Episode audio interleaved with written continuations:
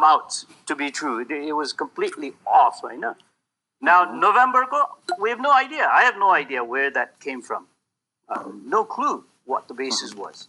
होइन सो अब अहिलेको पनि अब नपत्याउँ भने it's I mean everywhere else it's gotten really bad including India अब पत्याउँ भने what is the basis genuine like that तपाईँको आई थिङ्क धेरैजनाको कन्फ्युजन पनि त्यही होला होइन। सबैले त्यही सुनिरहनु सोचिरहनु भएको होला। एकैचोटि एकैछिन हाम्रो दोर्जे सरलाई सानो रिक्वेस्ट है यो एकदम त्यस्तो चाहिँ नहुनु नगरे पनि हुने हो। मैले नभन्दा पनि हुने हो। तपाईँलाई एकदम बोल्न अप्ठ्यारो हुन्छ भने चाहिँ तपाईँलाई जुन ल्याङ्ग्वेज सजिलो हुन्छ you can speak on that होइन? अनि तपाईँलाई यदि इफ यु फिल इजी तपाईँलाई त्यस्तो सजिलो हुन्छ भने नेपालीमा बोल्नुभयो भने धेरैजनालाई अझ सजिलो बुझ्नुहुन्छ कि भन्नु ओके म के अरे कोसिस गरौँला है। मेरो नेपाली चाहिँ एकदमै स्पेसली यस्तो कुराहरू गर्दाखेरि चाहिँ म सक्दिनँ। मेरो त्यो भोक्याबुलरी नै छैन मसँग। होइन टेक्निकल टर्महरू त तपाईँले नेपालीमा भन्नै पऱ्यो नि त्यो त हामीलाई नै गाह्रो हुन्छ। पनि। टेक्निकल मात्र होइन आई आई म अहिले क्षमा माग्नु पर्छ है अहिले ए हुन्छ हुन्छ हुन्छ। त्यसमा त्यसमा समस्या भएन। तपाईँलाई जुनमा सजिलो एकदम सजिलो एक्सप्रेस गर्न सक्नुहुन्छ त्यसमै गर्न सक्नुहुन्छ। मेरो नेपाली चाहिँ एकदमै हो अब मेरो मेरो मेरो समस्या चाहिँ मैले सक्दैन के? मेरो नेपाली त्यति राम्रोसँग भन्न अब यस्तो कुराहरू राम्रोसँग भन्न सक्दिनँ मैले। ठिक छ ठिक एकदम ठिक छ। त्यसमा मैले सानो अनुरोध मात्रै गरेको तपाईँलाई मैले बुझेँ हजुर। आई आई पर्फेक्टली अन्डरस्ट्यान्ड हामीलाई धेरै हाम्रो यहाँ सुन्नेहरू लिसनर्सहरू नेपालीमा धेरै राम्रोसँग बुझ्नेहरू हुनुहुन्छ। आइम आइम स्योर एन्ड है तर के गर्ने? मेरो आफ्नै एउटा कमजोरी हो। हस् हस् होइन त्यसमा तपाईँ कमजोरी होइन तपाईँ त त्यस्तो पनि नभन्नु। ठिक छ। ल म चाहिँ त्यो दुइटै कुरालाई मेडिटेट खोज्छु है। अब एकदमै त्यो जेनुन कुरा पनि हो धेरैजनाले पनि यो मनमा लागे पनि होला। खालि नम्बर आउँछ यति पुग्छ भन्ने नेपालमा सुरुमा यो लाख फर्स्ट वेबको कुरा गर्दा कसैले दस हजार मात्रै पुग्छ भन्नुभयो कसैले एक लाख हुन्छ कसैले एउटा त्यो युकेको एउटा कुनसँग रिपोर्ट गर्दाखेरि दुई लाख कति केस पुग्छ नेपालमा भन्ने भयो होइन? There are the different way होइन यो एउटा प्रेडिक्टिभ एनालाइसिस गर्ने एउटा त्यो डेटा साइन्समा चाहिँ त्यो मोडलिङ गर्ने थुप्रै तरिकाहरू हुन्छ। अनि यो कोभिडले चाहिँ टाइम एनाइजन के देखाएको छ भने जति पनि ठुला ठुला मोडलिङ जसले डेटा मोडल गरेर प्रेडिक्टिभ एनालाइसिसहरू गरेर रिपोर्टहरू दिए नि जस्तै लेटमी कोडलाई आइएचएमई वाटर बिजनेस मोडल होइन? त्यसपछि आएर युकेको त्यो अक्सफोर्डको मोडल होइन? धेरै मोडलहरूलाई चाहिँ कोभिडले चाहिँ माथ गरिदियो। भन्नुपर्दा उनीहरूले त्यो कुनै पनि मोडललाई चाहिँ उनीहरूले भनेको जस्तो प्रेडिक्टिभ पाथ वेमा चाहिँ कोभिड भएन पहिलो कुरा। अनि किन भएन भनेको पछाडि एउटा मात्र रिजन मेरो आफ्नो पर्सनल पर्सपेक्ट के छ भने एउटा नयाँ इमर्जिङ कन्डिसन सिचुएसन हो होइन। एउटा नयाँ इमर्जिङ सिचुएसन हो। हामीलाई डेटालाई हामीले कलेक्ट गरेर डेटालाई मोल्डिङ गरेर राख्दाखेरि हामीले के गर्छौँ मेनली भने हामीले स्ट्याटिस्टिकल पार्टमा बढी फोकस गर्छौँ होइन डेफिनेटली हामीले नम्बर कलेक्ट गर्छौँ कति इन्फेक्सन स्प्रेड भएको छ कतिजना मान्छेलाई भयो भन्ने कुराहरू बढी हेर्छौँ। तर समहाउ समवेयर हामीले चाहिँ त्यो एपिडेमोलोजिकल पार्ट जुन छ नि डेटा त्यो त्यो डिजिजको त्यो एपिडेमोलोजिकल पार्टलाई चाहिँ जोड्न सकेनौँ त्यसमा। एउटा सब्जेक्टिभ र अब्जेक्टिभ एनालाइसिस जस्तो भइदियो यो कुरा होइन? खालि नम्बर राखेर नम्बर मात्रै राखेर हामीले एकरो बोल्दाखेरि एउटा देखिने भयो। तर त्यो यो डिजिजको हामीले एपिडेमियोलोजिकल पार्ट पनि त हेर्नु पऱ्यो नि होइन? कति चाँडो फैलिन्छ कति इजिली फैलिन्छ सानो स्पेसमा बढी फैलिन्छ कि ठुलो स्पेसमा बढी फैलिन्छ कि? यस्ता कुराहरू त पहिला हामीलाई थाहा पनि थिएन हो कि होइन? सुरुमा थाहा पनि थिएन। अझै पनि सिक्दैछौँ। आज मात्रै तपाईँको ल्यान्डसेटले चाहिँ बाह्रवटा पोइन्ट दिएर यो इयरबन ट्रान्समिसन हो भनेर तपाईँले पब्लिस गरेको छ। So after like year year and some days एक वर्ष समथिङ महिनापछि बल्ल आज उनीहरूले चाहिँ पब्लिस गरिरहेको छ होइन?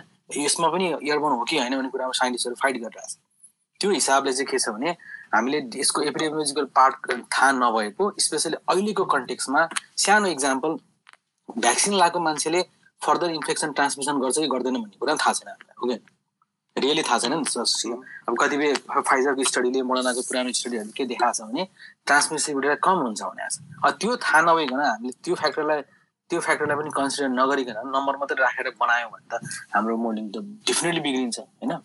प्रेडिक्सन मिल्दै मिल्दैन। त्यही भएर फुल फुल डेटाको चाहिँ तपाईँको एक्सेस नभइकन सबै कुरा नहेरिकन एडजस्टमेन्टहरू नभइकन चाहिँ मोडलिङहरू चाहिँ प्रायः मिल्दैन होइन? जहिले पनि प्रायः अब हाम्रो माई ओन पर्सनल एक्सपिरियन्स पनि भन्नुभयो प्रायः चाहिँ मो यो मोडलिङहरू चाहिँ धेरै नै नम्बर देखाएर हुन्छ let's go back to government of Nepal होइन? गभर्मेन्ट अफ नेपालले कुन आधारमा कुन कुन कुरा फ्याक्टरहरूलाई लिएर बेसिस बनाएर कुन कुन फ्याक्टरहरूलाई कन्सिडर गरेर यो प्रेडिक्स प्रेडिक्टिभ एनालाइसिस गरेको छ मोडलिङ गरेको छ देखाएको छ नम्बर भन्ने कुरा चाहिँ प्रिटी मच हामी बाहिर बस्ने मान्छेहरूलाई थाहा छैन होला होइन? मलाई चाहिँ डिफ्रेन्टली थाहा छैन।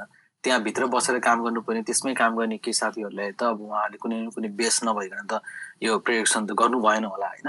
कुनै एउटा गभर्मेन्टको अथोरिटी भएको मान्छेले मिडियामा आएर यति दिनको दस हजार कति एघार हजार केस हुन्छ भनेको मतलब त त्यतिकै हावा त बोल्नु भएन होला किनकि भित्र डिस्कसन भएको थियो होला केही कुराहरू पुगेको थियो होला होइन?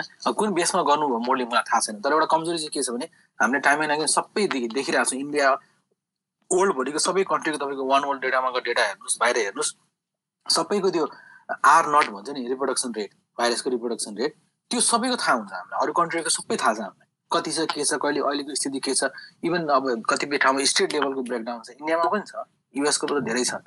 तर हामी नेपालमा आएर अहिलेसम्म हामीले आर्नटको बारेमा कुरै गरेको छैनौँ। नेपालको अहिलेको कोभिडको अवस्थाको हाम्रो रिप्रोडक्सन रेट के हो त? सबभन्दा बढी कोभिड फैलिनुको लागि सबभन्दा ठुलो फ्याक्टर भनेको त्यही हो नि त। आर्नटले म्याप गर्छ होइन? एकजनाबाट कतिजना फैलिन सक्छ गिभन द सिचुएसन भन्ने ठाउँमा। त्यो नम्बरै हामीलाई कहिले पनि यसरी पब्लिस भएर आर्नटको नम्बर राखेर हामीले एनालिटिक्स गरेको छ देखाएको छैन होइन? त्यो एउटा एकदमै important factor we are somehow we are losing that point अब गभर्मेन्ट लेभलमै हुनुपर्छ यस्तो कुरा पनि पब्लिकले मैले स्वरूप भाइले हामी दाइले हामी चार पाँचजना मेरो जुन डेटा कलेक्सन टिम छौँ हाम्रो रोशनजी पनि देखिरहेको छ मैले यहाँ होइन? हामीले काम गरिरहेको छौँ यसमा। यो सबै हामीले गरेर हुने कुरा होइन त। ग्राउन्ड लेभलमा बसेर सबै एभिडेमिलोजीको फ्याक्टरलाई हेरेर त्यो गर्नुपर्ने हुन्छ। हामीले त्यो कहिले पनि गरेनौँ। दोस्रो कुरो नेपालमा एउटा अर्कोमै कमजोरी के देखियो भने हाम्रो जुन अवस्था छ नि हामी बस्ने जुन एउटा सोसियो इकोनोमिक स्टाटस छ हाम्रो हाउसिङ अर्गनाइजेसनको कुराहरू जुन छ बाहिरको भन्दा फरक छ होइन? नेपालमा तपाईँको एउटा हामी न्युक्लियर फ्यामिलीमा बस्ने चलन छ ठुल्ठुलो फ्यामिली मान्छेहरू बस्छौँ। एक दुईजनाबाट दसजना बाह्रजनाको फ्यामिली पनि होला भ्याली बाहिर होइन? भ्यालीभित्र चाहिँ अलिक कम होला। त्यो त्यो फ्याक्टरलाई हेरेर हामीले कहिले पनि सेकेन्डरी एट्याक रेट भने भन्छौँ जुन घरभित्र हाउस होल्ड एट्याक रेट घरभित्र कति मान्छेलाई सर्छ? एकजना म इन्फेक्टेड भयो भने मेरो घरभित्रको अवस्थामा मैले कतिजना मान्छेलाई सार्छु भन्ने कुरा त्यो पनि एउटा स्टडी गर्नु पर्ने थियो। हामीले स्याम्पलिङ गरेर स्टडी गर्न सक्छौँ। त्यसले के कुरा देखाउँछ भने त्यो स्टडी गर्नुको फाइदा के हुन्छ भने अहिले कोभिडको जुन इयरबर्न इन्फेक्सनको कुराहरू आइरहेको छ होइन? भेन्टिलेसन छ कि छैन घरमा? त्यसपछि इयरको फ्लो कसरी छ? यस्ता कुराहरू चाहिँ जान्नको लागि सेकेन्डरी एट्याक रेट पनि क्यालकुलेसन गरेर हेर्न एकदमै जरुरी छ। अनि अर्को कुरा अब डेटाले के कुरा देखाउँछ भन्ने कुरा म किन डेटामा बढी फोकस भएर कुरा गर्नु खोजेको कारण के हो आज भने डेटाले जहिले पनि डिसिजन मेकिङमा हेल्प गर्छ। होइन? कुनै पनि बेटर तपाईँले डेटा निकाल्नुभयो बेटर एनालिटिक्स गर्नुभयो भने त्यसले फर्दर डिसिजन मेकिङ गर्नलाई हेल्प गर्छ। फर एन इक्जाम्पल अहिले हामीले नेपालमा एउटा ठुलो डिलेमामा हामी कुरा गरिरहेछौँ होइन? स्कुल खोल्ने कि नखोल्ने? There is a mix reaction from different entity होइन? गभर्मेन्टले एउटा भन्छ हेल्थ मिनिस्टरले एउटा भन्छ अर्कोले अर्को भन्छ। यो डिसिजन गर्न नसक्नुको पछाडिको सबभन्दा ठुलो रिजन के हुनसक्छ भने we don't have enough data हामीसँग नेपालमा त्यो स्कुलको लेभलको भेन्टिलेसन स्टाटस के छ कतिजना बच्चालाई राखेर एउटा क्लासरुम बन्छ क्लासरुमभित्र चाहिँ एउटा इन्फेक्सन भयो उसले फैलिन सक्ने अवस्था के हुनसक्छ एउटा स्कुलमा चाहिँ हामीले भोलि सेफ्टी मेजर प्रिकसनहरू गर्नु पऱ्यो भने त्यसलाई कसरी बन्ने भनेर एउटा त्यो गाइडलाइन बनाउनुको लागि पनि त विनिट सम डेटा के हामीसँग छ त त्यो डेटा डेफिनेटली छैन। कहिले पनि कलेक्सन गराएको थिएनौँ हामीले कहिले पनि एनालाइज गरेनौँ त्यो डेटालाई अनि डेटा न नहुने बित्तिकै के हुन्छ भने डिसिजन मेकिङमा त्यसले असर गर्छ। होइन decision making better decision making हुन सक्दैन। कङ्क्रिट कुराहरू निकाल्न सकिँदैन। त्यो हिसाबले पनि the data is very vital for any kind of decision making अहिले त तपाईँलाई थाहा छ एआई भयो मेसिन लर्निङ ठुल्ठुलो डिसिजन मेकिङमा पनि डेटालाई युज गर्छ पनि। स्पेसली पेन्डेमिक हामी एपिडेमियोलोजीलाई हेर्ने हो भने देयर अलवेज हेज बिन जुनसुकै एपिडेमियोलोजिकल ठुलो घटनाहरू घट्छ पेन्डेमिक आउँछ एन्डेमिकहरू हुन्छ सबभन्दा ठुलो डिसिजन डेटालाई हेरेर नै हुन्छ। तपाईँहरूले डक्टर फौजीको कोड पनि सुन्नुभयो होला time and again he forces and same thing enough data छैन हामीसँग। हामीले हेरेकै छैन देखेकै छैन। I need more data more data to validate भनेर खालि डेटामा बढी फोकस गर्नुको कारण चाहिँ डेटाले नै बेटर डिसिजन मेकिङ गराउँछ र एउटा एउटा सही बाटो पनि देखाउँछ। यसमा जाँदाखेरि बेटर हुन्छ है भनेर देखाउने भएको हुनाले we should be focusing on data a lot Satish दाई पनि आउनुभयो। सतीश दाईलाई पनि ल गरौँ। स्वरूपजीलाई पनि इन्भाइट गरेको हामीसँग स्पेस छ भने रोशनजी मैले देखेको डक्टर रोशनलाल श्रेष्ठ।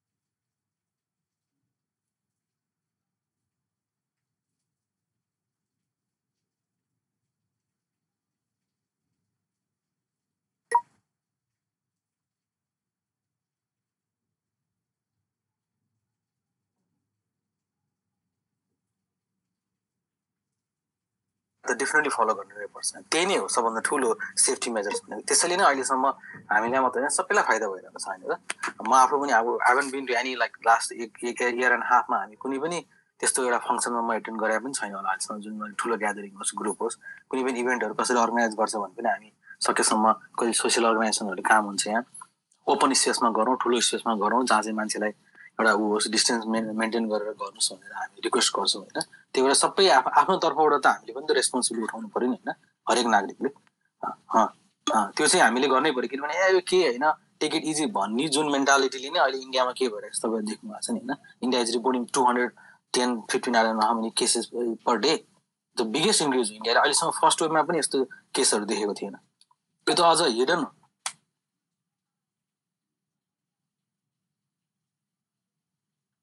त्यो त डिफ्रेन्ट हो त्यो त सबैको कुरा। हामी सबैले प्रोएक्टिभ भएर सबैले गर्न सक्दैनौँ। प्रोएक्टिभ त गभर्मेन्ट हुनु पऱ्यो होइन? गभर्मेन्टको अथोरिटीहरू प्रोएक्टिभ हुनु पऱ्यो।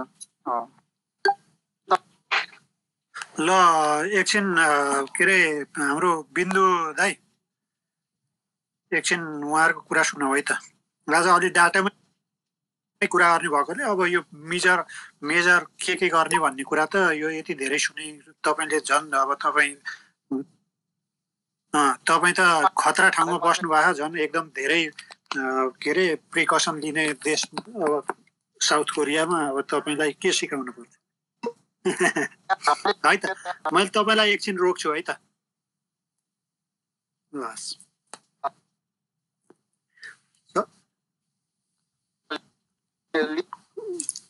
सतीश दाई। हजुर नमस्ते ले हो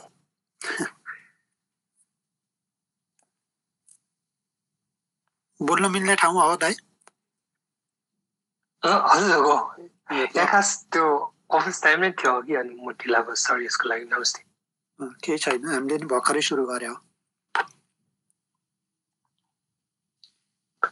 विशालजीले खास त्यो अहिलेको कुरा कन्टिन्यू गरायो भने हजुर दाइले पनि अब यो डे डेटाको बारेमा अलिकति भन्नुपर्ने भयो किन डेटा इम्पोर्टेन्ट छ? कसरी डेटालाई कसरी हेर्ने कोभिडको डेटालाई स्पेसली कोभिडको डेटालाई हाम्रो हाम्रो कन्टेक्स्टमा भनेर? खासमा अघि त्यो विशालजीको थटलाई एकैछिन नरोक्यो भने कि त्यसलाई सकौँ त्यो थटलाई सकाउनु दिन्न एकैछिन। ल हुन्छ ल ल विशाल थपिहाल्छ। हजुर हजुर। ल थ्याङ्क यू अनि अँ त्यो एउटा सानो म तपाईँहरूलाई एउटा सानो कम्पेरिजन एनालाइसिस सुनाउँछु होइन त्यसपछि अनि we can continue for further किन डेटालाई कसरी हेर्दा बेटर हुन्छ जुन कुरा हाम्रो आइरहेको छ नि होइन। हामीले कोभिडको सुरुवातदेखि नै एउटा कुरा धेरैले सुनिरहेको कुरा के हो भने पोजिटिभ रेट भन्ने कुरा होइन। त्यसलाई हामीले अब टेस्ट पोजिटिभिटी पनि भन्छ पोजिटिभ रेट पनि भन्छ। कतिजनालाई टेस्ट गर्दा कतिजना मान्छे पोजिटिभ आयो भनेर जहिले पनि हामीले पाँच पर्सेन्ट दस पर्सेन्ट एघार बाह्र बाइस त्यो नम्बर धेरै सुनिरहेको छौँ होइन। तर कतिलाई थाहा पनि छैन होला त्यो नम्बरले के देखाउँछ भने पोजिटिभ भनेको नम्बर मात्रै त्यो रेट मात्रै होइन। दस भयो धेरै भयो बिस भयो धेरै भयो पाँच भयो कम भयो भने त्यो रेटले ट्रुली के देखाउँछ भन्ने कुरा त्यो एकदमै इम्पोर्टेन्ट थियो। लास्ट इयर पनि आई थिङ्क धेरै पहिला हामीले यो धेरै सुन्यौँ नेपालमा रेट रेटको कुरा सबैले "ओ, पाँचमा पुगेछ दसमा पुगेछ बाह्रमा पुगेछ भनेर म्यापिङ गर्नुहुन्छ। तर त्यो रेटले के देखाउँछ भन्ने कुरा आई थिङ्क सबैलाई जान्न जरुरी पनि छ। मलाई लाग्छ हाम्रो I might not be hundred percent sure तर यो कुरालाई चाहिँ पहिला कुरा उठाएर हामीले नेसनल लेभल न्युज पेपरमा कभरेज गर्ने चाहिँ क्रेडिट चाहिँ अलिकति म हाम्रो स्वरूप भाइलाई दिन्छु। दे वाज भेरी कन्सर्न अनि उसले मलाई एक वर्ष अगाडि नै फोन गरेर यो बारेमा लेखाउँदै कुरा गरौँ भनेर। So I wrote on the debate article Kantipur as त्यो किन जरुरी छ? अब जस्तै सानो इक्जाम्पल दिन्छु। अहिले इन्डियाको करेन्ट रेट हामीले देखिरहेछौँ कति लास्ट सेभेन डेजको एभरेज हेर्ने हो भने समर अराउन्ड बाह्र तेह्र पर्सेन्टमा छ होइन? र नेपालको पनि अहिले हामीले लास्ट सेभेन डेजको चाहिँ एभरेज हेऱ्यौँ भने नेपाल पनि pretty मच त्यही रेन्जमा छ। एघारदेखि आई थिङ्क लाइक एघार गराउनु होला। टेन टु टुवेल्भ थर्टिन कि अहिले इन्डियाको रेट बाह्र तेह्र पर्सेन्ट हुनु र नेपालको रेट बाह्र एघार बाह्र पर्सेन्ट हुनु भनेको सिचुएसन सेम हो त? नेपालको र इन्डियाको। के उहाँ जे भइरहेको छ नेपालमा पनि त्यही भइरहेको त छैन नि होइन? हामीले नम्बर हेरौँ कसरी भन्छ कसरी एउटै हुनसक्छ कि के देखाउँछ त रेटले? नेपालले थर्टी फाइभ हन्ड्रेड समथिङको टेस्ट गर्दा फोर हन्ड्रेड नाइन्टी मान्छे पोजिटिभ आउँछ इन्डियाले दुई लाख सोह्र हजार पोजिटिभ देखाइरहेछ। त्यो रेटले के सेम कुरा भनिरहेको छ त? त्यो कुरा पनि हामीले एकदमै जान्न जरुरी छ। द्याट्स नट सेम स्टोरी है? अब पोजिटिभ रेट हायर भनेको एउटा दुइटा अवस्थामा हुन्छ। एउटा चाहिँ के हुन्छ भने कम्युनिटी लेभलमा इन्फेक्सन एकदमै स्प्रेड भएको छ। कम्युनिटी लेभलमा फैलिसक्यो आगो जस्तो फैलिसक्यो। हरेक मान्छे चेक गर्दा हरेक तपाईँको दसजना चेक गर्दा एकजना पोजिटिभ आउँछ।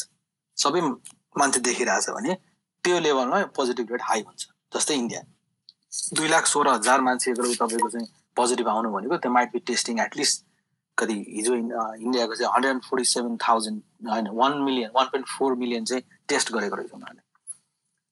One point four million test पनि गरेको छ मान्छे पनि टन्नै देखिरहेको छ त्यसले के देखाउँछ भने कम्युनिटी लेभलमा इन्फेक्सन एकदमै स्प्रेड भइसकेको छ भनेर देखाउँछ। हाम्रो नेपालमा पनि एघार पर्सेन्ट बाह्र पर्सेन्ट चाहिँ तपाईँको देख्दाखेरि चार सय पाँच सयजना मान्छे मात्रै पोजिटिभ छ। पाँच सयजना पोजिटिभ भएकोले के कम्युनिटी लेभलमा चाहिँ भयङ्कर इन्फेक्सन स्प्रेड भएको छ भनेर सेम देखाउँछ त।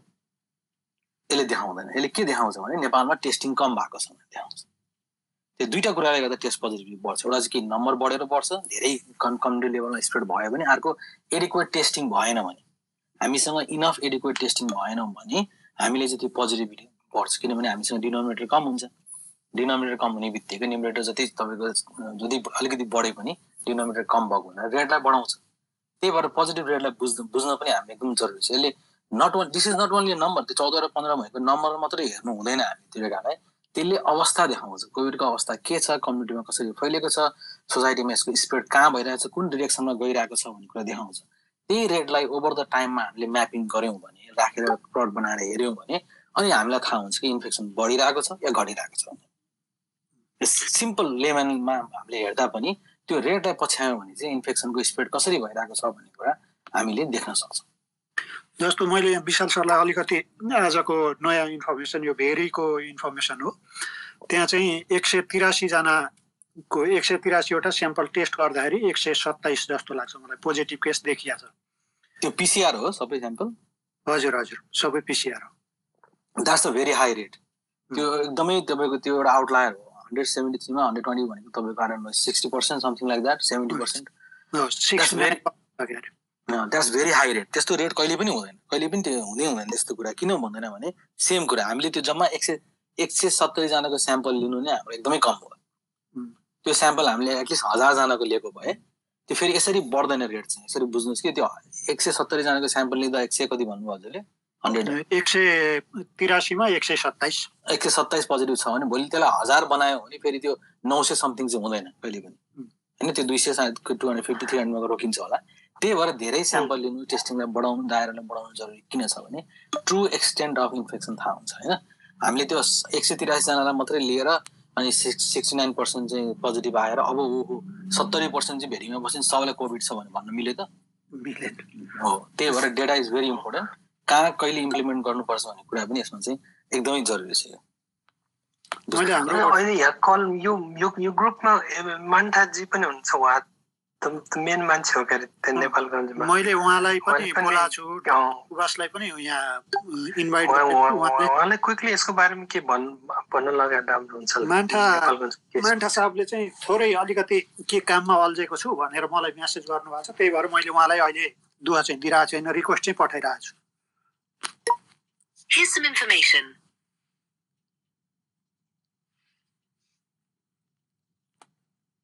हजुर सतीश दाई कुरा गर्नुभयो भने चाहिँ मान्टा सर एकछिनमा आउनुहुन्छ। असल म म क्विकली के भन्छ भने फेरि यो थर्टी यो यो थर्टी मिनट जति फेरि जान्छ कि खालि मैले खास यो म अब नेपालमा बस्दिनँ अनि नाइजेरियामा बस्छु त्यही भएर सबै डाटाको एक्सेस हुँदैन तर यो ट्विटरले गर्दाखेरि हामीलाई एकदम नजिक ल्याएको छ। अनि खास ओभर लास्ट एक वर्षमा मैले खास यो डाटाको युज भनेको यो कोही पब्लिकमा न्युजमा या कोही एक्सपर्टहरूले नै पनि भनेको कुरा मलाई चाहिँ ठिक होइन जस्तो लाग्यो भने। अनि नेपालबाट खास अब नेपालमा डाटा छैन डाटा छैन त भन्छ होइन। तर तपाईँले यो यो यो डब्लुएचओले सर्भेलेन्सको लागि निकालेको फर्मेट हेर्नुभयो भने र अरू कन्ट्रीहरूलाई कम्पेयर गर्नुभयो भने एटलिस्ट त्यो फर्मेटसँग मिट हुने चाहिँ डेटाको त्यो ओभरअल प्रेजेन्टेसन मलाई चाहिँ राम्रो लागेको थियो कि। अनि त्यो भएको भएर उनीहरूले डेली सिट रेपमा निकालेको डेटाहरूलाई चाहिँ यो त्यो भइरहेको यो स्टेटमेन्टहरू ट्रु हो कि फल्स हो त? यदि मलाई ट्रु लागेन भने चाहिँ ट्विटबाट खास यो हो है भने तर त्यो स्टेटमेन्ट फल्स हो भने त कहिले पनि भनेन मैले। तर खास भन्नु खोजे चाहिँ यस्तो सुरुमा यदि क्वारेन्टिनमा मान्छे आएर क्वारेन्टिनबाट सरेको छ भने त्योसँग रिलेटेड डेटालाई मात्रै प्रेजेन्ट गर्ने अनि फेरि पहिला के भएको थियो नेपालमा भने सबै केस चाहिँ बाहिरबाट आएको हो भन्ने खालको एउटा मान्छेको माइन्डमा राखिदिएको थियो। अनि त्यसको लागि फेरि हामीले यो काठमाडौँ पोखराहरूमा भइरहेको टेस्टहरूको छुट्टै एनालाइसिस गरेर पनि हेऱ्यौँ। अनि त्यो गरेर हेर्दाखेरि कम्युनिटीमा पनि केसहरू फैलिसकेको अर्ली इन्डिकेसनहरू थियो। तैपनि यो कम्युनिटी स्प्रेड हो भन्ने एक्सेप्टेन्स चाहिँ हुँदै भएन। खास कहिले पनि अफिसियली एटलिस्ट मैले त पढ्न पाइनँ।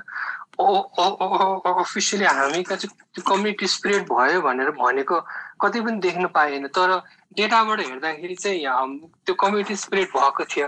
त्यही मैले खास गर्न खोजेको चाहिँ अब यो गभर्मेन्टले आफ्नो युजको लागि अनि साइन्टिस्टहरूले आफ्नो युजको लागि एउटा सेट अफ एनालाइसिस त्यसको आफ्नै लेभल अफ क्वालिटी आदि इत्यादि हुन्छ होला भने पब्लिकको लागि चाहिने डेटा भने चाहिँ एकदम सिम्पल अनि तर युजफुल हुनु पर्यो। अनि त्यसको लागि अब यो एक दिनको मात्रै डेटामा अब जस्तो एक दिन अस्ति एक दिन मात्रै को को डेटा युज गरेर सबै केस चाहिँ युथमा फैलिन थाल्यो भन्ने खालको इम्प्रेसनहरू पनि आयो। अनि त्यो हुँदाखेरि मैले चाहिँ यो नोभेम्बर लास्टको नोभेम्बरसम्मको सबै क्युमुलेटिभ ब्रेकडाउन एज ब्रेकडाउन राखिरहेको थिएँ। अनि त्यो दिनको एक दिनको एज ब्रेकडाउनको अगेन्स्टमा हेर्दाखेरि त्यस्तो धेरै ठुलो डिफ्रेन्स केही पनि देखिएन। अनि त्यसपछि यो अहिलेको त्यो दिनदेखि अहिलेसम्म पाँच दिन भयो। पाँच दिनको डेटालाई पनि क्युमुलेटिभली जोडेर त्यो पहिलाको क्युमुलेटिभसँग हेर्दाखेरि पनि खास त्यस्तो फरक भएको छैन।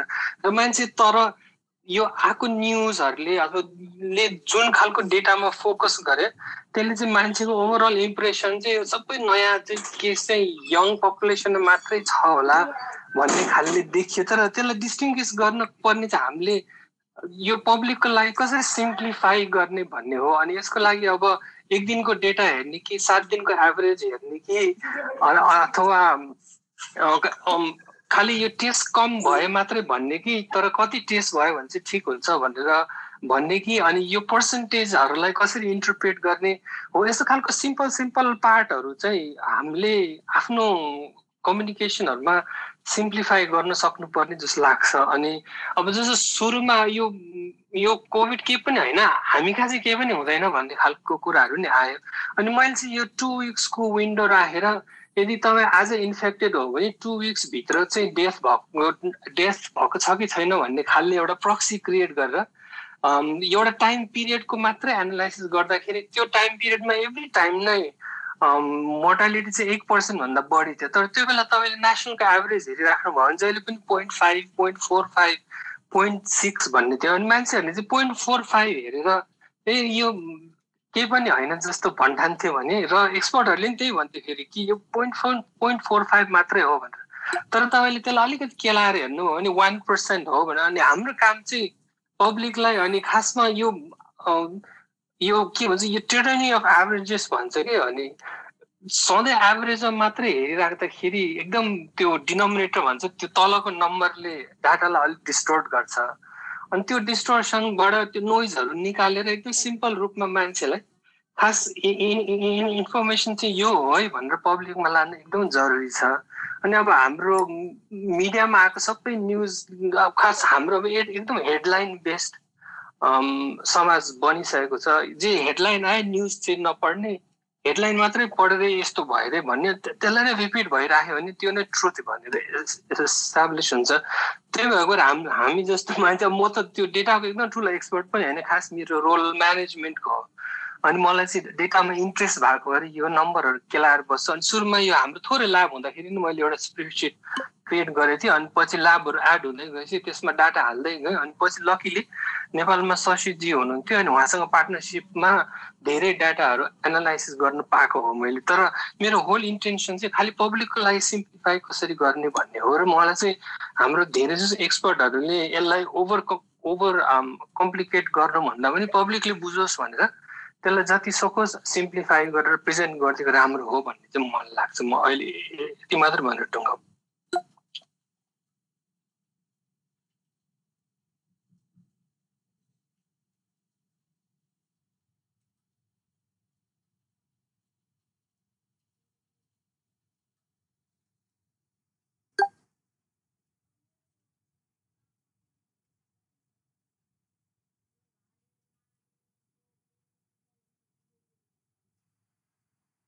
जी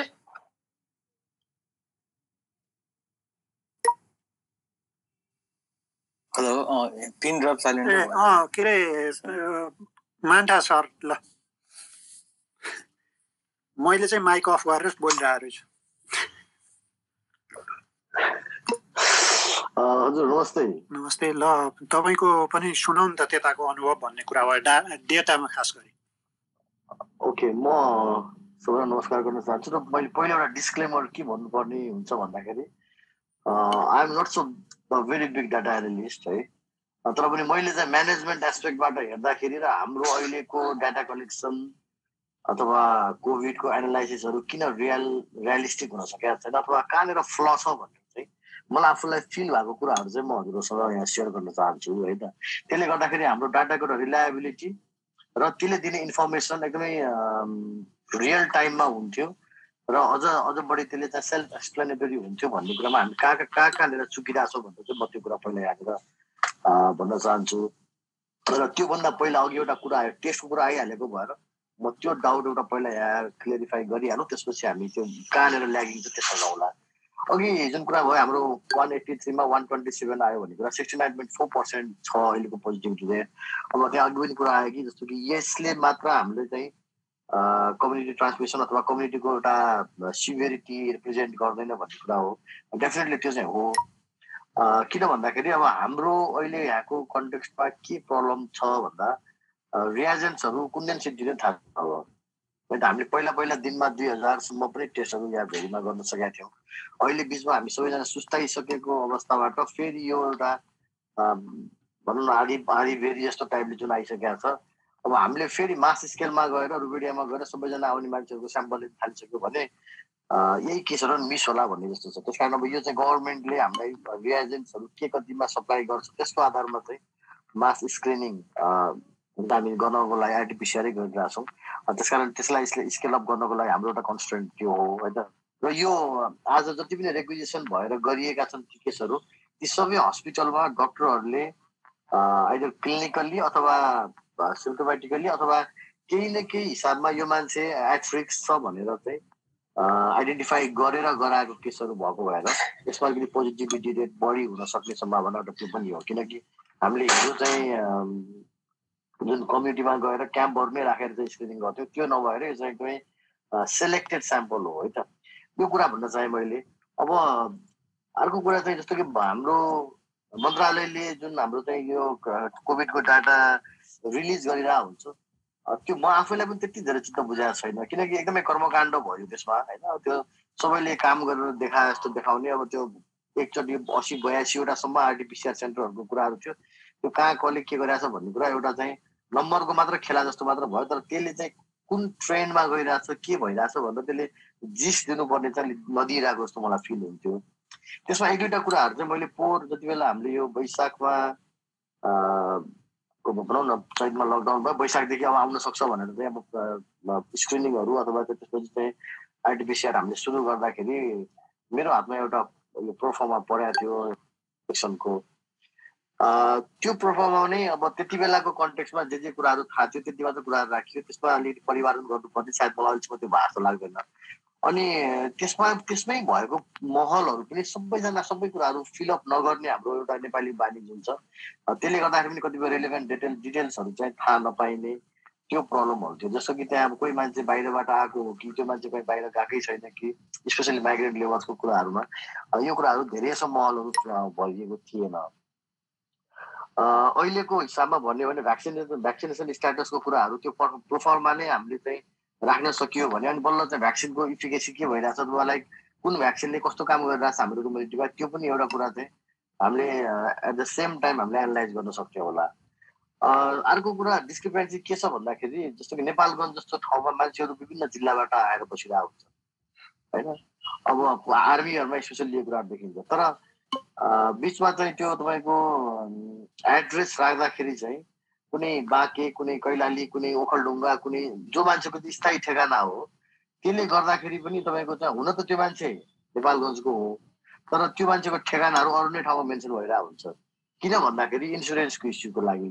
होइन त्यसले पनि कता कता केस लोडहरू यो ठाउँको यो हो भनेर हुन त त्यो त्यो खालको एनालाइज भएको मन लाग्दैन। हाम्रो अहिलेसम्म मन्त्रालयबाट भइरहेको अथवा चाहिँ जेनरल्ली भइरहेको चाहिँ तपाईँको एनालाइसिसमा ए कति कति कति कति आयो एउटा ग्राफको एउटा चाहिँ ट्रेन्ड हेर्ने मात्र कुराहरू भइरहेको छ।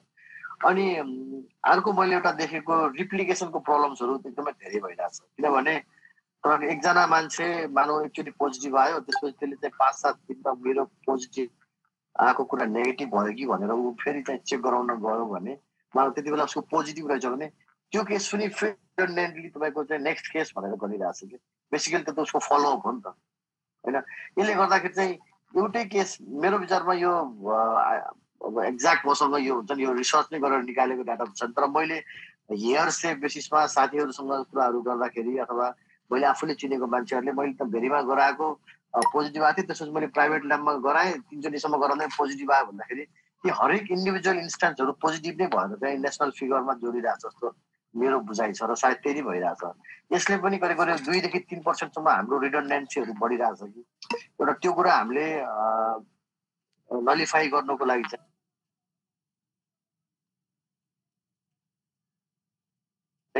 एउटा सुरुमा नै हामीले कुनै पनि मान्छेको एउटा युनिक आइडी बनाएर for all COVID related activities तपाईँले यो नम्बर भन्नु होला तपाईँले जहाँ टेस्ट गरे पनि अथवा जे गरे पनि भनेर एउटा युनिक आइडी यसो त्यो मान्छेलाई दिन सक्ने।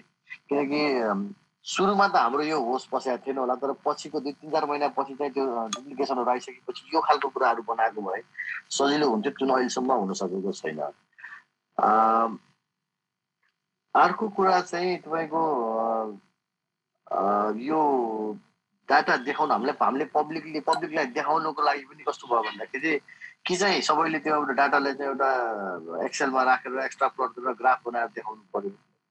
अब त्यो चाहिँ गभर्मेन्ट सेटिङमा कसलाई त्यो त्यति धेरै फुर्सद त्यो सबै कुराहरू गराएर हामी चाहिँ ट्रेन्ड इन्क्रिजिङ छ कि डिक्रिजिङ छ कि भनेर देखाउने। अनि मलाई एउटा फिल भएको चाहिँ जस्तो कि अहिले पनि मन्त्रालयले मगाउने डाटाहरू चाहिँ के छ भन्दाखेरि एक्सेलमा पठाएर अनि मेल गर्ने सुरु सुरुमा चाहिँ त्यो अब त्यो काम चलाउ बेसिसको लागि एक्सेलबाट पठाउनु ओके सब संसारभर त्यही नै गर्ने कुरा ट्रेन्ड भए पनि एउटा तपाईँको पोर्टल बनाएर तिमीहरूले सबै कोभिड रिलेटेड डाटाहरू यहाँ राख मान्छेहरूको नामदेखि लिएर एभ्रिथिङहरू त्यहाँ राख भन्नु भने भए भोलि कुनै अब हाम्रो सदस्य जस्तो मान्छेहरूलाई ओभरअल नेसनल डाटाहरू नै म एनालाइज गर्छु भन्दाखेरि त्यहाँबाट सिधै हेरेर एनालाइज गर्न सजिलो हुन सक्थ्यो। यो एउटा मैले सर्टकमिङ देखिरहेको कुरा हो।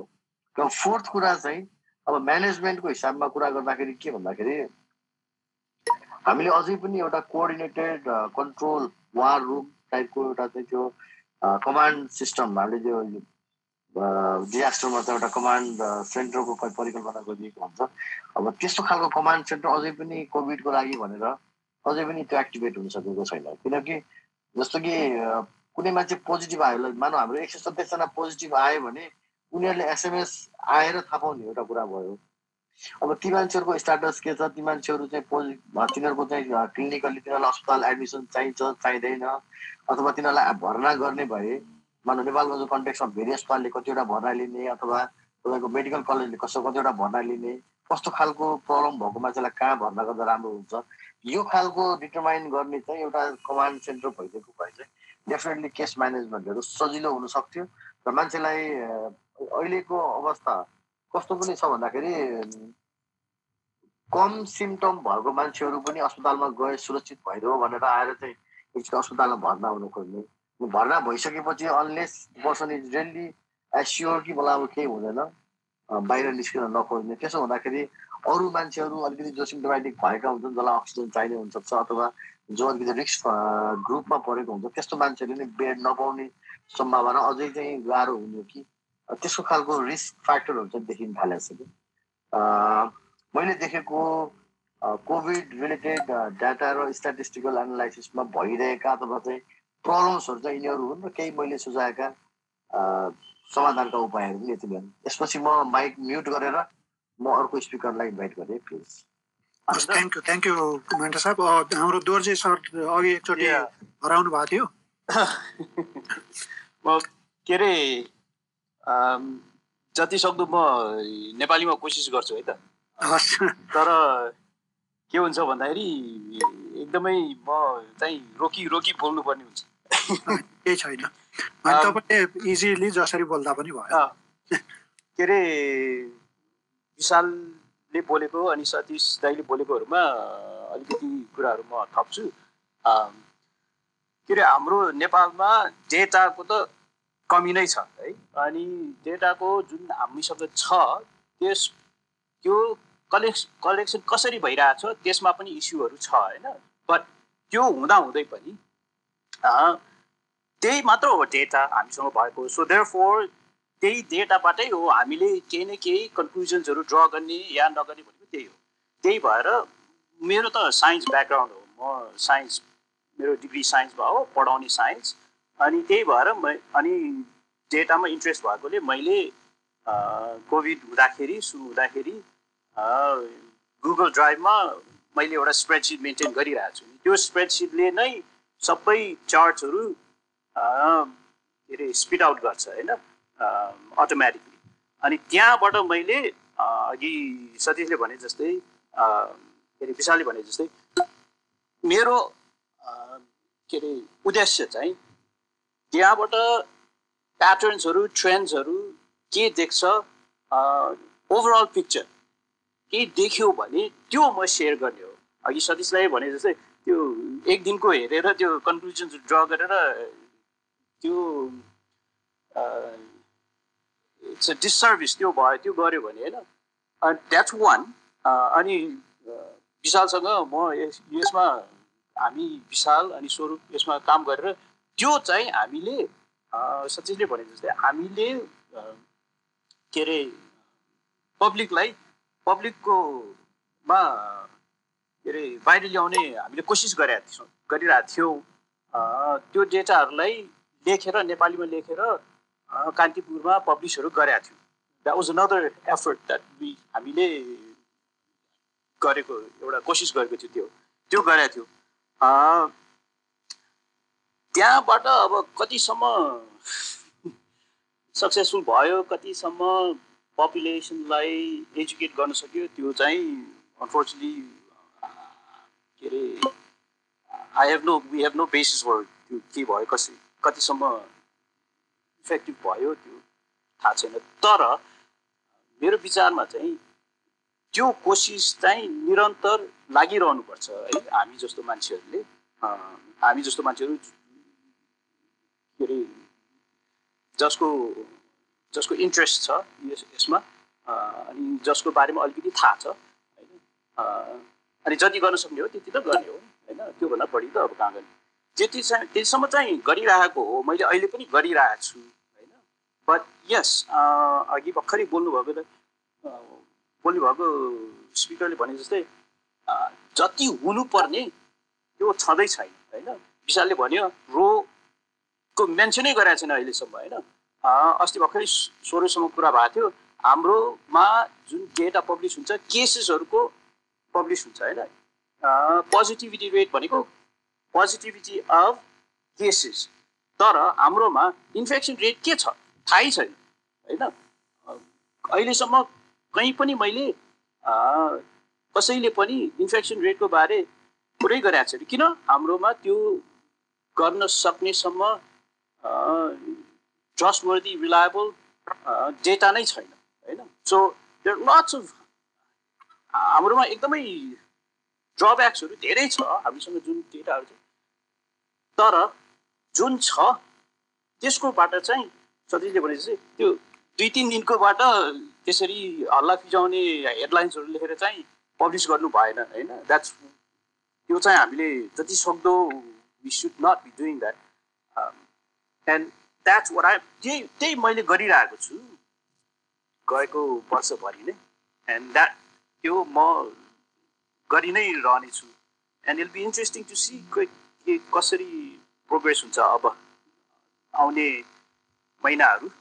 दोर्जी सर तपाईँलाई त मैले एकदम नेपालीमा बोल्नु भनेर सजाय नै दिए जस्तो लाग्यो। अनि तपाईँले क्यारियन क्यारियन तपाईँ उसमा इङ्ग्लिसमै पनि बोल्नु। तपाईँलाई एकदम मैले त्यो फिल गरेँ क्या तपाईँलाई एकदम गाह्रो भएर। धेरै बाहिर बसियो त्यही भएर घर आयो बोल्नु सक्ने क्षमता। होइन you can you can speak speak English पहिला पनि त्यति राम्रै सक्दैन थियो but anyway which is fine okay I baby hold अरू के छ? प्याटर्न्स लाइक अरू कुराहरू गर्ने भने data lacking hospitalisation rate for example we don't have that we never have that होइन? अनि जुन पहिला सिचुएसन रिपोर्टमा इन्क्लुड हुन्थ्यो डेटाहरू अहिले त्यो डेटाहरू पनि इन्क्लुड भएको छैन। अब यस्तो छ कति पहिला पब्लिस हुने डेटाहरू अहिले अह सिचुएसन रिपोर्टमा इन्क्लुडै छैन। यस्तो छ इस्युजहरू हाम्रो होइन? भएको डेटा त एटलिस्ट पब्लिस गरिदियो भने होइन? हामी जस्तो मान्छेले हामीलाई काम लाग्छ नि because number things we're looking at होइन यो भएर तर के गर्ने? You have to work with what you have I guess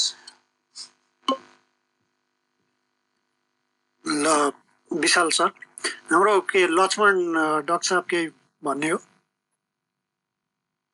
तपाईँको नि अनुभव सुनाउनु। हजुर नमस्ते सबैलाई। म आफै पनि रुवाखोकी लागेर ग्रस्त भएको छु। आवाज बसेको छ तै पनि बोलौँ बोलौँ लागिहाल्छ यो बाइक पाएपछि। यो नेपालीको बाइक चाहिँ यस्तै हो। अब मैले सानो कुरालाई चाहिँ हामी कहाँनिर ल्याक गर्दैछौँ र हामीले कहाँनिर ट्र्याक गर्ने भन्ने कुरा बताउन चाहेँ।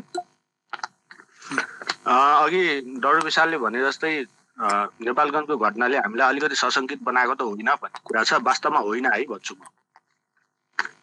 यो हामीले सुरुवातकै दिनमा हामीले चुकेको अथवा हामी चाहिँ झुकिएको ठाउँ के हो भन्ने हामीले हस्पिटल बेस्ड स्याम्पललाई कति पोजिटिभ मान्यौँ अथवा त्यो हस्पिटल बेस्ड स्याम्पलबाट कति पोजिटिभ आयो र होम बेस्ड स्याम्पल या पर्सनल स्याम्पलहरूमा कति पर्सेन्ट पोजिटिभ आयो भनेर हामीले छुट्याउन सकेनौँ कि पहिलेको सुरुवातकै दिनदेखि? त्यसले गर्दा हाम्रो पोजिटिभ रेट जुन छ डिजिज पोजिटिभिटी त्यो चाहिँ बढाइदियो त्यसले। त्यो भएको हुनाले हस्पिटलको डेटामा अथवा हस्पिटलको स्याम्पलमा लक्षण भएका मान्छेहरूलाई मात्रै जाँचको लागि पठाइने भएको हुनाले र हस्पिटल जाने बिरामीहरू लक्षणका साथै मात्रै हस्पिटल आउनु भएको हुनाले यो पोजिटिभ पर्सेन्टेज भेरी हाई हुन्छ। एक नम्बर हामीले यहाँनिर चाहिँ अलिकति एउटा मिस्टेक गरेका रहेछौँ र अर्को कुरो मैले नियमित रूपमा फलो गरिरहेको डा डेटामा सरकारी अस्पतालले गरेका ल्याबका स्याम्पलहरू र प्राइभेट ल्याबका स्याम्पलहरूमा अलिकति भिन्नता देख्छु। जस्तो टेकुको आजकै रिपोर्ट हेर्ने भयो भने टेकु र ट्रोपिकल सुकराज सरुवा रोग अस्पतालको स्याम्पलमा लगभग पच्चिसदेखि तिस पर्सेन्टको पोजिटिभ रेट छ। टोटल स्याम्पलमा भन्दा ती अस्पतालहरूले गर्ने जाँचहरू त शङ्कास्पदहरू माथि नै गरिएका जाँचहरू हुन्। त्यहाँ त यत्तिकै मान्छेले गएर मेरो पिसिआर गराउनु पर्यो भन्दा अहिलेको दिनमा त मुस्किल छ। त्यो भएको हुनाले पोजिटिभ रेट रेट जुन छ त्यो अहिले पनि लगभग स्याम्पलको अथवा सस्पेक्टेड केसको पनि ट्वेन्टी पर्सेन्ट मात्रै छ। न कि नेपालगञ्जमा जो मोर सस्पेक्टेड थिए त्यो चाहिँ सिक्सटी सिक्सटी नाइन पर्सेन्ट पुगेको हो। त्यो एक दुई दिनको डेटालाई हेर्ने हो भने खासै अन्तर बुझिँदैन। हामी यहाँनिर चाहिँ अलिकति ल्याक गरिरहेको छौँ कि भन्ने मलाई लाग्छ। त्यसलाई चाहिँ अब ट्र्याक गर्नु जरुरी छ। र अर्को कुरो जसलाई जरुरी परेर जस यात्रा गर्नु छ कसैको अपरेसन गराउनु छ अथवा अरू कसैले घरमा कोही पोजिटिभ आयो भनेर कन्ट्याक्ट ट्रेसिङको आधारमा या अब शङ्काको आधारमा या डरको आधारमा यदि स्याम्पल लिइरहेका छौँ र ती स्याम्पलहरूमा पोजिटिभ रेट कति छ भन्ने कुरा हेऱ्यो भने र यो दुईटालाई कम्पेयर गर्न सक्यो भने चाहिँ एक्ज्याक्ट रेट कति हो हामीसँग डिजिज बर्डन कस्तो छ भन्ने कुरा पत्ता लगाउन सकिन्छ कि जस्तो लाग्छ मलाई। हामी यहाँनिर कता कता चुकिरहेछौँ तैपनि मैले चाहिँ नियमित रूपमा आजकल सरकारी अस्पतालका स्याम्पलहरूको रेसियो र अरू अरू प्राइभेट ल्याबको रेसियोलाई अलिकति ट्र्याक गर्दैछु। त्यसबाट केही आउला कि अर्को हप्तासम्ममा हामी अझ अझ क्लियर हुन्छौँ कि जस्तो लाग्छ मलाई। यति नै भन्न चाहेँ। विशालजी मैले स्वरूपजीलाई पनि बोलाएको स्वरूपजीले एक्सेप्ट गर्नुभएको छैन। धेरैजनाको अनुरोध चाहिँ हाम्रो नेपालगञ्जको उपमेयर पनि यहाँ अहिले सुनिरहनु भएको छ। उमाज्यू उहाँलाई पनि एकचोटि बोल्न लाउन उहाँले पनि उहाँहरू त अब झन् उसमा काम गर्ने ठाउँमा हुनुहुन्छ। के के गर्नुभएको छ भनेर सुन्न खोज्नु भएको छ। अब उहाँ आउनुभयो भने सुनौला। अहिले चाहिँ ल विशाल सर नै कुरा थ्याङ्क यू जस्ट लाइक लक्ष्मणजीले जुन कमेन्ट गर्नुभयो I really like that thing है त्यो डेफिनेटली हो। नेपालको कन्टेक्समा जो जुन हामीले टेस्टिङलाई चाहिँ के गर्न सकेनौँ भने त्यसलाई अब डाइभर्स डाइभर्सिफाइड गर्न सकेनौँ जस्तो लाग्छ मलाई। खालि तपाईँले भने सिम्टोमेटिक टेस्टिङ मात्रै हुन्थ्यो सुरुमा पनि। बिचमा आएर अलिकति एक्सपान्सन भयो। त्यसपछि अहिले फेरि आयो सेम थिङ जो जो लाइकलीहुड अफ गेटिङ सिम्टम्समा आउँछ उसको मात्रै टेस्टिङ गर्ने बित्तिकै हामीले पोजिटिभ रेट त आइ देख्छौँ होइन। त्यो एउटा कुरा भयो। अर्को कुरा डेटामा चाहिँ अहिलेको अहिलेको डेटामा अर्को एउटा बायस के छ भने जुन विदेश जाने मान्छेहरू हुनुहुन्छ नि म्यान्डेटरी टेस्टिङ गर्नै पर्ने। त्यो गर्नै पर्ने मान्छेहरूले गएर अब हेल्थी मान्छे म्यान्डेटरी टेस्टिङ गर्नै पर्ने मान्छेहरूले चाहिँ बित्तिकै त्यो अलिकति उहाँहरूको नेगेटिभ आउने चान्सेस हाई हुन्छ। त्यो प्रोभाबिलिटी बोथ साइडमा सिफ्ट भयो। पोजिटिभ हुने प्रोभाबिलिटी पनि एक ठाउँमा सिफ्ट भयो। नेगेटिभ हुने प्रोभाबिलिटी पनि एक ठाउँमा सिफ्ट भयो। कता कता अब त्यो एउटा ऊ भनौँ न नहुनु पर्ने तर अनइन्टेन्सनली त्यो चाहिँ ब्यालेन्स भइरहेको छ होला। त्यो दुइटाले गर्दा। अनि अर्को एउटा कुरा हामीले एउटा के बुझ्नुपर्छ भने एकदमै इम्पोर्टेन्ट कुरा चाहिँ यहाँ कन्सेप्चुलाइज गर्दाखेरि हामीले टाइम एन्ड अगेन रेटलाई चाहिँ अलिकति डिफ्रेन्टली भन्नुपर्ने हुन्छ है।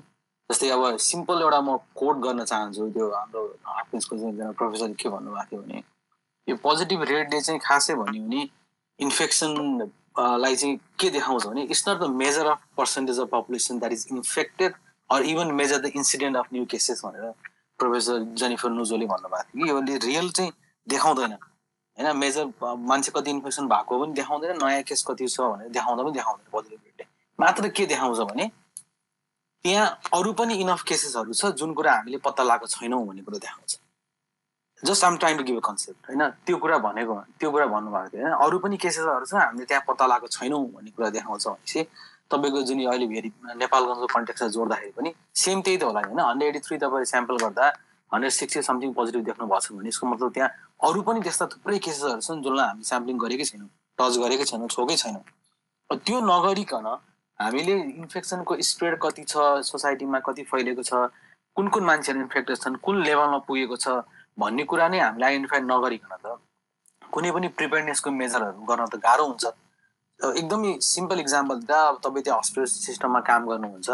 हस्पिटललाई मेरो मैले सर्भ गर्ने एरियामा इन्फेक्सन कसरी फैलिएको छ कतिको ग्राउन्ड लेभलमा छ कति कम्युनिटी लेभलमा छ हाउसमा कति कुन एज ग्रुपमा कसरी फैलिएको छ भन्ने कुरा थाहा भएन। उसले आफ्नो प्रिपेयरनेसलाई अझै बेटर बनाउन सक्छ नि होइन र कतिवटा आइसियु बेड मलाई चाहिन सक्छ अब नेक्स्ट विकमा अथवा वर्क फोर्स इनफ छ कि छैन मसँग। त्यो प्रिपेयरनेसको लागि पनि डेटा इज भेरी इम्पोर्टेन्ट त्यो डेटा चाहिँ यदि मिनिस्ट्रीले भनेको छ नि हिजो पनि एउटा न्युजमा मैले के छ एउटा त्यो अनुदायको र हाम्रो डक्टर गौतमको एउटा कन्भर्सेसन सुनिरहेको थिएँ। So doctor Gautam time and again एउटा कुरामा के इन्फोर्स गर्नुभएको थियो भने हामीसँग डेटा छ। हामीले सब कम कलेक्सन गरेका छौँ लोकल लेभलमा पनि गरेका छौँ भन्नुभएको थियो। That sounds really good if they have done that गर्नुभएको छ भने राम्रो कुरा हो। तर त्यसलाई पनि अलिकति बाहिर लिएर आउनु पऱ्यो पब्लिकलाई दिन नदिने भनेको त पर्सनल हेल्थ इन्फर्मेसन दिनु भएन। तर नम्बर त दिन मिल्यो नि होइन? अहिलेको सिचुएसन एनालाइसिस गरेर दिन त मिल्यो नि त। भोलि त्यो थाहा भयो भने बल्ल त अनि काठमाडौँमा काम गर्ने डक्टरलाई पनि त डक्टर अनुपलाई पनि थाहा होला नि त। अब ठिक छ यो बढिरहेछ। यो लेभलको मान्छेहरू छन् एटी प्लस एजको ग्रुप मान्छे फैलिएको छ भने थाहा भएपछि उहाँले पनि त आफ्नो हस्पिटलभित्र अब कतिवटा आइसियु रेडी गर्नु पऱ्यो मैले कतिवटा भेन्टिलेसन गर्नु पऱ्यो अथवा सिस्टमले चाहिँ कति मेडिसिन लिएर आउनु पऱ्यो अब के के गर्नुपर्छ भन्ने कुरा प्रिपेयर गर्न त उहाँलाई नि हेल्प गर्छ नि होइन त्यो हिसाबले पनि डेटा इज भेरी इम्पोर्टेन्ट होइन हरेक कुरामा चाहिँ डिसिमेट गर्नै पर्छ। अनि अर्को एउटा कमेन्ट चाहिँ मैले के गर्न चाहेँ भने क्विकली जुन अघि हाम्रो के अरे दोर्जी दाईले पनि प्लस सतीशजीले पनि उठाउनु भयो एउटा दुइटा एक दिनको डेटा हेरेर जुन हामीले लेख्ने गर्छौँ म्यासेज होइन यो लेभलमा फैलियो यो ग्रुपलाई बढी भयो यो मान्छे चाहिँ बढी इन्फेक्टेड भयो भने त्यसले चाहिँ कता कता एउटा नेगेटिभ म्यासेज मात्र होइन एउटा नेगेटिभ इन्टेन्स ऊ पनि देखाउँछ क्या डिरेक्सन पनि देखाउँछ। जस्तै सिम्पल कुरा अहिले त्यो बच्चाहरूमा बढी केस फैलिएको छ भन्ने कुरामा भयो भने फोकस कहाँ सिफ्ट हुन्छ भने चिल्ड्रेनमा बढी सिफ्ट हुन्छ। तर चिल्ड्रेनभन्दा त भनरेबल पपुलेसन त हाम्रो चाहिँ सिक्सटी प्लस एटी प्लसको मान्छे नै हो नि होइन त्यही ग्रुपमा बढी फैलि फैलिरहेको पनि हो।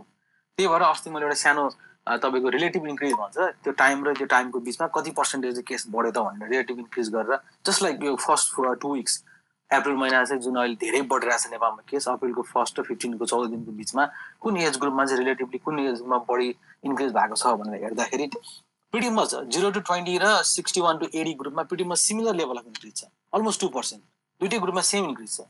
भनेपछि हामीले त्यो न्युज उसलाई त्यसपछि आएर हाम्रो जुन कुराहरूलाई एउटा एउटा एउटा एनेक्डोटल डेटालाई हेरेर त्यहाँ बढी फोकस गरेर चिल्ड्रेनको चाहिँ हो अब यतातिर जान्छ भनेर भन्ने बित्तिकै त we are somewhere missing that sixty one to eighty years years group होइन? त्यो चाहिँ झन् ठुलो पपुलेसन हो झन् भर्नेबल पपुलेसन हो उसको आउटकम अझै नराम्रो हुनसक्छ। त्यो ग्रुपलाई चाहिँ हामीले मिस गरिरहेको छ कि त्यो त्यो डेटाले चाहिँ। त्यही भएर एउटा हम्बल रिक्वेस्ट चाहिँ के छ भने डेटा गर्दाखेरि सकेसम्म टाइम लाइनलाई हेरेर मेजर गर्ने त्यसपछि एउटा कम्पेरिटिभ एनालाइसिस चाहिँ एकदमै जरुरी हुन्छ हामीलाई। टाइम लाइनको बिचमा कसरी भएको छ कसरी बढेको छ भन्ने कुरा। Absolute number is not always a right thing to do है फोर हन्ड्रेड नाइन्टी केस आज भन्दैमा यसले खासै केही पनि देखाउँदैन त्यसलाई। हामीलाई कम्पेरिटिभ स्टडी गरेनौँ भने केही पनि देखाउँदैन। अहिले हामीले देखिरहेको छौँ इन्डियामा भयावह स्थिति छ दुई लाख केस डेली बढिरहेछ एभ्री केस बढिरहेछ नेपालमा त जम्मा चार सय पाँच सय त पुगेको छ इन्डियामा दुई लाख पुगिसक्यो भनेर। That's not the comparison we should be doing अब तपाईँले पपुलेसन बेस एडजस्टमेन्ट गरेर हेर्ने हो भने daily new cases per one million population तपाईँले last increase percentage increase check गरौँ। अप्रिलको पहिलो हप्ता र अहिलेको दुई हप्ताको बिचको डिस्टेन्स ऊ हेर्ने हो भने इन्डियामा भन्दा बढी नेपालमा बढेको छ। त्यसलाई हामीले पपुलेसन एडजस्ट गरेर त्यसपछि रिलेटिभ इन्क्रिजलाई हेर्ने हो भने I think India was reporting something like दुई हप्तामा यो महिना बिचमा hundred and hundred fifty percent increase थियो। नेपालमा hundred ninety five percent increase थियो। यसले त एउटा डिरेक्सन देखाइरहेछ नि त हामीलाई होइन? कहाँ जाँदैछ? कुन डिरेक्सनमा जाँदैछ भनेर देखाइरहेछ। त्यो एउटा डेटा जहिले पनि के हुन्छ भने इन्टरप्रेट गर्दाखेरि अलिकति कम्पेरिजन एनालाइसिस गरेर। अनि यस ठिक छ जेनरल पब्लिक सबैले गर्न सक्दैन सबैजना डेटाको एक्सपर्ट पनि हुँदैन सबैसँग एक्सेस पनि छैन।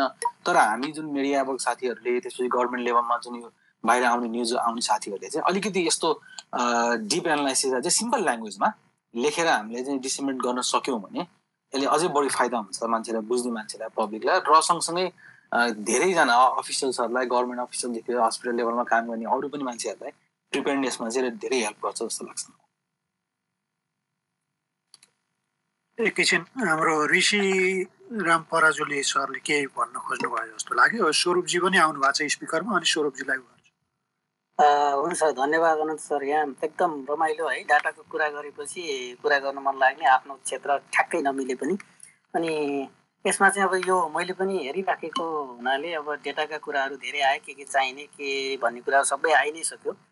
जस्तो नेपालगञ्जकै केसको कुरा पनि अघि आयो त्यो धेरैलाई अहिले स्ट्राइकिङ छ। मैले पनि एकजना साथीलाई बुझ्दाखेरि अब अहिले यहाँ मान्ठा सरले भन्नुभयो लक्ष्मण डाक्टर साहबले भन्नुभयो होइन एकदम करेक्टली त्यो कुराहरू।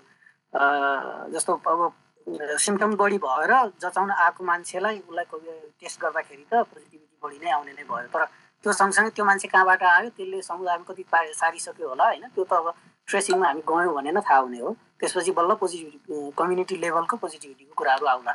मलाई एउटा अलिकति अहिले ल्यागिङ लागिराखेको चाहिँ अर्को के छ भने डेटा हामीले डिस्ट्रिक्ट लेभलमा दिइरहेछौँ म्युनिसिपल लेभलमा पो लानुपर्ने हो कि?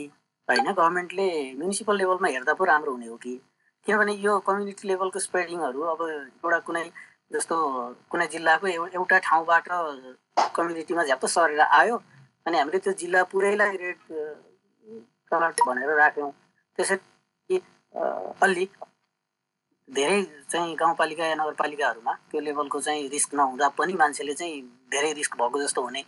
तर अनि त्यहाँ केही पनि नहुँदै जाँदा पछि बिस्तारै यो त अब भन्न त रातो भनेको थियो तर केही पनि भएन। भनेर डेटा इन्टरप्रिटेसन चाहिँ त्यहाँनिर अलिकति फरक पर्न गएको हो कि होइन? एउटा त्यसमा पनि हामीले सोच्नुपर्छ कि जस्तो लाग्छ। अहिले सात सय त्रिपन्नमै जाँदाखेरि त्यति साह्रै गाह्रो पनि नहोला। हामीले पहिले अलि पहिलेसम्मको डेटा चाहिँ हामीले पनि म्यानुअल्ली राखेका थियौँ। यो टुल बनाउँदाखेरि त्यस त्यो डेटा चाहिँ लगभग एक लाखसम्मको सुरुको एक लाख बिस हजारसम्मको पोजिटिभिटीको डेटा चाहिँ हामीसँग म्युनिसिपल लेभलमा छ। त्यसपछि चाहिँ हामीले कलेक्ट गर्नै सकेनौँ। त्यो अब बाहिरबाट यतिकै गर्दाखेरि होइन। त्यो कुराहरू एउटा भयो भने राम्रो हुन्थ्यो जस्तो लाग्छ मलाई एउटा। अब अर्को चाहिँ यो डेटा हामी पाउँदैनछौँ भन्छौँ। अब एउटा अलिकति एप्रोच अलिकति लामो समय लाग्ला तर क्राउड सोर्सिङतिर पनि हामीले थोरै यो सबै कुराहरूलाई त्यसमा धेरै च्यालेन्जेस छन्। होइन? त्यसलाई कसरी राख्ने? त्यो डेटाहरूलाई कति रिलायबिलिटी रिलायबिलिटी चाहिँ कसरी गर्ने? त्यो कुराहरू छन्। तर क्राउड सोर्सिङ गरेर पनि इन्फर्मेसन लिनेतिर थोरै अगाडि बढ्नुपर्छ कि जस्तो मलाई लाग्छ। त्यसमा कोही इन्ट्रेस्टेड हुनुहुन्छ भने म चाहिँ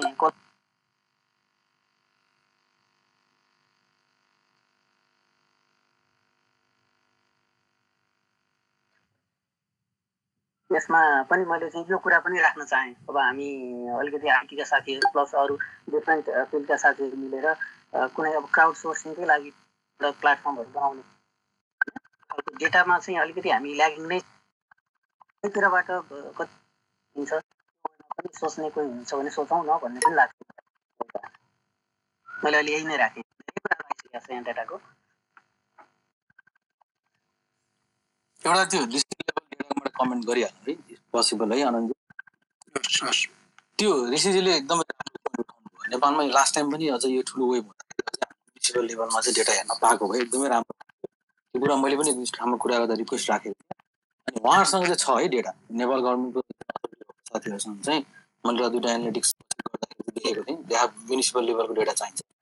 डिस्ट्रिक्ट लेभलको डेटामा चाहिँ कहिले के हुन्छ भने यो ठ्याक्कै उहाँले भन्नुभयो डेटा बायस भइदिन्छ क्या कहिले?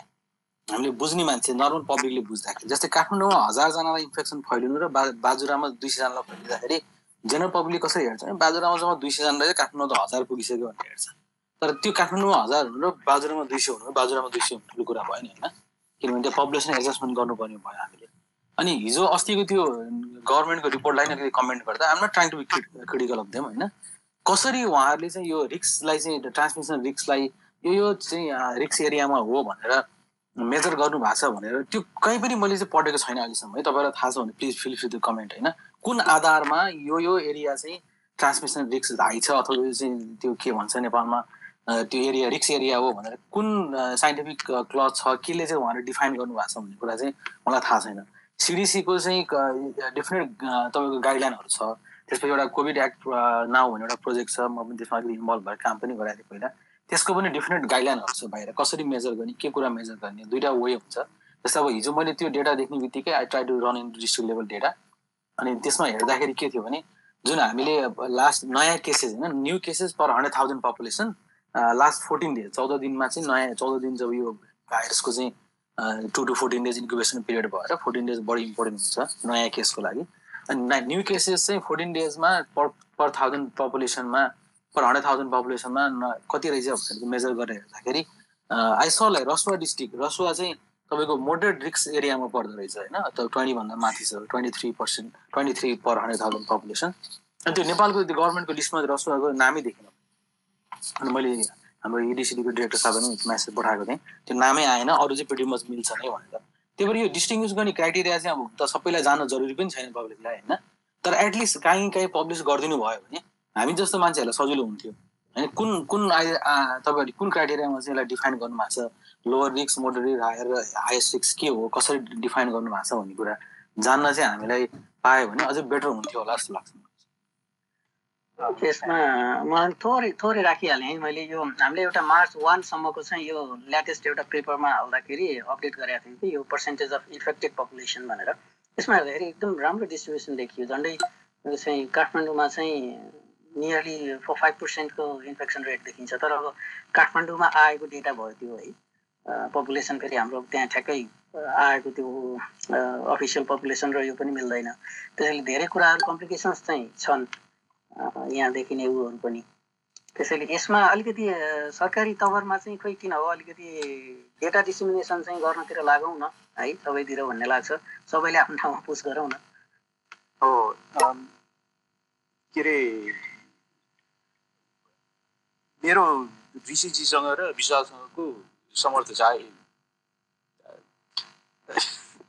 के के भन्दाखेरि जुन इन्फर्मेसन छ त्यो जुन डिसिजनहरू बनाएको छ अर या जुन कन्क्लुजन्सहरू ड्र गरेको छ त्यसको आधार के हो भनेर बाहिर पठाइदियो भने पब्लिस गरिदियो भने हामी जस्तो मान्छे जसले हेर्छ होइन वी वुड हामीले त्यसलाई हेरेर हामीले पनि त्यसमा कमेन्ट गर्न सक्छ. एन्ड अघि ऋषिजीले भने जस्तै त्यो क्राउड सोर्सिङ अनि त्यहाँबाटै हुन जान्छ। अब हामीले जे हेरिरहेछ मैले के हेरिरहेछ त्यसमा के मिसिङ छ अर्कोले पब्लिस गरिदियो भने त्यहाँबाट मैले मेरोमा के मिसिङ छ भनेर थाहा हुन्छ। अनि अर्कोले पब्लिस गर्ने डेटामा र अनि जुन कन्क्लुजन उहाँहरूले ड्र गर्नुभएको छ त्यसमा मसँग इन्फर्मेसन छ भने मसँग डेटा छ भने त्यसमा मैले कमेन्ट गर्न सक्छु। अनि त्यहाँबाट वी क्यान रिफाइन त्यो कन्क्लुजन्सहरू रिफाइन गर्न सक्छौँ होइन?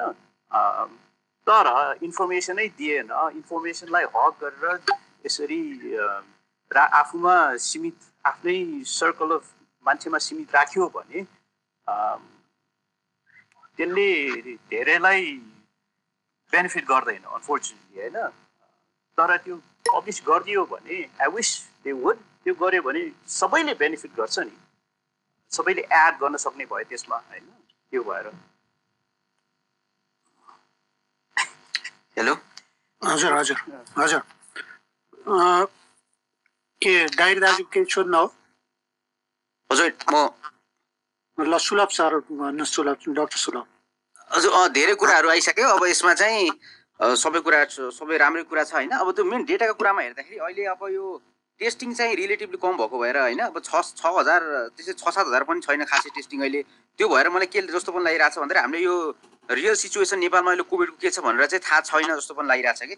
किनभने अघि नै नेपालगञ्जको कुरा पनि आयो होइन? त्यहाँ पनि सेलेक्टिभ टेस्टिङ भइरहेछ सिम्टोमेटिक सिम्टम भएको र अलिकति कोरोना नै हो जस्तो टाइपको वाला मात्रै भएको भएर असिम्टोमेटिकहरू भएको छैन धेरै। जस्तै अहिले बोर्डरबाट अब अहिलेको मुख्य समस्या नेपालमा कोभिड फैलिनेको समस्या भनेको इन्डियामा एकदम धेरै केस भएर हो होइन? मुख्य मुख्य कारण त्यही हो तर अहिले के देखिन्छ भन्दाखेरि चाहिँ इन्डियाबाट बोर्डर इन्डियाको बोर्डरबाट आएको अधिकांश नेपालीहरूलाई मा चाहिँ टेस्टहरू भएको छैन। त्यो अस्ति एउटा उसमा पनि सरोकार भन्ने टेलिभिजनमा पनि आएको थियो त्यहाँ पनि के भन्नुभएको छ भन्दाखेरि दसवटा मार्क्स दिइन्छ अनि अलिकति टेम्परेचर चेक गरेर त्यसपछि घर जानुहोस् र आफै हेर्नुहोस् भनेर भनेको छ। त्यो भएको हुनाले अब त्यो अ, हामीलाई थाहा छ कि कोरोनाको धेरै जसो ट्रान्सफर हुने धेरै जसो सर्ने भनेको अ, लक्षण वि- विहीन मान्छेहरूबाट पनि सर्छ धेरै। त्यसबाट कम्युनिटीमा कति फैल्यो त्यो म त्यो मान्छेहरूबाट त्यो टेस्टिङ नभएको हुनाले त्यहाँबाट चाहिँ एउटा डिफिसियन्टी त्यहीँबाट देखियो होइन। हामीलाई रियल थाहा नै भएन यो कति के भयो भनेर एउटा कुरा त्यसमा चाहिँ। अनि अब अरू अरू कुरामा चाहिँ अब हाम्रो अर्को मुख्य भनेको यो डेटाको इम्पोर्टेन्स भनेको चाहिँ डेटा युज गरेर चाहिँ कसरी अगाडि बढ्ने हो होइन? सरकार अथवा गभर्मेन्ट विभिन्न गभर्मेन्टहरू कसरी अगाडि बढ्ने भन्ने मुख्य मुख्य कुरा हो। नेपालको समस्या अलिक के देखिन्छ भन्दाखेरि डेटा भएर पनि त्यो अनुसारको अलिक बढाएको छैन सरकार होइन। त्यो पनि ठुलो प्रब्लम देखिन्छ अर्को। र अरू डेटाको कुरामा लिएर जस्तै अब बच्चाको कुराहरूमा लिएर अघि नै धेरै कुरा आइसक्यो। बच्चामा चाहिँ अब आज चाहिँ एट्टी वानजनालाई चाहिँ कोरोना देखियो भनेर बच्चाको भनेको छ। तर त्यो एट्टी वानजनाको चाहिँ त्यो के मतलब त्यो कुन कुन कारणले गर्दा त्यो एट्टी वानजनाको उनीहरूमध्ये सबैजना स्कुल गएर हो कि अथवा प्यारेन्ट्सहरूसँगै गएर सराय हो कि होइन? त्यो त्यो डिसिजन त्यो भयो भने चाहिँ हामीले के सजिलो हुन्थ्यो भन्दाखेरि स्कुलको बारेमा अझै डिसिजन लिनु सजिलो हुन्थ्यो। अब अहिले स्कुल बन्द गर्ने त भनिरहेछन् धेरै होइन? तर त्यो स्कुलकै कारण त्यो बच्चाहरू स्कुलकै कारण धेरै गएर त्यो केसहरू बढायो कि? होइन त्यो अब उसले अब अर्कै कारण हो भनेर अर्को भेरिएन्टको कुरामा पनि। भेरिएन्टको पनि हामीले के थाहा छ भन्दा युके भेरिएन्ट चाहिँ त्यो कन्फर्मै भइसक्यो। पहिला भन्दा चाहिँ फिफ्टी सिक्सटी सेभेन्टी पर्सेन्ट चाहिँ बढी चाहिँ इन्फेक्सियस छ भन्ने थाहा छ। बच्चाको कुरा लिएर चाहिँ अब यो इन्फेक्सियस भएको हुनाले सबै केस बढ्दाखेरि बच्चाको केस बढायो कि? अब भेरिएन्टले गर्दा नै बढाएको भन्नेमा चाहिँ त्यसमा चाहिँ अझै पनि डिबेट छ धेरै कुराहरू छ। र अर्को अझै एउटा डाटा सम्बन्धी अर्को इन्ट्रेस्ट अर्को कुरामा चाहिँ अहिलेसम्म अहिलेसम्म नेपालमा चाहिँ तिन हजार सत्तरीजना मान्छे चाहिँ अथवा एक्ज्याक्ट त्यति भनेको छ रेकर्ड अनुसार अथवा त्योभन्दा बढी मान्छे चाहिँ कोरोनाले गर्दा मरेको भनेर आएको छ। अब तर विश्व डब्लुएचको सिस्टम अनुसार चाहिँ कोरोनाले गर्दाखेरि नै को अरू कुनै रोग ला लाथ्यो तर कोरोनाले गर्दा मऱ्यो भने पनि कोरोना नै भनेर त्यसले डेथको काउन्ट हुन्छ होइन? तर के अब नेपालमा जस्तो अरू कन्ट्रीमा थाहा भयो भने नेपालमा रिसर्च भएको छैन त्यो अब रियल कोरोनाको निमोनियाले गर्दा नै मरेको हो कि? अरू कुनै कारणले मरेको त्यो त्यो भयो भने पनि अब अलिकति डेथ रेट हाम्रो रियल के हो भनेर पनि थाहा हुन सक्थ्यो होला।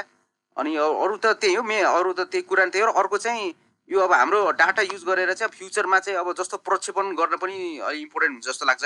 जस्तो अब स्वास्थ्य मन्त्रालयले भन्यो एघार हजार केस हुनसक्छ जेठमा भनेर होइन? अब एघार हजार केस जेठमा भयो भने चाहिँ एघार हजार केसलाई म्यानेज गर्न सक्ने हस्पिटलहरू कति छ होइन? अब त्यति अनुसारको टेस्टिङ बनाउन सकिन्छ कि सकिँदैन? आइसियु बेड भेन्टिलेटरहरूको पनि डाटा कलेक्ट गरेर त्यो अनुसारको कसरी क्षति न्यूनीकरण गर्न सकिन्छ? जस्तो अहिले इन्डियामा धेरै न्युजहरू आइसकेका छ के अरे अहमदाबाद हो कुन ठाउँमा चाहिँ एक कति लामो एम्बुलेन्सहरू भएको मान्छे नै अक्सिजन पनि नपाएर मरिरहेको भनेर कति धेरै सुनिन्छ होइन? त्यस्तोलाई प्रिभेन्ट गर्नलाई नेपाल सरकारले डाटा युज गरेर होइन? कसरी क्षति कम गर्नेदेखि लिएर कुरा पनि त्यो पनि मुख्य कुरा हो। हजुर मुख्य भनेको तिनीहरू यही नै हो। अब डाटा युज गरेर चाहिँ सदुपयोग गर्न पर्यो मुख्य। अब डाटाहरू सबै राम्रो भएर पनि इन्टरप्रेटर पनि राम्रो गर्यो। अब स्वास्थ्य मन्त्रालयले यो गर भन्ने रिकमेन्डेसन पनि दियो तर सरकारले नसुने जस्तो गर्यो। अरूले मान्दै मानेन शिक्षा मन्त्रालयले मानेन यो मानेन भने जति राम्रो डाटा भए पनि जति राम्रो डाटा जति राम्रो इन्टरप्रिटेसन भए पनि अब यदि रिकमेन्डेसनै मानेन डक्टरको होइन एक्सपर्टहरूको रिकमेन्डेसन मानेन भने जस्तो अमेरिकामा भएको जस्तो होइन एक्सपर्टहरूले रिकमेन्डेसन दियो मानेन त्यो। त्यस्तो भयो भने चाहिँ यो सिचुएसन जति राम्रो डाटा भए पनि राम्रो चाहिँ हुन जस्तो लाग्छ मलाई चाहिँ। हस् धन्यवाद।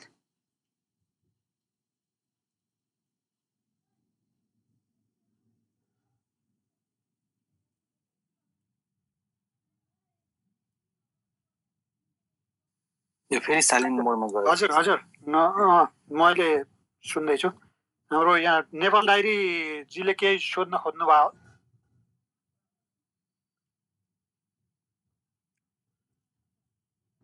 स्पिकर बनेपछि बिचमा एकछिन ग्याप हुँदो रहेछ। Hello hello. सुनिँदैछ? छ सुनिँदै हजुर। डायरी दाजु केही सोध्नुपर्ने हो? धेरैजनाले हात उठाउनु भएको छ। तपाईँहरूको एकदम यो डाटा सम्बन्धी केही जानकारी छ भने डाटाको कुराहरू डाटामा काम गर्नु भएको छ भने बढी त्यस्तो छ भने अथवा केही छ भने गर्नु होला। अनि प्रश्न पछि फेरि एकचोटि मैले प्रश्न लिन्छु डक्टर साहबहरूको लागि। आज चाहिँ अलिक डाटामै कुरा गर्ने भनेको हुनाले अलिक डाटा सम्बन्धी नै बढी कुरा गरिरहेको। विमलजी विमल आचार्यजी नमस्ते। हजुर नमस्कार है सबैजनालाई।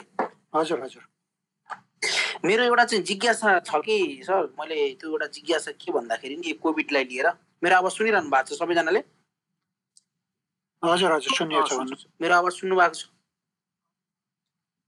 ए कोभिड नाइन्टिनमा यो जुन मोडर्ना अमेरिकन भ्याक्सिन छ नि यो भ्याक्सिन लगाएपछि हाम्रो एकजना साथी बिरामी जस्तो खै उहाँलाई दुई दिन तिन दिनदेखि भयो एकदमै फिभर आइरहेको छ खाना पनि मन गरिरहनु भएको छैन। अब तपाईँहरू अलिकति जानेको बुझेको अलि एक्सपर्ट भएको कारणले गर्दाखेरि चाहिँ के सम समस्या देखिएको हो कि कोही साथीहरूमा त्यस्तो किसिमको समस्या देखिएको छैन। यसको बारेमा अलिकति चाहिँ केही बुझ्नु भएको छ भने थोरै जानकारी दिनु न हजुरहरूसँग अलिकति जानकारी दिनु। हस् धन्यवाद है त। हाम्रो दोर्जे सरको माइकबाट डिस्टर्ब आइरहेको छ दोर्जे सर तपाईँको त्यो तल माइक हुन्छ त्यहाँ तपाईँ नबोलेको बेला म्युट गर्न मिल्छ त्यो गर्नुभयो भने अरूलाई डिस्टर्ब हुन्न होला। अनि तपाईँले ठ्याक्क बोल्ने बेलामा त्यो थिच्नुभयो भने माइक म्युट हुन्न। यसको बारेमा भ्याक्सिनको साइड इफेक्ट अरूको बारेमा अस्ति हामीले कुरा गरेको थियौँ। अस्ति पनि एकदम लामो कुराकानी भएको थियो। डाक्टर विशालले धेरै कुरा भन्नु भन्नुभएको थियो। डाक्टर विशालले एकदम छोटोमा उहाँलाई जवाफ दिइहाल्नु नि त अनि फेरि कुरा गरौँ हामी। हस् थ्याङ्क यू त्यो मोडर्नाको भ्याक्सिन लगाइसकेपछि त्यो त्यो माइल्ड सिम्टम्स हो त्यो सबैलाई हुन्छ त्यो भ्याक्सिनको रियाक्सन हो माइल्डली म आफै पनि मोडर्ना लगाएको सेकेन्ड डोजपछि म आफै पनि एक दिन पुरै ट्वेन्टी फोर आवर्स नै तपाईँको फिभर आएर हस्पिटल जान नसकेर घरमै बसेको थिएँ। अरू पनि साथीहरू रोशनजी पनि हुनुहुन्छ मसँग त्यहाँ उहाँ पनि मोडर्ना लगाउनु भएको उहाँ पनि त्यस्तो त्यो नर्मल हो त्यो इट्स नट बिग डिल त्यो ठुलो कुरा होइन। त्यो भ्याक्सिन बेला लागेपछि त्यो तपाईँको आमा स्वर हुने अलिकति फिभर आउने अलिकति त्यो मान्छेलाई रियाक्सनहरू हुन्छ नि त्यो नर्मल कुरा हो। त्यसलाई आतिनुपर्छ जस्तो मलाई लाग्दैन। अनलेस अन्टिल तपाईँको चाहिँ रेस्पिरेसनमा प्रब्लम भयो सास फेर्न गाह्रो भयो अथवा एकदमै एक्सट्रिमली हाई फिभर आयो र अरू पनि सिम्टम्सहरू देख्यो भने चाहिँ डेफिनेटली तपाईँको फेन्टिङहरू सक्ने जस्तो हुने हो भने चाहिँ क्लिनिकल उहरू लिइहाल्नुहोस् हस्पिटलमा जानुपर्छ होइन। तर त्यो यो फि माइल्ड फिभर आउने त्यसपछि बडी एकहरू हुने अनि रेस्टलेसनेस त्यो हुनेहरू चाहिँ नर्मल हो त्यस्तो हुन्छ भ्याक्सिनमा। त्यस्तो कुरामा आत्तिनु पर्दैन। स्पेसली हामीले धेरै देखेको चाहिँ सेकेन्ड डोजमा चाहिँ अलिक बढी देखाएको छ। केही मान्छेहरू तपाईँको नजिया भएर भमिटिङ पनि गरेको देखेको छु मैले। त्यही भएर I don't think it's big issue ठुलो कुरा होइन जस्तो लाग्छ। ल हस् धन्यवाद। मैले यहाँ दुईजनाले एकदम अनुरोध गर्नुभएको छ उहाँहरूसँग सानो कुरा गरिहाल्छु। सतीश दाईले चाहिँ सतीश दाई एउटा कलमा हुनुहुन्छ अरे। आधी घन्टा जति लाग्छ मलाई भन्नुभएको छ उहाँले।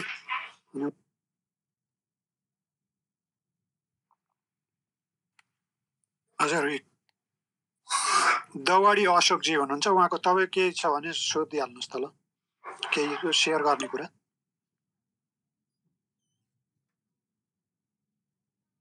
अशोकजी?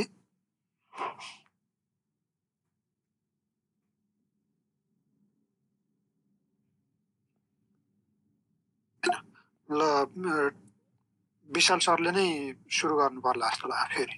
ए हुन्छ थ्याङ्क यू एउटा आज कन्टेक्स्ट डेटाकै भएको भएर एउटा कुरा चाहिँ म राख्न चाहेँ यहाँ सो एउटा कुरा के छ भने अघि हामीले धेरै कुरा गऱ्यौँ डेटा किन चाहिन्छ कस्तो डिसिसन मेकिङमा हेल्प गर्छ भन्ने कुरा। नेपालको अहिलेको कन्टेक्स्टमा चाहिँ अलिक रिसेन्ट यो जुन नयाँ वेब भनौँ अथवा सेकेन्ड वेब भनौँ जुन हामीले धेरै कुरा चाहिँ इन्डियाबाट आइरहेको छ केस उहाँबाट आउनेहरूमा भएको छ यङ पपुलेसन भएको छ एज ग्रुपको मात्रै भएको छ भन्ने कुरा पनि आइरहेको छ होइन। अनि यो हामीले एउटा हुन त नेपाल गभर्मेन्ट पनि राखेको छ त्यहाँ। त्यो एज बेस चाहिँ तपाईँको कतिजना मान्छेलाई भयो होइन अनि त्यो एज बेसको नम्बरलाई पनि हामीले एउटा मैले हिजो ट्विटमा पनि राखेको थिएँ हामीले। त्यो एउटा पर्सेन्टेज इन्क्रिज हेऱ्यो भने के कुरा देखिन्छ देखियो भने मैले हिजोको त्यो एनालिटिक्समा हेर्दा लास्ट एक हप्ता दुई हप्ताको कुरा होइन। अब भन्छु। सबभन्दा हाइएस्ट एज ग्रुप इन्क्रिज चाहिँ नेपालमा एघारदेखि बिस वर्षको गण्डकी प्रोभिन्सको फिमेलमा छ। होइन? पर्सेन्टेज इन्क्रिज केसेसहरूमा दुई हप्ताको डेटालाई कम्पेयर गर्दाखेरि त्यो सँगसँगै अर्को ग्रुप हामीले हेर्ने हो भने seventy one to eighty years एकहत्तरदेखि अस्सी वर्षको चाहिँ सुदूरपश्चिमको फिमेलहरूमा देखिएको छ। अब यसरी हामीले यो चाहिँ यस्तो इन्फर्मेसन हामीसँग भयो भने हामीले के गर्न सक्छौँ भने अलिकति क्लिनिसियनहरूले अथवा अथोरिटीमा काम गर्नेहरूले त्यो डिप डाइभ गर्न सक्छौँ हामीले। वाइ भनेर किन भन्ने कुरा रिजन त्यो किन भन्ने रिजन हामीले अलिकति बुझ्न सक्यौँ भने हामीलाई यो पनि थाहा हुन्छ कि इन्फेक्सन कहाँबाट आएको छ कसरी बढिरहेको छ भन्ने कुरा पनि हाम्रो सिङ्गी कङ्क्रिट थाहा हुन्छ भनेर टेन्टेटिभली हामीले एउटा डिरेक्सन दिन सक्छौँ होइन? डिरेक्सनली यहाँ जानुपर्छ भन्न सक्छौँ। जस्तै for an example seventy one to eighty years female सुदूरपश्चिममा बस्ने सत् एकहत्तरदेखि असी वर्षको फिमेललाई केसेस धेरै देखिएको छ। रिलेटिभ इन्क्रिज चाहिँ उहाँहरूको ग्रुपमा बढी भएको छ दुई हप्तामा भने। त्यो त डेफिनेटली सेकेन्डरी ट्रान्समिसन हो नि होइन? किनभने कोही यङ पपुलेसनको छोराहरू अथवा कोहीहरू इन्डियाबाट आउनुभयो होला अथवा कतै जानुभयो होला यङ एजको मान्छेहरू घरमा जाँदाखेरि ऊ गर्दाखेरि आफ्नो आमा हजुरआमा त्यो एजको मान्छेहरूलाई ट्रान्समिसन भयो। भने पोखरामा चाहिँ अब इलेभेन ट्वेन्टी इयर्सको चाहिँ सरी पोखरा होइन गण्डकी प्रोभिन्समा लाइक किन भइरहेको छ भन्ने कुरा फेरि त्यसमा पनि तपाईँहरू त्यहाँ बस्ने साथीहरू एक्सपर्टहरूलाई थाहा होला। स्कुल्सबाट फैलाएको फैलिएको छ कि कम्पिटिभ प्रोग्रामहरू भएको थियो कि के भएको थियो भन्ने कुरा। त्यही भएर अलिकति डिप डाइभ गऱ्यो डेटालाई भने हामीले चाहिँ त्यो कज कज र इफेक्टको रिलेसन चाहिँ भेटाउन सक्छौँ कि त्यो भेटाउनु पनि हाम्रो लागि ठुलो कुरा हुन्छ अहिलेको कन्टेक्समा हामीले भोलि सेन्ट्रलाइज गरेर सबै कुरा सबै डिसिजन चाहिँ सेन्टरबाट आउनुपर्छ भन्ने पनि छैन। डिस्ट्रिक्ट लेभलमा त्यहाँको अथोरिटीहरूले पब्लिक हेल्थको एक्सपर्टहरूले यस्तो अलिकति डिप डाइभ गरेर हेर्नुभयो भने पिडी मच थाहा हुन्छ कहाँ छ रिजन कहाँबाट फैलेको छ अथवा इनिसिएसन कहाँबाट भइरहेको छ उसको भन्ने कुरा थाहा हुन्छ। अब यो यो प्याटर्न फेरि दुई हप्ताको प्याटर्न हो। यसलाई कन्टिन्युस चाहिँ अब हामीले यो दुई हप्ताको हेऱ्यौँ। Seventy to eighty one seventy one to eighty इयर्सको फिमेलहरूमा बढी केस देखिएको छ सुदूरपश्चिममा भने। यदि यो प्याटर्न कन्टिन्यू भयो अर्को another for another two weeks अर्को दुई हप्तामा नि त्यही देख्यो हामीले भने डेफिनेटली हामीले के भन्न सक्छौँ भने यो यो एज ग्रुपको अथवा मेल र फिमेल दुईजनालाई नै अथवा त्यो एज ग्रुपमा चाहिँ एउटा घरमा सेकेन्डरी ट्रान्समिसन जुन भन्छ हामीले त्यो बढिसकेको रहेछ घर घरमा पुगिसकेको रहेछ भन्ने कुरा थाहा भएपछि हाम्रो स्ट्राटेजी चेन्ज गरेर हामीले कम्युनिटी टेस्टिङतिर बढी जान सक्छौँ होइन? कम्युनिटी टेस्टिङको प्रोग्रामहरू लन्च गर्न सक्छौँ अथवा त्यो एज ग्रुपलाई टार्गेटेड कुनै पनि टेस्टिङ अथवा कुनै प्रोग्राम गर्न सक्छौँ।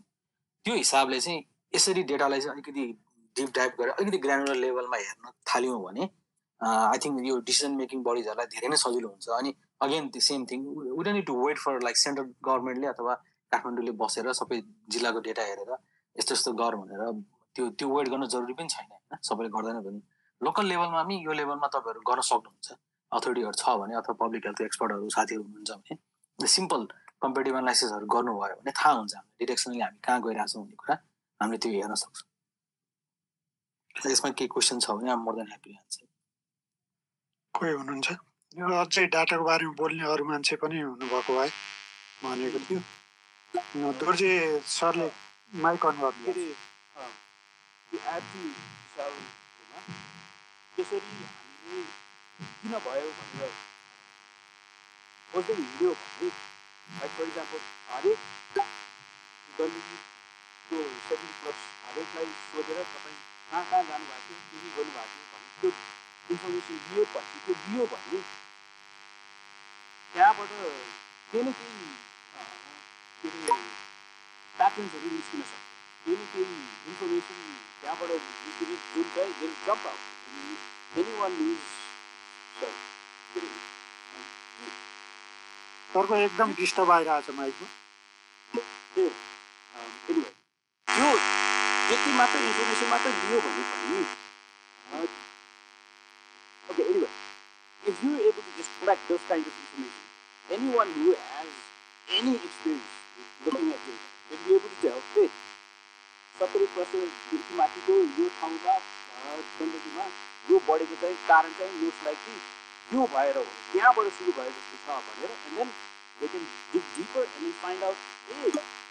कुन मान्छेबाट भयो? कुन इभेन्टबाट भयो? कुन इन्सिडेन्टबाट भयो? भनेर पिन पोइन्ट गर्न सक्छ।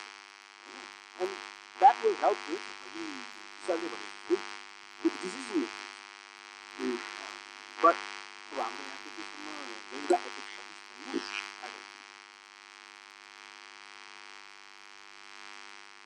दोर्जे सरको एकदमै डिस्टर्ब धेरै डिस्टर्ब आयो माइकमा।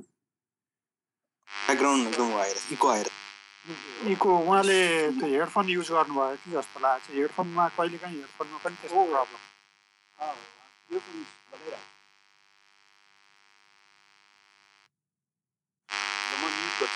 छैन आएको छैन। हजुर विशाल सर विशाल सरलाई चाहिँ एउटा क्वेसन है। अ, यो अब जस्तो अघि नै स्याम्पल साइज भनेको अनुसार हामीसँग जति बढी डाटा हुन्छ त्यति नै बढी हामीले राम्रो इन्टरप्रिटेसन गर्न सक्छौँ नि होइन? त्यो चाहिँ? एकदम डेफिनेटली डेटा जति धेरै भयो त्यति चाहिँ हामीलाई सजिलो पनि हुन्छ इन्टरप्रेट गर्न हेर्नको लागि। अब सानो स्याम्पलमा चाहिँ तपाईँको कहिलेकाहीँ हामीले कुनै पनि एउटा बनाउँदाखेरि त्यसको बायस धेरै हुन्छ नि त होइन? अब जस्तै अघि मैले सिक्स सबभन्दा high seventy one to eighty ग्रुपमा चाहिँ सिक्स पर्सेन्ट चाहिँ इन्क्रिज देखेँ मैले त्यो ग्रुपमा भने होइन? अब त्यो दुईजना पहिला दुईजना मात्रै इन्फेक्टेड थियो अब अहिले चारजना भयो भने त हन्ड्रेड पर्सेन्ट इन्क्रिज देखिनु भयो। अब हामीले त्यो त्यो कुरालाई चाहिँ हामीले सरी सम्मान त्यसरी चाहिँ डेटालाई हामीले राखेर फेरि यही नै करेक्ट हो भन्नु पनि मिलेन। That's we need more and more data जति धेरै हो त्यति सजिलो हुन्छ। र अर्को कुरा चाहिँ यो मैले अघि भनेको जस्तै लोकल लेभलमा पनि सुरु गरौँ। यो चाहिँ मेरो एकदम हम्बल रिक्वेस्ट छ नेपालमा चाहिँ साथीहरूलाई सबैलाई। लोकल लेभल पनि गरौँ। हेल्प गर्ने मान्छेहरू थुप्रै हुन्छ। नेपालमा पनि साथीहरू हुन्छ। हामी पनि त्यस्तै पऱ्यो भने क्यान कन्ट्याक्ट बस टाइम छ भने हामी पनि हेल्प गरिदिन सक्छौँ होइन? अब जुन पत्रकार साथीहरू हुन्छ विभिन्न जिल्लामा त्यसमा काम गर्नुहुन्छ let's do in local level we need to wait Nepal गभर्मेन्टले सबै कुरा हेरेर तपाईँहरूलाई बनाएर प्रि बनाएको तपाईँको प्रिपेयर गरेको डिस दिनु जरुरी छैन. We can do in local लेभलमा हेरौँ अब बाँकीको कुरा साथीहरूले आज धेरै राम्रो कुरो उठाउनु भयो वी क्यान त्यसलाई अझै डिप डाइभ गरौँ न त्यो नम्बरलाई हेरौँ होइन? कहाँ पुगेको छ कहाँ पुगेको छैन भनेर। त्यसपछि प्याटर्नलाई फलो गरौँ।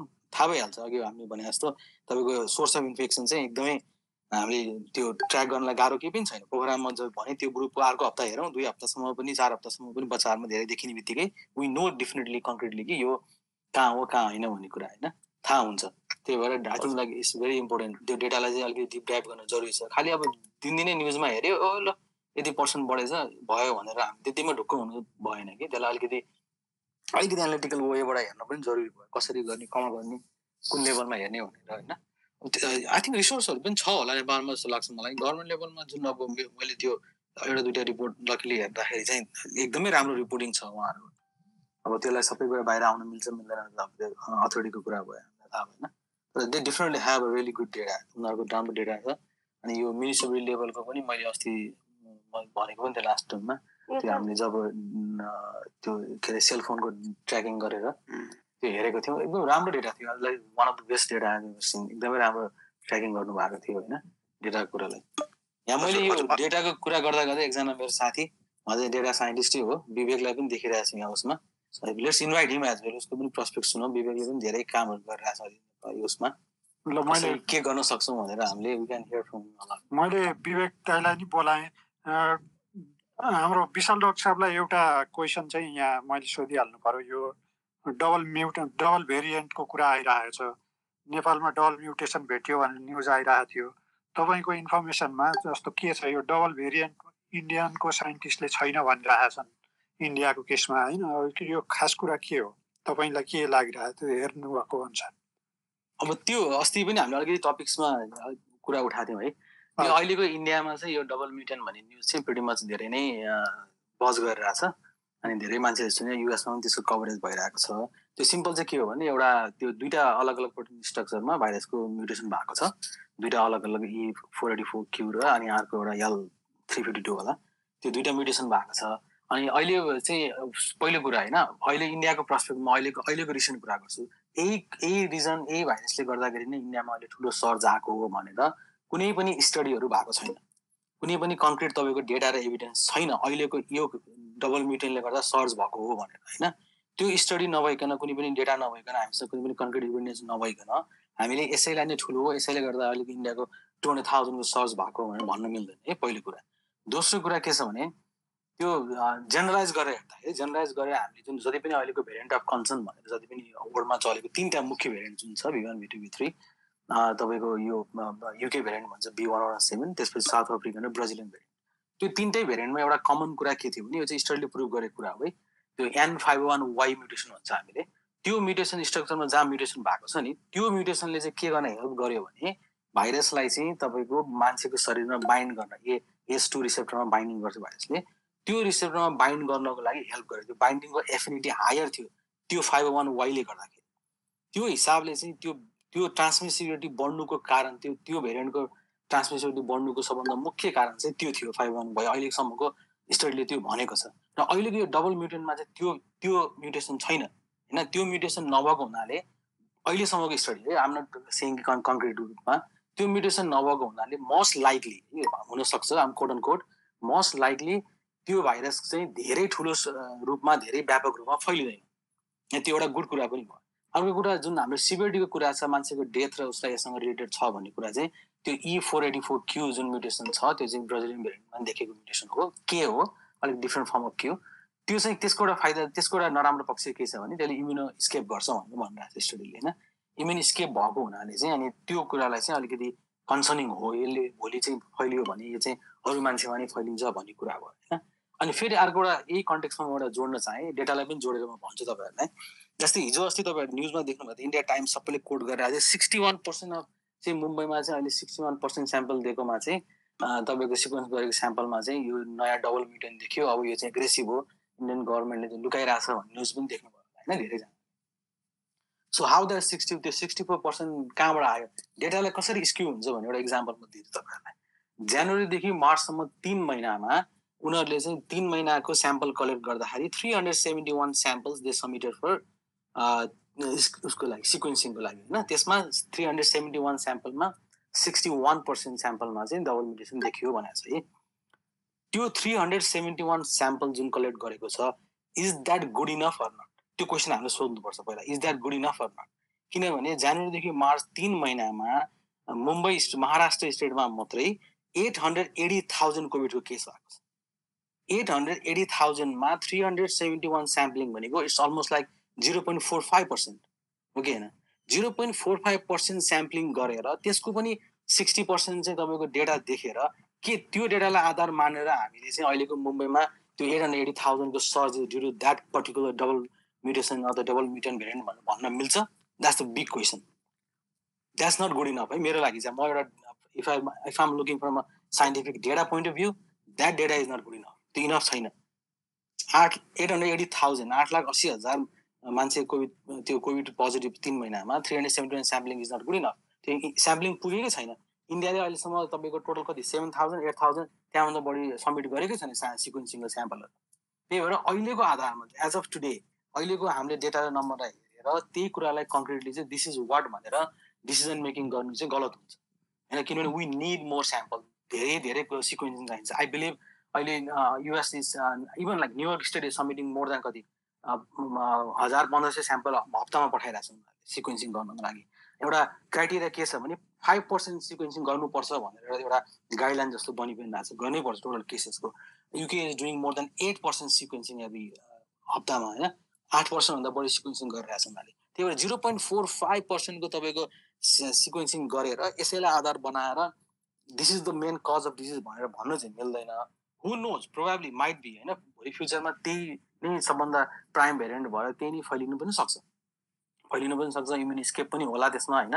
सबै कुरा हामीले स्टडी गरेको छैन।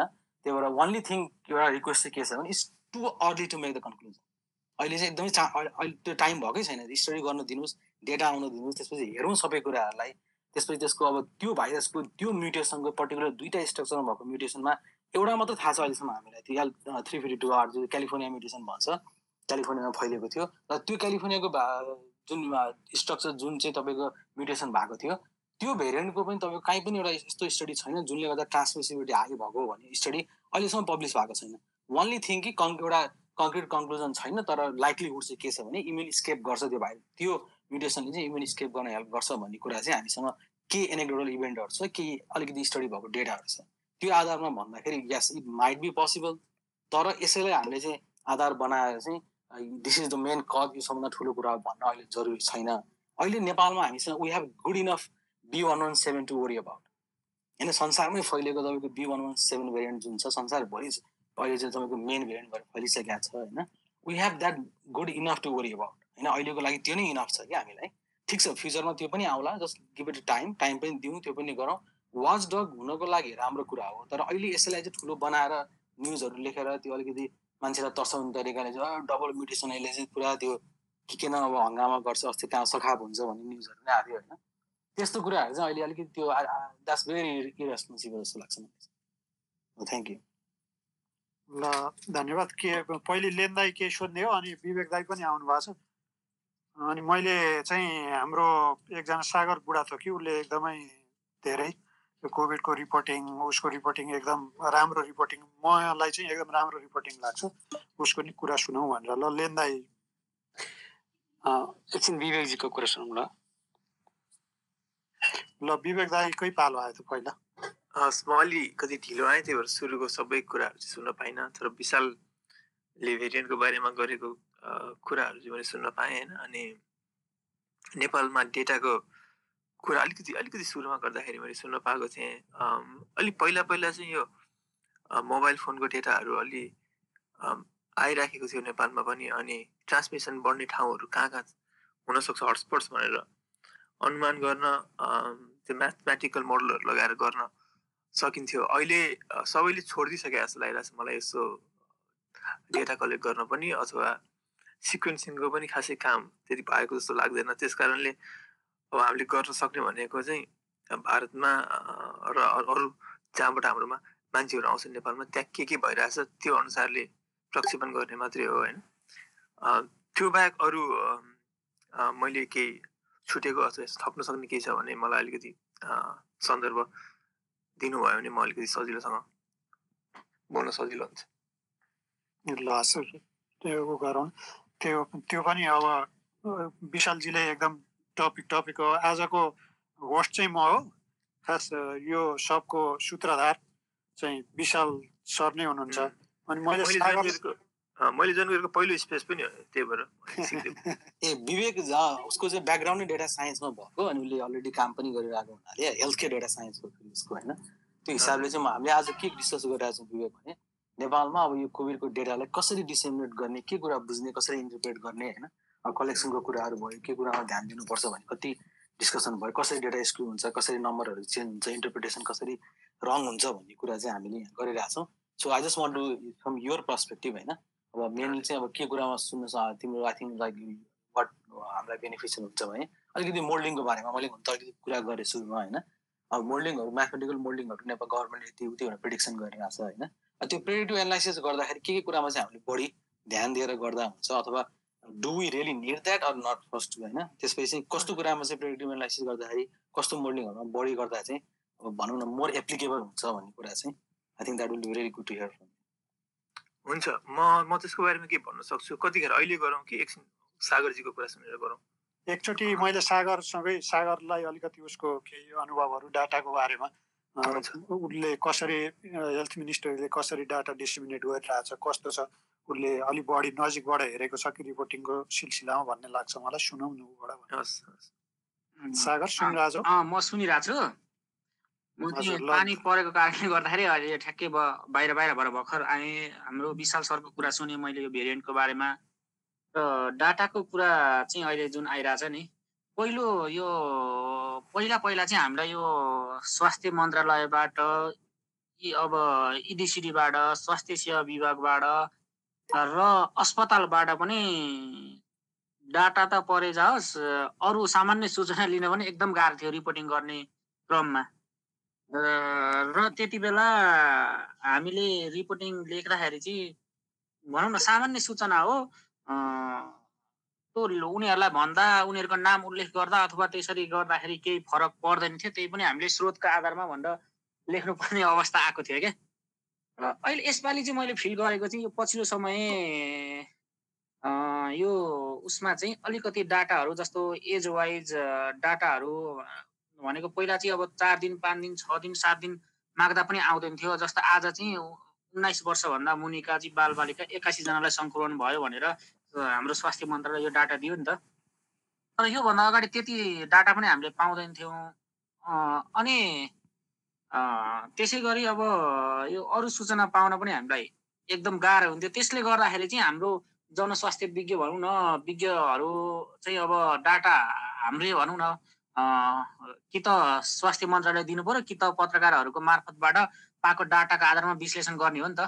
उहाँहरूले डाटा नपाएको कारणले गर्दाखेरि चाहिँ ठ्याक्कै यो भन्न चाहिँ गाह्रो भयो भन्नुहुन्थ्यो। जस्तै मैले त्यति बेला अलिक बढी कुरा गरेको हाम्रो डाक्टर अनु सुवेदी डाक्टर शरदवन्त अनि हाम्रो यता डाक्टर जनक कोइराला अनि मैले अलिक बढी कुरा गरेको थिएँ त्यो बेला। उहाँहरूले चाहिँ डाटा के छ? हामीले डाटा पाउन सकेनौँ। डाटा नभइकन बोल्न गाह्रो भयो भन्ने कुरा चाहिँ गर्नुहुन्थ्यो। ठ्याक्कै अब तिमीलाई तपाईँले ठ्याक्कै रोकेर सोध्छु ल। हजुर हजुर। तिमीसँग एकचोटि कुरा आउँदाखेरि यो मन्त्रालयले यतिसम्म प्रक्षेपण हुने होइन? अहिले पनि भनिरहेछ। के अरे जेठमा एघार हजारसम्म सङ्क्रमण हुने भनेर। त्यो चाहिँ उनीहरूले कसरी प्रक्षेपण गरेछ उनीहरूले के डाटालाई स्रोत के युज गरिरहेछ त्यसको लागि? जस्तो योभन्दा अगाडि हाम्रो सेरो प्रिभेन्स हुँदाखेरि त भनौँ न त्यो डाटा लुकायो नि त त्यो डाटा चाहिँ हामीले के अरे सेरो प्रिभेन्सको त्यो रिपोर्ट चाहिँ अब नेपालमा धेरैलाई भएको आयो त्यो अनुसन्धानबाट। तर त्यो डाटा चाहिँ उनीहरूले किन लुकायो भने अब चाहिँ हाम्रो चाहिँ महामारीमा हाम्रो हामीले गर्नुपर्ने प्रतिकार्यहरू चाहिँ कमजोर भएको भन्ने प्रमाणित हुन्छ भने त्यो डाटा लुकाउँदा लुकाउँदै अलिअलि डाटा चुइयो र अहिले चाहिँ यो चाहिँ जुन अस्ति हाम्रो स्वास्थ्य मन्त्रीज्यूले सार्वजनिक रूपमै भन्नुभयो दैनिक एघार हजार र लगभग छ लाखसम्म सङ्कलित पुग्न सक्छन् असारसम्म भन्नुभयो। त्यो डाटाको चाहिँ मोडलिङ चाहिँ के हो भनेर मैले सोधेँ।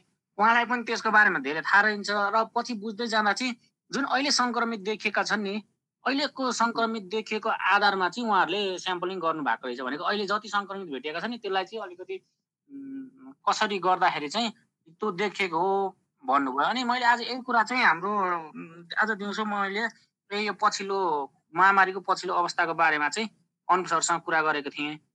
अनि उहाँले चाहिँ यो ठ्याक्कै स्याम्पलिङको बारेमा भन्दाखेरि उहाँहरूले जसरी स्याम्पलिङ गर्नुभएको छ त्योभन्दा पनि धेरै चाहिँ बढी सङ्क्रमण देखिन सक्छ। त्यसको चाहिँ अर्को स्याम्पलिङ विधिबाट गर्नुपर्छ भन्नुभएको थियो। यो विषयमा चाहिँ ठ्याक्कै मलाई टेक्निकल कुरा त थाहा भएन।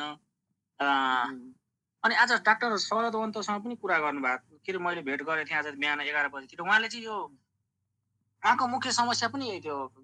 स्वास्थ्य मन्त्रालयले यसरी भनिरहेछ त्यो के को आधारमा भनेको हो भनौँ न त्यो एघार हजार र छ लाखको डाटा भनिरहेछ तर के को आधारमा भनेको उसले प्रस्ट्याएको छैन।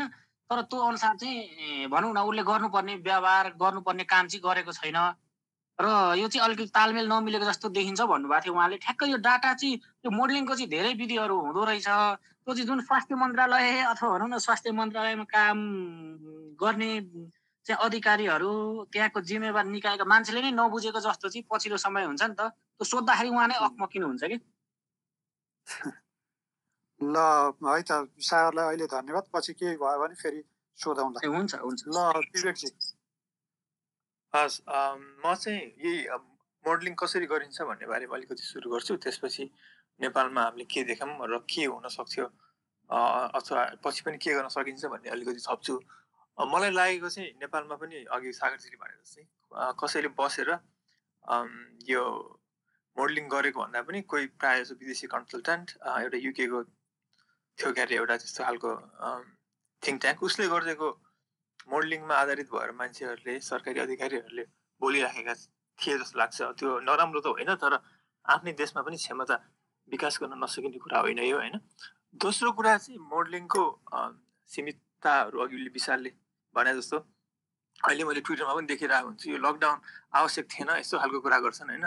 यो कुरा चाहिँ भन्न एकदम गाह्रो छ किनभने यो सिट बेल्ट लाएर एक्सिडेन्ट एक्सिडेन्ट भएको छैन त्यो सिट बेल्ट लाउनु आवश्यक छैन भनेर जस्तो कुरा होइन? यो लकडाउन गरेर केस रोकिएको पनि हुनसक्छ होइन? त्यसको लागि हामीसँग पर्याप्त डेटा छ कि छैन भन्ने कुरा हेर्नुपर्छ। लकडाउन नलागेको कति हुन्थ्यो महामारीको अवस्था भन्ने हामीलाई थाहा छैन होइन? मैले एकचोटि सुरुतिरै नेपालमा लकडाउन कस्तो छ भन्ने त्यसमा चाहिँ डेटा राम्रोसँग पाइएको थियो फोनको। नेपालको लकडाउन संसारकै सबभन्दा कडा मध्ये रहेछ होइन? मान्छेहरूले पालना गरे अनुसार। त्यो अनुसारले सोचे अनुसार केस बढेन भन्ने मलाई लागेको हो। दोस्रो कुरा मोडलिङ गर्न के के चाहिन्छ भन्दाखेरि मोडलिङले खास दिने सबभन्दा उपयोगी कुरा भनेको R zero R zero statistics भन्छ। त्यो भनेको एकजना मान्छेबाट कतिजना मान्छेमा फैलिँदैछहरू होइन? एकजना मान्छेबाट अर्को एकजनासम्म मात्रै फैल्यो भने पनि त्यो भनेको आर जिरो वान भयो होइन? त्यो भन् त्यो हुँदाखेरि चाहिँ सयजनालाई लागेको छ भने भोलिपल्ट अर्को दुई सयजनालाई मात्रै लाग्ने भयो। पर्सिपल्ट दुई सयले अर्को दुई सयलाई फैलाउँदा चार सय होइन?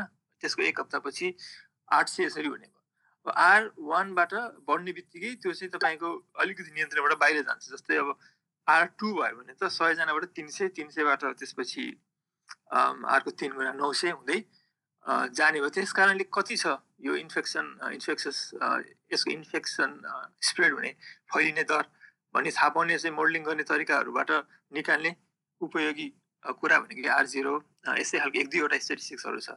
त्यो नेपालमा अहिलेसम्म नेपालको सरकारले अथवा नेपालमा काम गर्ने अनुसन्धानदाताहरूले गरेको थाहा छैन मलाई।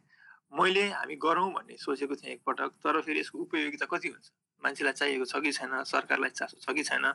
समय मात्रै लगाएर के काम भन्ने हिसाबले गरेनौँ होइन? तर गर्न र यसमा इच्छा छ यसमा लेख्ने मान्छेहरूलाई अथवा काम गर्ने मान्छेहरूलाई पनि रुचि छ भने यो गर्न नसकिने कुरा होइन। तर गर्नलाई दुई तिनवटा कुराहरू चाहिँ चाहिन्छ जस्तै परीक्षणहरू होइन कोभिडको परीक्षणहरू नेपालमा कुनै ठाउँमा धेरै भइरहेको छ कुनै ठाउँमा कम भइरहेको छ। अहिले सायद भएकै छैन कि मलाई थाहा छैन एक्ज्याक्टली होइन। तर विशालले जुन नम्बरहरू कम्पाइल गरिरहेको छ विभिन्न जिल्लाको विभिन्न क्षेत्रहरूको होइन विभिन्न प्रदेशहरूको त्यो करिब करिब उस्तै दरमा परीक्षण भइरहेको छ। जस्तै सयजना मध्ये दसजना जतिको परीक्षण भइरहेछ हरेक दिन हरेक हप्ता भने त्यस्तो डेटा प्रयोग गरेर हामी प्रक्षेपण गर्न सक्छौँ। भोलि पर्सि कति जान्छ केस कति जान सक्छ सबभन्दा खराब केसमा भनेर होइन तर त्यसको सीमितता सीमितता चाहिँ के बुझ्नुपर्छ भनेको भने त्यो भनेको एब्सोल्युट नम्बर होइन यसको रेन्ज हुन्छ किनभने यो चाहिँ प्रोभाबिलिटी प्रोभाबिलिटी भनेको अब सम्भावनाको कुरा हो होइन वान पोइन्ट फाइभ छ आर जिरो भनेको मतलब ठ्याक्कै वान पोइन्ट फाइभ होइन कि त्यसको रेन्ज अब अनसर्टेन्टी कतिवटा स्याम्पलिङ स्याम्पलिङ कति राम्रो छ भन्ने हिसाबले वान पोइन्ट वानदेखि वान पोइन्ट नाइनसम्म हुनसक्छ त्यस कारणले भोलिपल्ट गलत हुने बित्तिकै ए यो गलत भयो भनिहाल्नुभन्दा अगाडि चाहिँ यस मोडलिङको सीमितता के हो यसको रेन्ज के हो होइन? अनि यसको फेरि आज गरेको आठ जिरोको प्रक्षेपण दुई हप्तापछि नमिल्न सक्छ फेरि गरिरहनु पर्छ होइन? यस्तो कुराहरू चाहिँ लेख्ने मानिसहरूले अथवा यो सूचना सम्प्रेषण गर्ने मानिसहरूले प्रश्न सोध्नुपर्छ। दोस्रो मैले देखेको अलिकति रिपोर्टिङमा अलिकति कमजोरी भनेको खोपको बारेमा पनि हो होइन? अस्ति भर्खर एउटा समाचार देखाएको थिएँ मैले। खोपले गर्दाखेरि यो के के समस्याहरू आयो भनेर होइन? अनि यसले अब मान्छेहरूलाई खोप लाउन इच्छा नलाग्ने अथवा खोपको बारेमा आशंका बढाउने काम धेरै हुनसक्छ। यो खोपबाट हुने केसहरू भनेको पनि कोभिड लगाएर जति डर लाग्दो हुन्छ त्योभन्दा निकै नै कम हुने होइन। यो सङ्ख्यामा दाज्नु पऱ्यो नि। कोभिड लगाएर तपाईँको सयजना मध्ये नब्बेजना अस्पताल जानुपर्छ भने खोप लगाएर सयजना मध्ये एकजनालाई पनि जानु परेको छैन अहिले स्थिति होइन। यो यो दुइटा कुरालाई चाहिँ ख्याल गर्दा हुन्छ। अब अब आउने दिनहरूमा यदि नेपालमा कोभिडको केसहरू बढ्दै जाने हो भने र यस्तो मोडलिङ उपयोगी हुने हो भने हामीसँग के डेटा छ अहिले यसमा चाहिँ सायद विषयले राम्रोसँग सक्छ र यो यस्तो खालको मोडलिङ आवश्यक हुन्छ भने हामी आफैले नेपालमा भएको अथवा नेपाल बाहिर भएको नेपालीहरू मिलेर यस्तो एउटा हप्तै पछि अपडेट हुने र कुन जिल्लामा बढी जोखिम छ कुन जिल्लामा सङ्क्रमण बढ्दैछ कहाँ चाहिँ कन्ट्रोल भयो जस्तै लकडाउनको कारणले अथवा अरू कुनै कारणले होइन? यस्तो काम गर्न चाहिँ सकिन्छ होइन तर यसमा इच्छा कति छ र डेटा कति छ भन्ने कुरा चाहिँ थाहा गर्न सके राम्रो हुन्छ धन्यवाद। विशालजी। ए थ्याङ्क यू विवेक धेरै त्यो एकदमै राम्रो पोइन्ट हो। हामीले पहिलादेखि नै एउटा यो चाहेको पनि हो। यदि अहिले अहिले पनि सम्भव छ धेरैजना साथीहरू सुनिरहनु भएको छ होइन? अझै पनि हामीले एउटा कोलाबरेटिभ जस्तो बनाएर काम गर्न सक्छौँ नेपालमा अब त्यहाँ ग्राउन्डमा काम गर्ने सागरजी हाम्रो स्वरूप भाइहरू धेरै रिपोर्टिङहरूमा उहाँहरू दौडधुप गरिरहनु भएको छ। मैले हेर्छु भने राम्रो लेखिरहनु भएको छ। उहाँहरू त अरू साथीहरू पनि त्यहाँ अब अरू हुनुहुन्छ डेटामा बसेरै धेरै काम गर्ने दाईहरू होइन। अरू पनि हुनुहुन्छ होला तपाईँहरू विभिन्न सेक्टरमा काम गरिरहनु भएको छ। मिलेर चाहिँ हामीले एउटा कोलाबरेटिभ जस्तो बनाएर डिफिनेटिभ गर्न जरुरी छैन। हामीले एउटा एउटा एडभाइजरी टाइपको टिम जस्तो एडभाइजरी टिम जस्तो बनाएर विभिन्न कुरा लेख्न सक्छौँ। अनि अघि सागरजीले भने शरद वन्त डक्टर वन्त पब्लिक हेल्थको म उहाँसँग पनि कुरा भएको थियो बिहान मेरो मात्रै अनि मैले उहाँलाई पनि त्यही भनेको थिएँ एउटा इन्डियाले एउटा अहिले गाइडलाइन बनाएको छ कि सेकेन्ड वेभलाई कसरी कन्ट्रोल गर्ने भनेर अस्ति हिजो हिजो कि अस्ति दुई दिन अगाडि मात्रै ल्यान्डसेटमा पब्लिस गरेको छ एउटा एडभाइजरी टिम बनाएर त्यो टिमले चाहिँ के के गर्ने भनेर ठुलो तपाईँको दस बाह्र पेजको चाहिँ गाइडलाइन बनाएको छ हामीले पनि त्यस्तै एउटा ठिक छ गभर्मेन्ट लेभलमा उहाँले आफ्नो काम गर्नुभएको छ आफ्नो उहाँहरू बिजी पनि हुनुहुन्छ होला काम भइरहेछ तर एज अ लाइक हामी पब्लिक सेक्टरबाट अथवा सम्म आउटसाइड द गभर्मेन्ट बस्नेहरूले पनि हामीले त्यो सिचुएसनलाई हेरेर देखेर एनालाइसिस गरेर आफ्नो तर्फबाट एडभाइजर एउटा बनाउन मिल्छ नि त होइन। सिम्पल अहिले हामीले अहिले सबभन्दा चाहिएको कुरा मैले के देख्छु भने अब यहाँ कति साथीहरू एक्सपर्ट पनि हुनुहुन्छ होला यसमा। स्कुलको ओपनिङ र गर्ने कि नगर्ने? अनि त्यो ठुलो कन्फ्युजन भइरहेको छ होइन। त्यहाँ मान्छेहरू त्यो कन्ट्राडिक्टरी रिपोर्टहरू आइरहेको छ मान्छे के गर्ने के नगर्ने भनेर। त्यसलाई पनि साइन्टिफिक वेबाट हामीले चाहिँ म्यापिङ गरेर इन्फेक्सन म्यापिङ गरौँ चिल्ड्रेनको लेभलमा भएको इन्फेक्सन म्यापिङ गरौँ सिडिसीको प्रपर गाइडलाइन छ यो लेभल जिल्लामा यति इन्फेक्सन लेभल भयो भने स्कुल खोल्नु हुँदैन यो भयो भने खोल्नुपर्छ भन्ने एउटा गाइडलाइन बनाएको छ। त्यसैलाई हामीले एडप्ट गरौँ होइन? बेसिक कुरा त्यहाँबाट एडप्ट गरेर चाहिँ एउटा एडभाइजरी टिम जस्तो भयो भने हामीले गर्न सक्छौँ नम्बरहरू निकाल्न सक्छौँ अनि एउटा एडभाइजरी ग्रुप बनाएर चाहिँ एउटा गभर्मेन्टलाई यस्तो यस्तो गर्दा बेटर होला भनेर दियो भने म आई बिलिभ उहाँहरूले पनि यो कुरालाई चाहिँ राम्रै पोजिटिभ रूपमा लिनुहुन्छ जस्तो लाग्छ मलाई।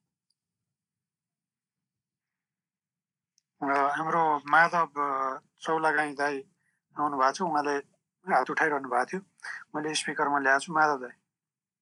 हजुर नमस्ते। एकदम यो एकदम इन्ट्रेस्टिङ डिस्कसन मलाई अलिकति यो एउटा पर्सपेक्टिभ राख्न मन लागिरहेको के हो भने हामीले लास्ट वान इयरको जुन यो डेटाको अभाइलेबिलिटी डेटाको युज जुन देख्यौँ त्यो हेर्दाखेरि चाहिँ सुरुको केही महिना एकदम गाह्रो थियो तर बिस्तारै बिस्तारै चाहिँ त्यो डेटाहरू एउटा सेपमा आइरहेको थियो। त्यसो हेर्नुभयो भने त्यो डेटा अघि अघि अनि हिजो अस्ति पनि कसैले कुरा गरिराख्दा जुन ग्लोबल्ली पनि जुन हिसाबले चाहिँ डेटाहरू लिइन्छ नि जस्तो डब्लुएचएले प्रिस्क्राइब गरेको फर्मेट अनुसार आउने कुरामा चाहिँ नेपालमा त्यो अभाइलेबल छ कति हदसम्म?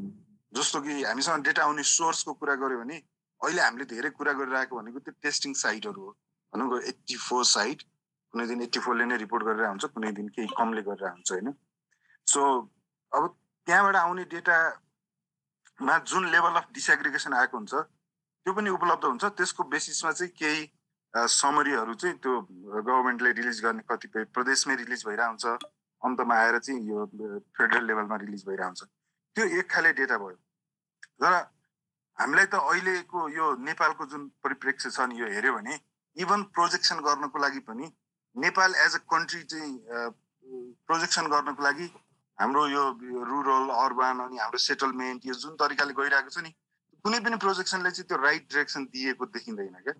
सो सब नेसनल लेभलमा सानो सानो युनिटमा गर्न सकिने उपायहरू छ भने बढी प्रभावकारी हुन्थ्यो कि जस्तो लाग्छ मलाई एउटा चाहिँ है। अर्को चाहिँ कतिपय चाहिँ हामी कहाँ त्यो डेटालाई युज गर्ने त्यो क्यापासिटी डेटालाई लिएर डिसिजन गर्न सक्ने क्यापासिटी प्रोभिन्स लेभलमा अझ म्युनिसिपालिटी लेभलमा विशेष गरी सिटीहरू भएको म्युनिसिपालिटीहरू हुन्छ नि सब मेट्रोपोलिटन मेट्रोपोलिटन सिटीहरू त्यहाँ चाहिँ त्यो डेटालाई क्विकली हेरेर डिसिजन लिन सक्ने एउटा क्यापेसिटी चाहिन्छ जस्तो लाग्छ। उदाहरणको लागि नेपालगञ्ज नेपालगञ्जको यो अहिलेको केसमा धेरै कुरा आएको छ नि बाँकेको। जस्तो तपाईँको हिजो एउटा ठाउँमा चालिस पैँतालिसवटा टेस्ट गरेको त्यति नै देखियो। अर्को आज पनि त्यस्तै सिक्सटी फाइभ पर्सेन्ट जस्तो देखियो। ती केसहरू चाहिँ अब हामीलाई सबैलाई थाहा छ त्यो त सिम्टम भएर गएका अथवा म टेस्ट गर्न जान्छु भनेर गएका कसैले पठाएर गएका भनेको तिनीहरूलाई अहिले हेरेर अनि त्यसलाई चाहिँ हामीले जुन टाइम सेरिज एनालाइसिस अथवा कम्पेरिटिभ गर्दाखेरि पनि त्यसले राइट इन्फर्मेसन दिन्न जस्तो अघि कुरा आएको थियो नि यो टाइमलाई गएको सेप्टेम्बर अक्टोबरतिरको कुनै टाइमसँग पनि हेरौँ त्योसँग त्यसले चाहिँ के भिन्नता देख्छ त्यो पनि भन्न मिल्ने अवस्था छैन क्या। किनभने सेप्टेम्बर अक्टोबरतिर आउनेहरू भनेको कन्ट्याक्ट ट्रेसिङ थ्रु आउनेहरू थियो होइन? सो त्यति बेलाको त्यो अप्रोच चाहिँ डिफ्रेन्ट थियो। अहिले चाहिँ कन्ट्याक्ट ट्रेसिङ भन्ने धेरै छैन त्यो भएको छैन। अहिले चाहिँ मान्छे सिम्टम भएर रेफर गरेर अथवा बोर्डरमा स्क्रिनिङमा परेर आएको छ। भनेपछि हामीले अलिकति त्यो डेटालाई कुन टाइममा कस्तो तरिकाले आएको छ भनेर पनि जान्नुपर्ने उत्तिकै महत्त्वपूर्ण हुन्छ। त्यसले अझ राइट दिन्छ होला डिरेक्सन जस्तो लाग्छ। अर्को एउटा चाहिँ त्यो अब्जर्भेसनल पनि कुरा हुने रहेछ। जस्तो एउटा सिम्पली हेर्दा नेपालगञ्जकै केसमा अहिले यो मेयरजी पनि हुनु भएको भएर उहाँहरूले पनि कसरी युज गर्नुहुन्छ कि? सो टेस्टिङ साइटहरूमा चाहिँ टेस्ट गरेको मान्छेहरू आयो होइन? उनीहरू सर र नामहरू मात्रै हेर्दाखेरि चाहिँ जस्तो एउटै थरको मान्छे घर र त्यही रिपिट भएर आइरहेको छ क्या। त्यसले के इन्डिकेट गरिरहेको छ भने यो उसकै फ्यामिली उसकै नजिकको मान्छेहरू चाहिँ भइरहेछ क्या। त्यो क्लस्टर सानो सानो आइरहेछ भन्ने कुरा देखिन्छ क्या। त्यसैलाई मात्रै पनि हेर्दाखेरि। सो त्यो भएर मेरो अहिले यो सबै कुरा सुनिराख्दा एउटा चाहिँ त्यो प्रोजेक्सनलाई चाहिँ अलिकति अन्ततिरको सामान्यतया त्यो म्याथमेटिकल मोडलिङ गर्दा केही हामीले केही एजम्सनहरू बनाउँछौँ।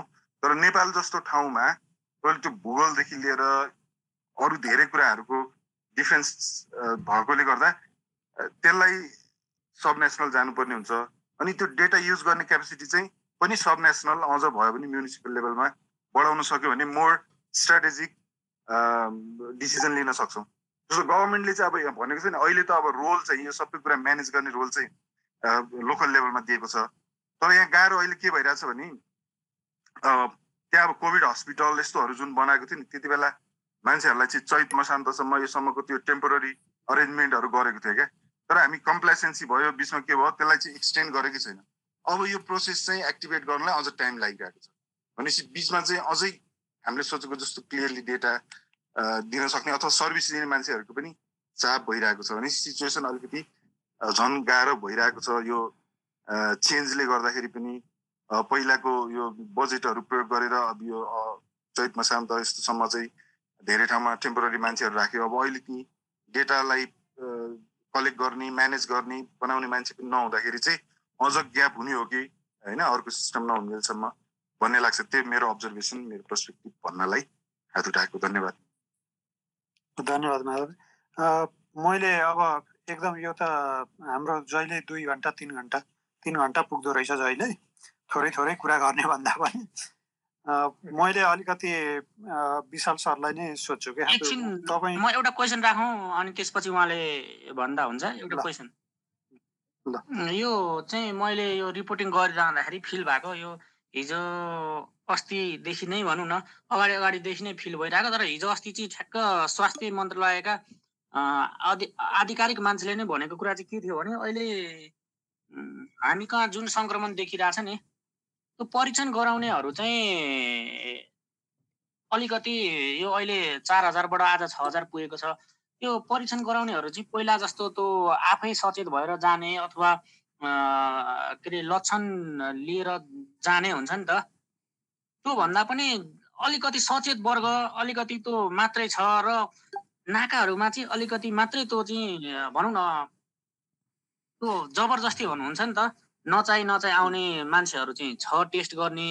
वास्तवमा धेरै सङ्क्रमितहरू चाहिँ अझै पनि हाम्रो सोसाइटीमै छ।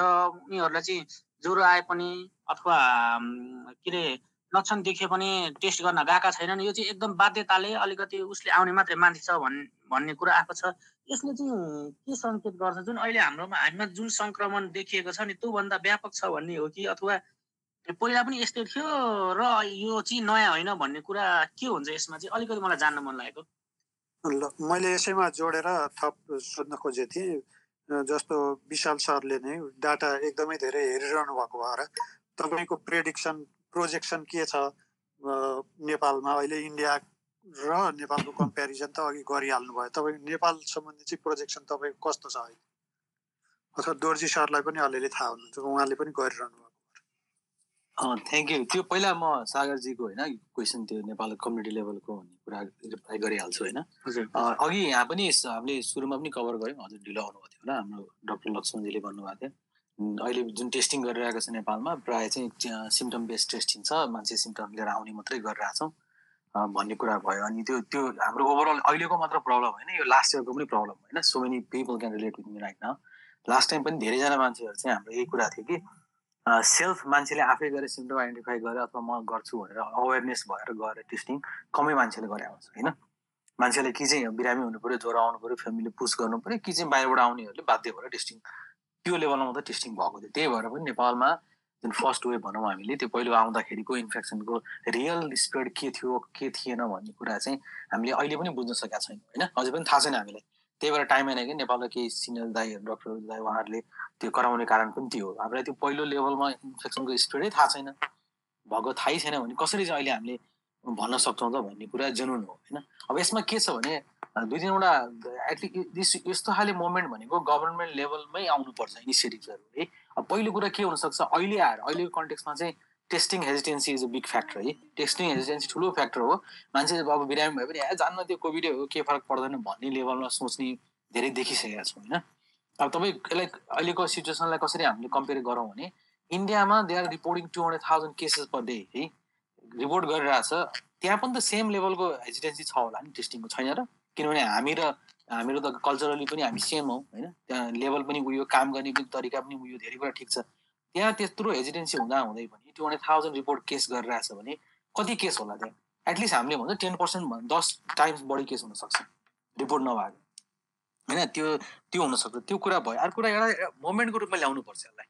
त्यो सागरजी यसलाई एउटा मोमेन्ट बनाउनै पर्छ जस्तै सिम्पल कुरा हामीले नेपालमा अब I don't know it will be implemented or not हामीले चार पाँच महिना अगाडिदेखि कोसिस के गरिरहेको थियौँ गभर्मेन्ट लेभलमा पहिला लास्ट वेबमा आउँदाखेरि दुईवटा तिनवटा एउटा त्यो मैले टेस्टिङको एउटा प्रोग्राम त्यो प्लानै बनाएर पठाएको थिएँ। इभन सुरु भाइलाई पनि एउटा न्युज पेपरमा कभर गर भनेर एउटा पुरा गाइडलाइन जस्तो बनाएर पठाएको पनि थियो हामीले।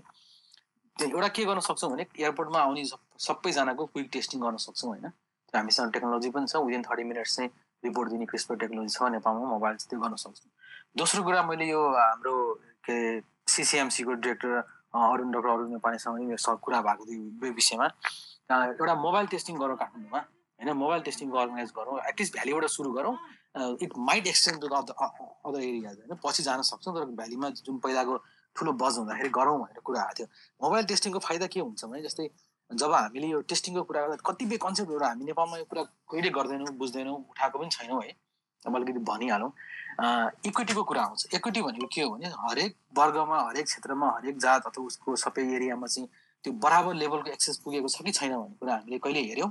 कहिले हाम्रो टेस्टिङको चाहिँ इक्विटीको बारेमा कहिले कुरा गऱ्यौँ त? के टेस्टिङ भनेको पैसा र तिरेर गर्ने टेस्टिङ भनेको त केही लिमिटेड वर्गका मान्छेहरू जोसँग पैसा छ उनीहरूले गर्न सक्छन्।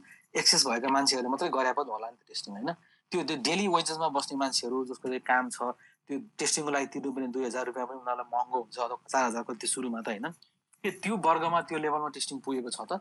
Are we missing some big chunk of people are not इक्विटीको कुरा आयो इक्विटी छ कि छैन भन्ने कुरा हामीले कहिले पनि हेरेनौँ। कहिले पनि यसबारेमा डिस्कसन भएको पनि छैन। अनि टेस्ट इक्विटीलाई कसरी हामीले एन्सर गर्न सक्छौँ भने उनीहरू आउने होइन। We have to reach to that people हामी जानुपर्छ। युएसमा तपाईँको सुरुमा यो this program start in several state harbour मेडिसिनले सुरु गर्यो तपाईँको ब्रिगम मोमेन्ट हस्पिटलले। त्यसपछि अरूले पनि एडप्ट गर्यो। कोलराडोमा एरिजोनामा धेरै ठाउँमा भयो। हामीले त्यही मोडल एडप्ट गरेर त्यो एरिजोनाको एउटा चाहिँ मैले आफै कुरा गरेर सल्लाह गरेर सबै डेटाहरू लिएको थिएँ उनीहरूसँग। कसरी सेटअप गर्ने भनेर। हामीले मोबाइल टेस्टिङको एउटा कन्सेप्टलाई ल्याउन सक्छौँ काठमाडौँमा। त्यो उहाँहरू रेडी पनि हुनुहुन्थ्यो। सिजिएमसीको अर्डर गराउनुहरू त्यो आर्मीको एउटा भ्यान छ त्यो युज गर्न सक्नुहुन्छ तपाईँहरूले भनेर भन्नुभएको थियो। त्यो भ्यानमा टेस्टिङ किट राखेर मोबाइल टेस्टिङ किट हुन्छ क्रिस्परको हेर्नुहोस्। त्यो आज हामीले टार्गेट गरौँ पपुलेसन टार्गेट गरौँ। हामीले यस्तो राम्रो चाहिँ डेटा छ गभर्मेन्टसँग त्यो मैले भने नि डिप लेभलमा तपाईँको चाहिँ हट स्पटको उनीहरूले अर्गनाइजेसन डेटाहरू कलेक्सन गर्न सक्छ उनीहरूले ठिक छ आज थाहा भयो। फर एन इक्जाम्पल कलङ्कीको यो एरियामा चाहिँ आज चाहिँ धेरै केसहरू देखा चाहिँ पोजिटिभ भनेपछि हामीलाई के थाहा भयो भने त्यो एरियाको मान्छेहरू चाहिँ पोजिटिभ छ भनेर। Let's not wait for them to come उनीहरू टेस्टिङ गर्न आउँछ भने कुरियर बस्यो भन्दा आउँदै आउँदैन मान्छेहरू। त्यो त ह्युमन नेचर हो नि। मान्छे जाँदैन। धेरै कुरा हुन्छ टाइमको इस्यु हुन्छ पैसाको कुरा आउँछ धेरै कुरा हुन्छ। कान्टु हामी आफै भोलि चाहिँ त्यो एरियामा चाहिँ एउटा टाइम बनाएर दिएको लोकल युथ अर्गनाइजेसनहरूसँग अथवा लोकल पब्लिक र गभर्मेन्टको पार्टनरसिप बनाएर हामीले चाहिँ एउटा मोबाइल टेस्टिङ भ्यान जस्तो लिएर त्यहाँ जान सक्दैनौँ हामी। गएर हामी तिन सय चार सय पाँच सयवटा स्याम्पल कलेक्ट गरेर फेरि कस्तो फाइदा छ भने तपाईँको यो क्रिस्पस बेस्ड टेक्नोलोजी अथवा इन्डिजन अथवा कुनै पनि नयाँ टेक्नोलोजीको फाइदा के छ भने तुरन्तै रिपोर्ट आउँछ। दुई दिन तिन दिन वेट गर्नै पर्दैन। तिन सयजनाको त्यहाँ टेस्टिङ गर्नुहोस्। तपाईँले चाहिँ पचासजनाको पोजिटिभ हुनुभयो भने भर्खरै इन्टरभेन सुरु गरिहाल्नु पचासजनालाई कहाँ आइसोलेट गर्नुपर्छ अथवा के गर्नुपर्छ भन्ने कुरा। त्यो दुई दिन तिन दिन रिपोर्ट आउने टाइमसम्म वेट गरुन्जेलसम्म त कतिवटा इन्फेक्सनलाई तपाईँले कन्ट्रोल गर्नु लाग्नुहोस् त। जति पनि गर्न सकिन्छ होइन। त्यही भएर यो जुन एउटा इक्विटीको प्रस्पेक्टबाट अथवा आउटरिचको प्रस्पेक्टबाट कम्युनिटी इन्भल्भमेन्टको प्रस्पेक्टबाट पनि हामीले चाहिँ यो मोबाइल टेस्टिङहरूको एउटा त्यो गर्न सक्यो भने अहिले तपाईँले जुन भन्नुभएको कुरा जुन छ नि त्यसलाई ओभरकम गर्न सकिन्छ। गर्न नसकिने कुरा होइन एकदमै गर्न सकिन्छ। अनि यो कुरामा मैले मिनिस्ट्रीमा पनि कुरा गर्दाखेरि उहाँहरूको एउटा के कुरा थियो भने एउटा एकचोटि काठमाडौँमा चाहिँ एन्टिजेनको चाहिँ टेस्टिङ उहाँहरूले सुरु गर्नुभएको थियो मोबाइल टेस्टिङ अथवा सेन्ट्रल काहीँ राखेर त्यो बनाएर टेस्टिङ गर्दा पब्लिकले इन्ट्रेस्ट देखाएन मान्छेहरू आउँदै आएन। दस हजारवटा टेस्ट राखेर हामी बस्दाखेरि दुई तिन सयजनामा बढी मान्छे नै आएन भन्ने कुरा भयो। त्यो मान्छेलाई आउनुको लागि त हामीले एउटा क्याम्पेन गर्नु पऱ्यो नि परेन र होइन हामी त रेडियोमा ल्याउनु पऱ्यो टिभी टेलिभिजनमा एडहरू राख्नु पऱ्यो पत्रिकामा ल्याउनु पऱ्यो किन जरुरी छ आज किन हामीले यो एरियामा टेस्टिङ गरिरहेको छौँ भन्ने इन्फर्मेसन दिनु पऱ्यो नि त? त्यतिकै तपाईँको बाई स्ट्यान्डर्डहरूलाई बाटोमा हिँड्दा मान्छेलाई जबरजस्ती आएर कोही पनि त मलाई कोभिडको टेस्टिङ गर्दा कसैले भन्दैन। त्यो जरुरी किन छ? वाइ वी निड दिस भन्ने कुरा पनि हामीले बुझाउन सक्नु पऱ्यो नि।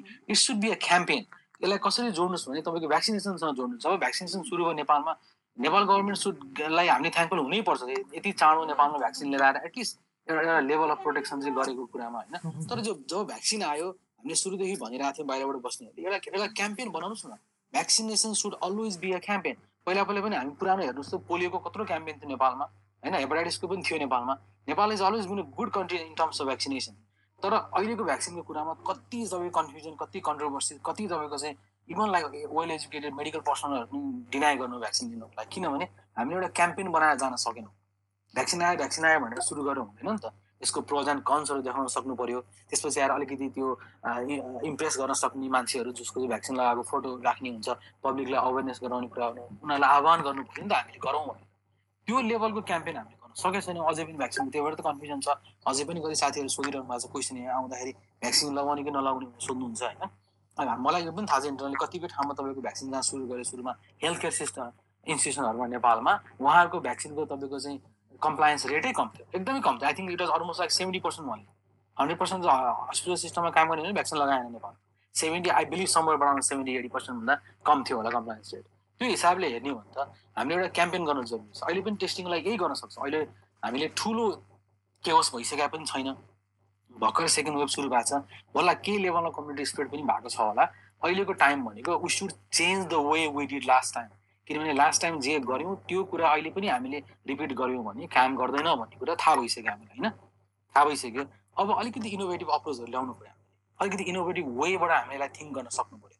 एउटा त्यो पब्लिक लोकल लेभलमा गर्ने पार्टनरसिपहरू अर्गनाइजेसनहरू होला नि युथ अर्गनाइजेसन होला कुनै डोनर अर्गनाइजेसनहरू हुन्छ ब्लडको गर्नेहरू जस्तो ग्रुपहरूलाई हामीले पार्टिसिपेट गरेर पब्लिक लेभलमा टेस्टिङको अर्गनाइज गर्नु पऱ्यो इभेन्टहरू गराउनु थाल्नु पऱ्यो। अनि त्यहाँबाट कलेक्ट गरेर डेटा कलेक्ट गर्ने क्विक डिसिजन मेकिङ अघि माधवजीले पनि उठाउनु भयो मैले सुरुमा पनि भनेको थिएँ let's not wait for central government to make decision central गभर्मेन्टले बसेर एनालाइज गरेर डेटा हेरेर उहाँहरूको के के बैठक भन्छ त्यो गरेर डिसिजन गर्नुभन्दा लोकल लेभलमा पनि हामीले अलिकति अथोरिटीहरूले चाहिँ यो जुन डिस्ट्रिक्ट के हुन्छ नि हाम्रो पब्लिक हेल्थको जुन डिरेक्टर हुनुहुन्छ डिस्ट्रिक्ट लेभलमा काम गर्ने उहाँहरूले क्विकली यो डेटा हेरेर ल ठिक छ आज हामीले चाहिँ यो बाँकी डिस्ट्रिक्टमा जस्तो देख्यौँ यसको मतलब के हो भने यो एज ग्रुपमा चाहिँ धेरै देखिएछ त्यो सिक्सटी प्लसमा देखिने सेभेन्टी प्लसमा देखेको मतलब के हो भने there is a community level spread there is a secondary spread in the household त्यो देखिने बित्तिकै अब हामीले के इन्टरभेन्सन गर्न सक्छौँ त यहाँको लेभलमा भनेर त्यो कुरा बुझ्नु पऱ्यो it's not always ever Kathmandu and all किनभने हामी जहिले पनि त्यही कुरामा नेपालको जहिले पनि कन्सेप्ट के छ भने everything is all ever Kathmandu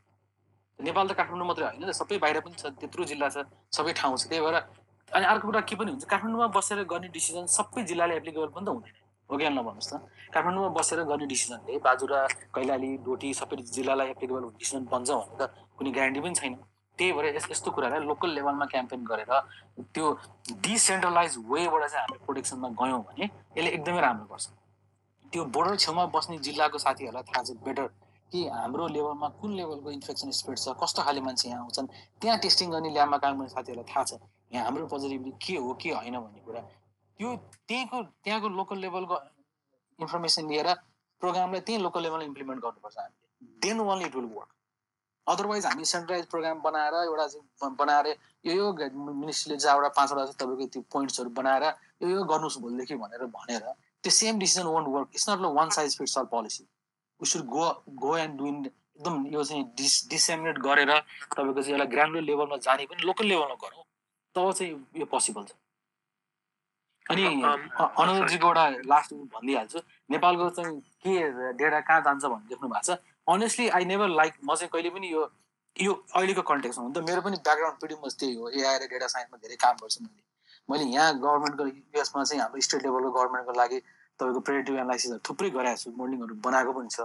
even मेरो हेल्थ केयर सिस्टममा सबैभन्दा पहिला सबभन्दा फर्स्टमा कोभिडको चाहिँ एनालिटिकल रिपोर्टिङ बनाउने मान्छे पनि म आफै हो। तर नेपालको कन्टेक्समा चाहिँ मैले कहिले पनि यो यतिकै यति हुन्छ उति हुन्छ भनेर प्रिडिक्सन कहिले पनि गरिनँ होइन? गर्दिनँ पनि। अघि पनि भने हामीसँग डेटै छैन सबै कुरा थाहै छैन। इन्फेक्सनको स्प्रेड थाहा छैन आर नट कहिले पनि क्यालकुलेसन भएको छैन। हामीलाई थाहा पनि छैन सेकेन्डरी कसरी ट्रान्समिसन भएको छ।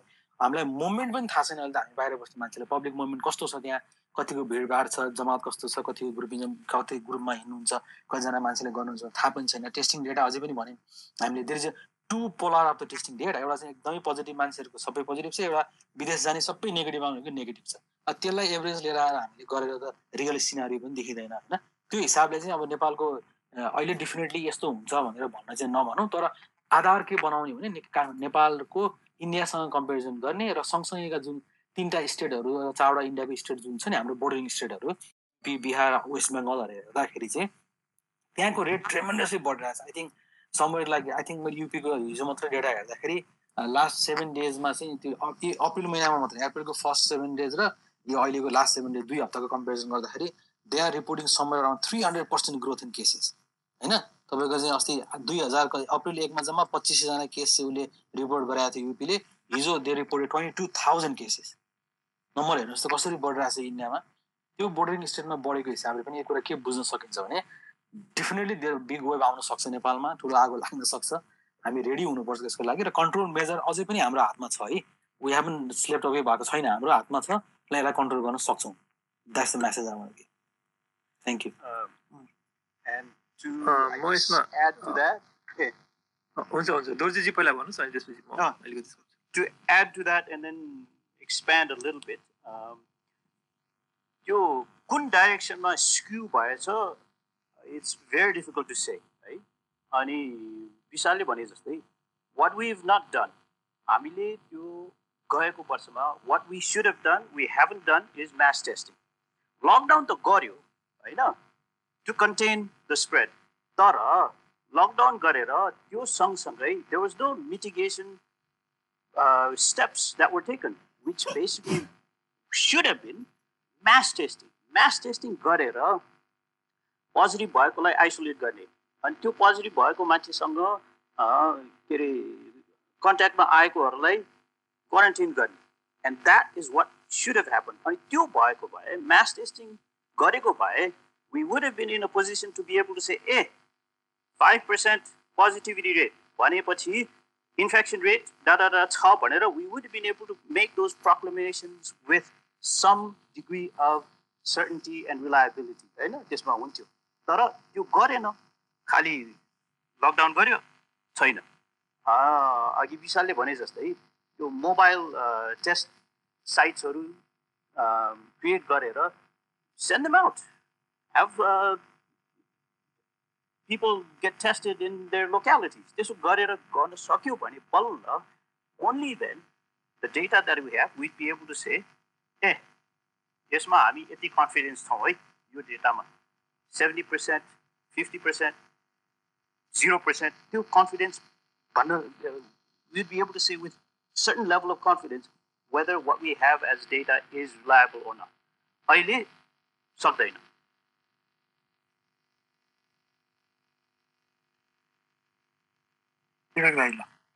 म अघि सागरजीले त्यसपछि माधवजीले पनि भन्नुभएको कुरामा दुईवटा कुरा थप्न चाहन्छु एउटा चाहिँ सागरजीले के भन्दै हुनुहुन्थ्यो भने टेस्ट गर्न आउने मानिसहरू प्रायः सबै पोजिटिभ भएर आएका मान्छेहरू छन् होइन?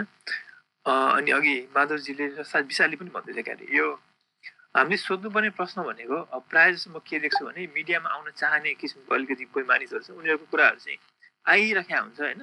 त्यसमा प्रायः प्रश्न पनि नहुने जस्ताको त्यस्तै आउने र बाहेक त्यो बाहेक अरू विज्ञहरूको कुरा चाहिँ आउन अलिक गाह्रो हुने। जस्तै नेपालमा सुरुमा के भने एक थरीले ए नेपालको चाहिँ इम्युनिटी उच्च छ अब केही हुँदैन भन्ने कुरा आयो। त्यसपछि फेरि बिस्तारै चाहिँ भयावह हुन्छ भन्ने स्थिति आउन थाल्यो। पछि फेरि कम्युनिटी स्प्रेड छैन भन्ने स्प्रेड आउन थाल्यो। तर यो कसै पनि भन्ने मान्छेलाई सोध्ने ठिक प्रश्नहरू के हो भन्ने कुरामा पनि अलिकति सोच्दाखेरि पछिलाई सजिलै हुन्छ। र कोभिडको समय पारेर हामीले के क्षमता पनि विकास गर्न सक्छौँ भने यो त अरू कुरालाई पनि काम लाग्छ अब आगलागीमा पनि काम लाग्छ। नम्बरहरूको कुरा सम्भावनाहरूको कुरा होइन प्रक्षेपणको कुरा। र अहिले कोभिडमा हामीलाई चाहिएको प्रक्षेपण मात्रै होइन कि? प्रक्षेपण भनेको भविष्यको भयो अहिले वर्तमानमा के छ? वर्तमानमा तपाईँको टेस्ट जस्तै जो आउँछ परीक्षण गर्न उसलाई मात्रै गरिरहेको छ कि? तपाईँको ऱ्यान्डम अघि माधवजीले भन्नुभयो नि केही सिद्धान्त केही अजम्सनहरू हुन्छन् नि सबै मोडलिङमा भनेर।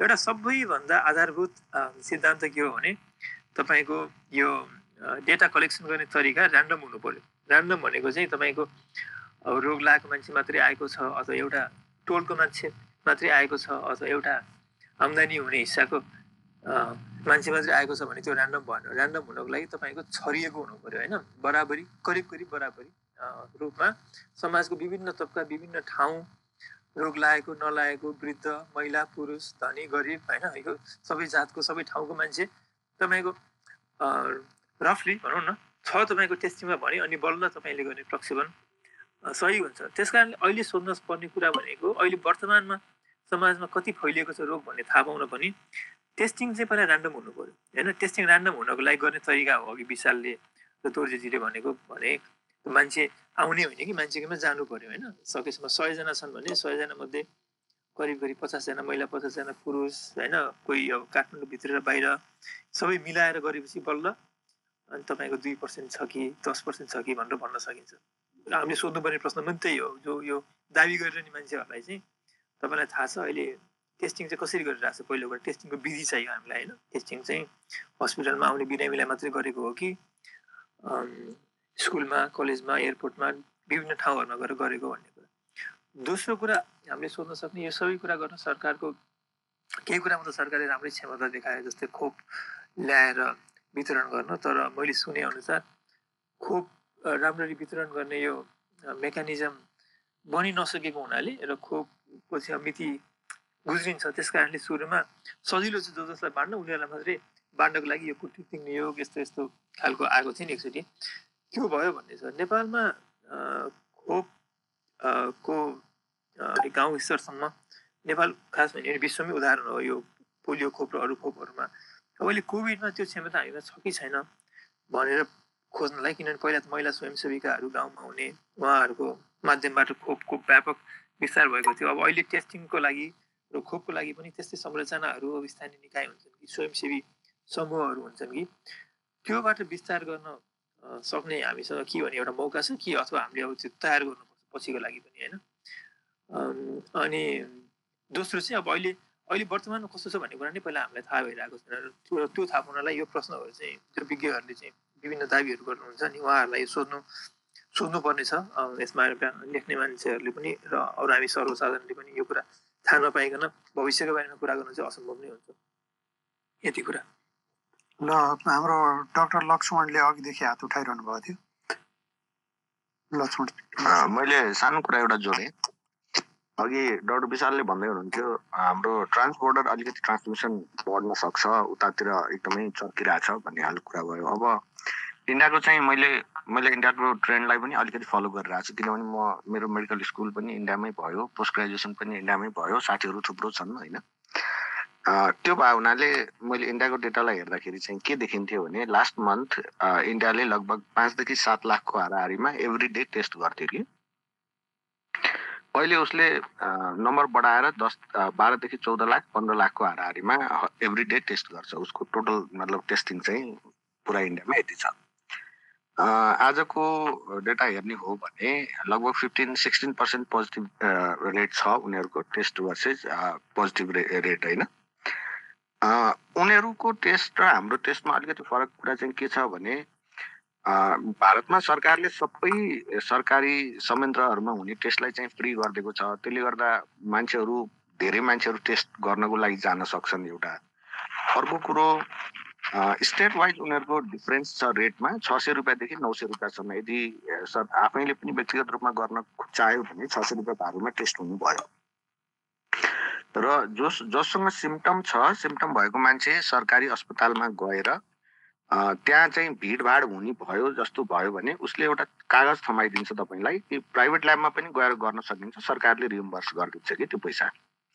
भन्दा पैसा तिर्नु पर्दैन। त्यसले गर्दाखेरि टेस्ट इजिली अभाइलेबल भएको कारणले उनीहरूको धेरै ठुलो सङ्ख्या हो जस्तो चाहिँ लाग्दैन। अहिले हाम्रो फेजमा चाहिँ सिम्टोमेटिक स्याम्पलिङ भइरहेछ भने उनीहरू अझ सिम्टोमेटिक प्लस ऱ्यान्डममा पनि छ जस्तो लाग्छ कि मलाई। त्यो हेर्दाखेरि चाहिँ यिनीमा त आगो बलिहाल्यो भन्ने खालको अनि त्यसले हामीलाई आगो बालिहाल्छ भन्ने खालको पनि छैन। त्यति पनि आत्तिनु पर्ने छ जस्तो मलाई लाग्दैन। त्यति जोडे। ल सतीश दाई तल आउनुभयो सतीश दाईको केही सतीश दाई केही छ विशाल छ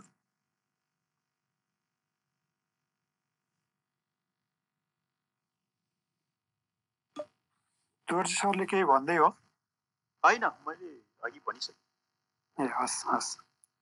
ल डक्टर विशाल अब चाहिँ केही कसैको यस्तो क्वेसनहरू छ भने एउटा दुइटा क्वेसन पनि लिनु पर्ला जस्तो लागेको छ। सबलाई फेरि एकरो एकरो सुनेर हामीले सोध्नै पाइनौँ भन्ने त्यस्तो छ भने कसैलाई त्यस्तो केही जिज्ञासा छ भने सोधिहाल्नु होला है। हात उठाएर। यहाँ धेरैजना मैले देखिरहेको छु र मेरो साथीहरू पनि हुन्छ डक्टर राजीव शाह पनि हुनुहुन्छ रोशनजी पनि हुनुहुन्छ होइन?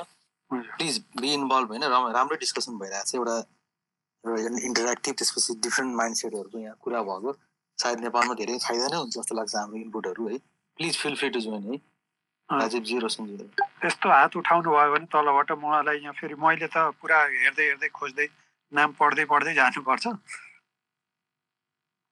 मैले फेरि इन्टरेक्सन नभइराखेको मान्छेहरूलाई फेरि सबैले मान्छेलाई चिनेको पनि हुँदैन एकदम गाह्रो हुँदो रहेछ।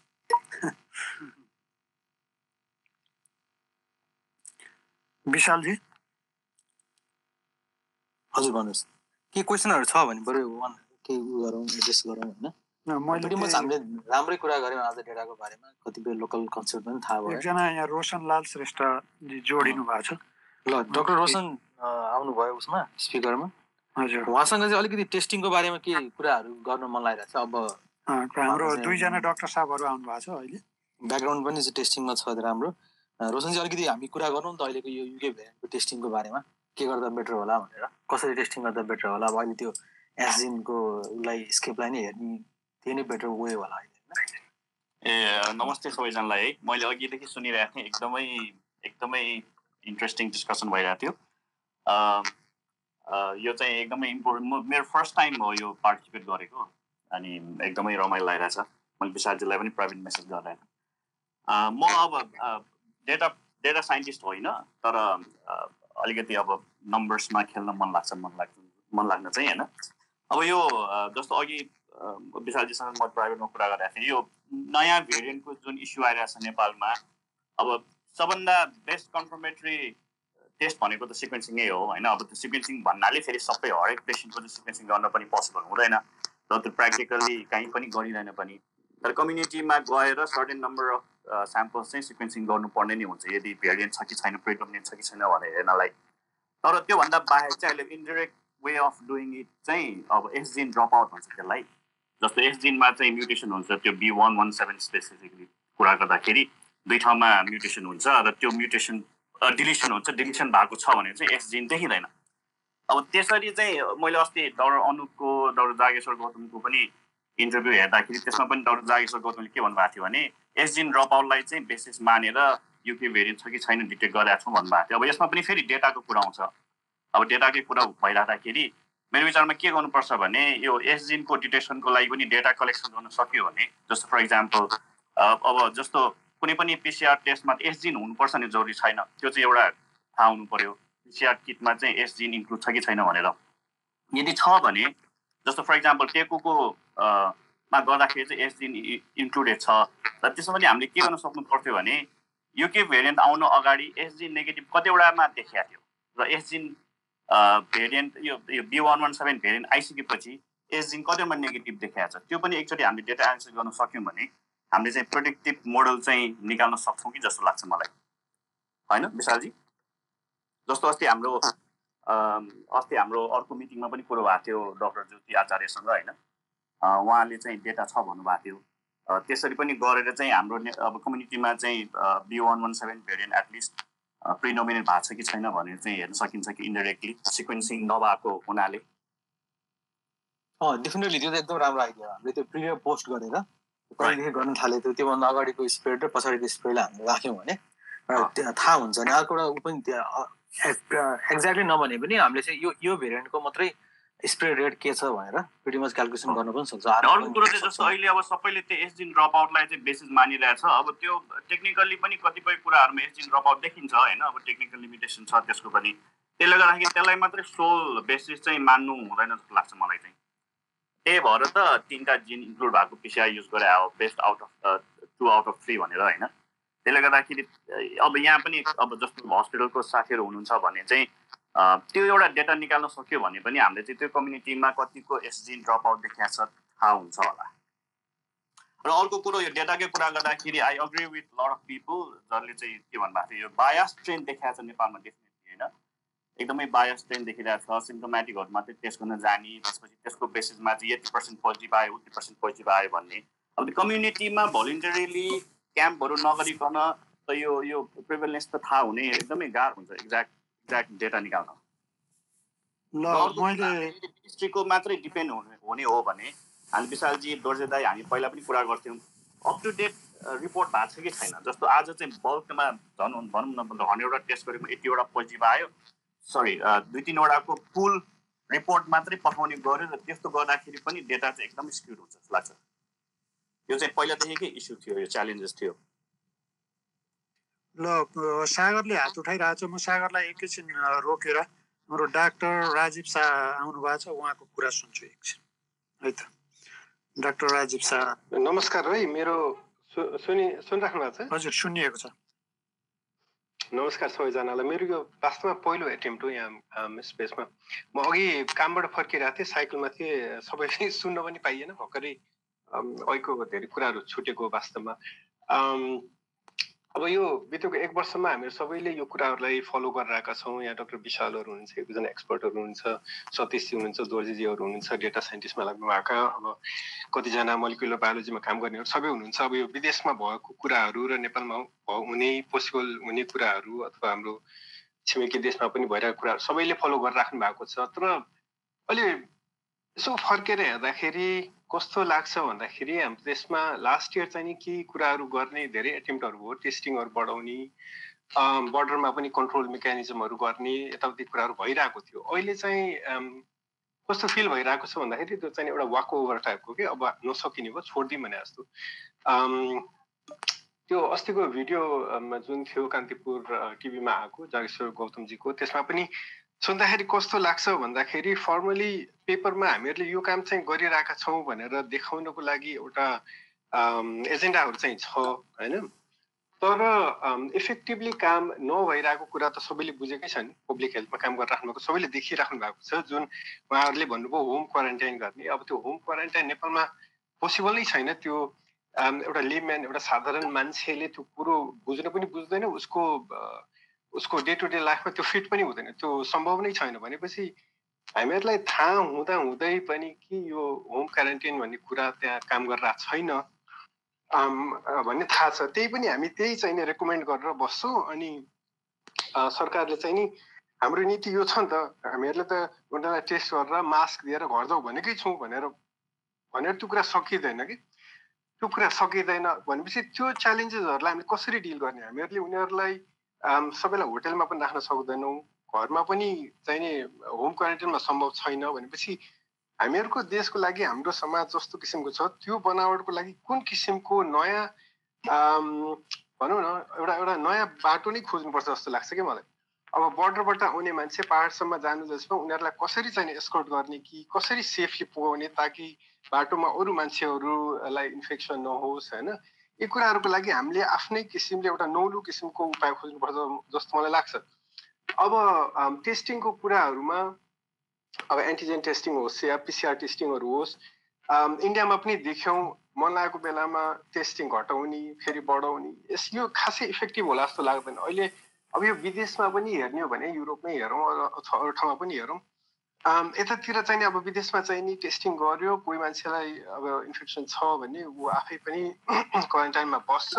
प्रायः जस्तो त्यो त्यस कारण त्यो इफेक्टिभ हुन्छ। अब हाम्रो देशमा ल टेस्ट गरौँ ऊ उसमा सिम्टम छैन भने ऊ आखिरमा गएर घरमै बस्छ र उसलाई कसले कन्ट्रोल गर्छ त? निगरानी कसले गर्ने कि ऊ बाहिर जान्छ जाँदैन? उसको कोसँग कन्ट्याक्ट भयो। त्यो त्यत्रो इन्फ्रास्ट्रक्चर हाम्रो देशमा छ र प्र्याक्टिकली अब चाहिँ हामीहरूले आफैलाई क्वेसन गर्नुपर्ने हुन्छ कि? हामीहरूको इन्फ्रास्ट्रक्चर हामीहरूको एक्सपर्टिज त्यति छ कि यो मतलब यत्रो जति इन्फेक्सन भइरहेछ त्यसलाई धान्ने हामीमा क्षमता छ कि छैन?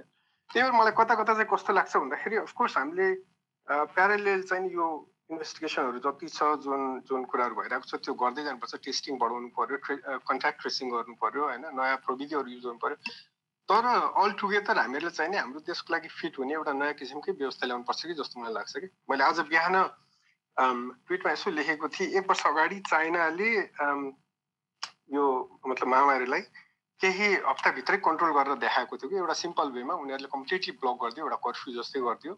मान्छेहरूलाई खाना घरमा पुगाउन दियो। त्यो अब सायद कम्पेयर गर्न साध्य पनि हुँदैन। चाइनाको र हामीहरूको देशको अब उनीहरूको अब त्यहाँ कति मानव अधिकारको इस्युहरू पनि आयो। तर मलाई समग्रमा चाहिँ कस्तो लाग्छ भन्दाखेरि वास्तवमा त्यस्तो किसिमको एटेम्प चाहिँ नि नेपालको लागि अलिक बढी सुटेबल छ कि जस्तो पनि लाग्छ कि कर्फ्यू नै नभनौँ एउटा एक किसिमको लकडाउन तर कन्ट्रोल लकडाउन।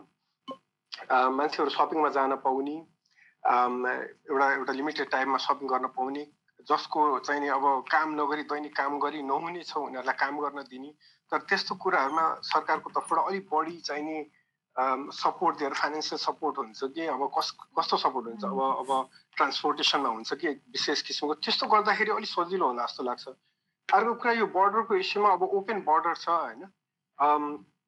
त्यहाँ पनि अब हरेक ठाउँमा सुरुमा त एटेम्प भएको हो नि क्वारेन्टाइन राख्ने स्कुलहरूमा यताउति तर त्यो वर्क भएन।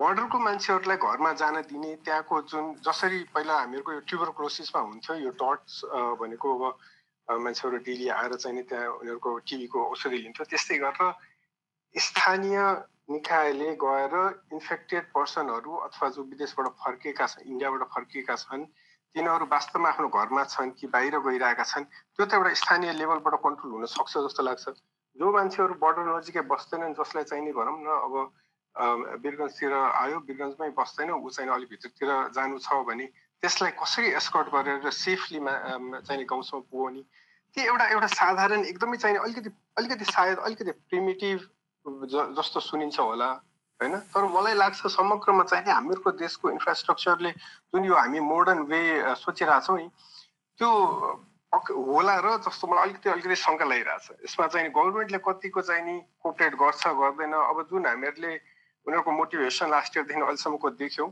त्यो अलि अलि डिफ्रेन्ट नै छ कि? अब साइन्टिफिक वेमा सोच्दाखेरि हामीहरूले एक किसिमको अर्कै एक्सपेक्टेसन राखिरहेको हुन्छौँ। उहाँहरूलाई चाहिँ नि पहिलाभन्दा त हामीले अलिक बढी गरेका छौँ नि भने जस्तो हुन्छ। रिलेटिभली अलिक बढी भएको जस्तो उहाँहरूलाई लाग्ने। तर अब साइन्सको हिसाबले बाहिरबाट आउने नयाँ इन्फर्मेसनको हिसाबले हामीहरूलाई चाहिँ एकदमै कम भइरहेको छ जस्तो लाग्ने। त्यही भएर गर्दाखेरि अब यो यसलाई कन्ट्रोल गर्नलाई मान्छेहरू मानिरहेका छैनन्। जनचेतनाको लेभल अर्कै किसिमको छ। एउटा नयाँ एप्रोच नै चाहिन्छ जस्तो लाग्छ। त्यो कुराहरू चाहिँ नयाँ एप्रोच कस्तो हुनसक्छ अब त्यो त यहाँ पब्लिक हेल्थका एक्सपर्टहरू नै गर्न सक्नुहुन्छ। सत्यशी हुनुहुन्छ अरू अरू हुनुहुन्छ। त्यो त्यो चाहिँ मलाई आइडिया छैन। तर यो जुन एप्रोचले हामीहरू अहिलेसम्म गइरहेको छौँ यो यो चाहिँ नि लङ टर्ममा खासै धेरै हेल्प गर्छ जस्तो मलाई लाग्दैन। ल हस् तपाईँको पनि कुरा सुनेर फेरि अहिले डक्टर विशालले अथवा सतीश दाईले पनि भन्नु होला। सागरको के सागर भन त?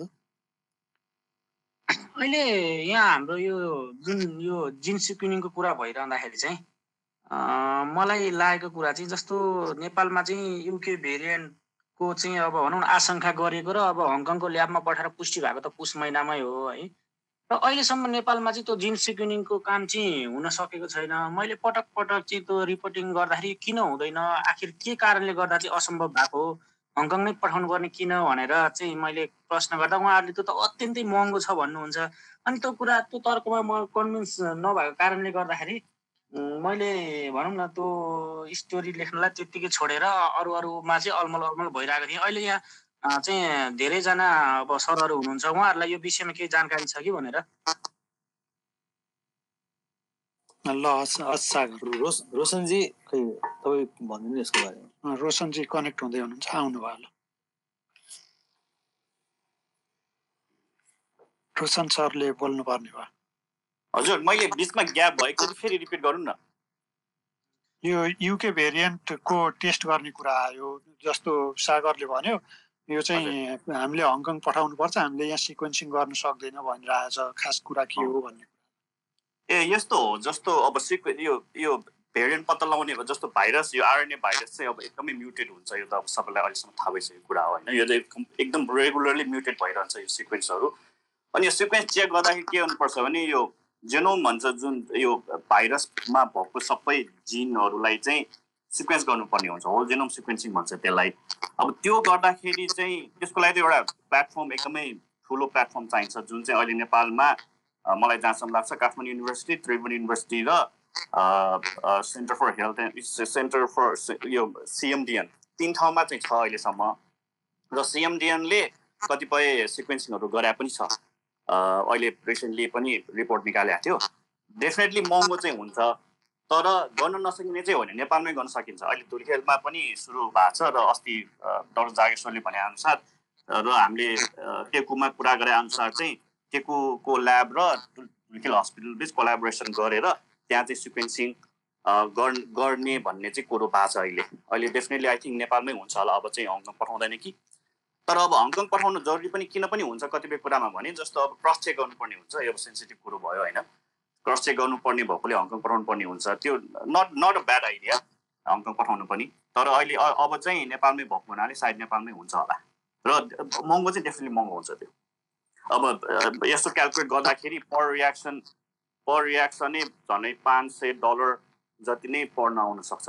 र त्यो पर रियाक्सनमा अब डिपेन्डिङ अन इक्विपमेन्ट कस्तो हो त्यो अनुसार चाहिँ दसवटादेखि पन्ध्रवटासम्म सिक्वेन्स गर्न मिल्ने त्यस्तो हुन्छ। सागर फेरि हात उठाएको।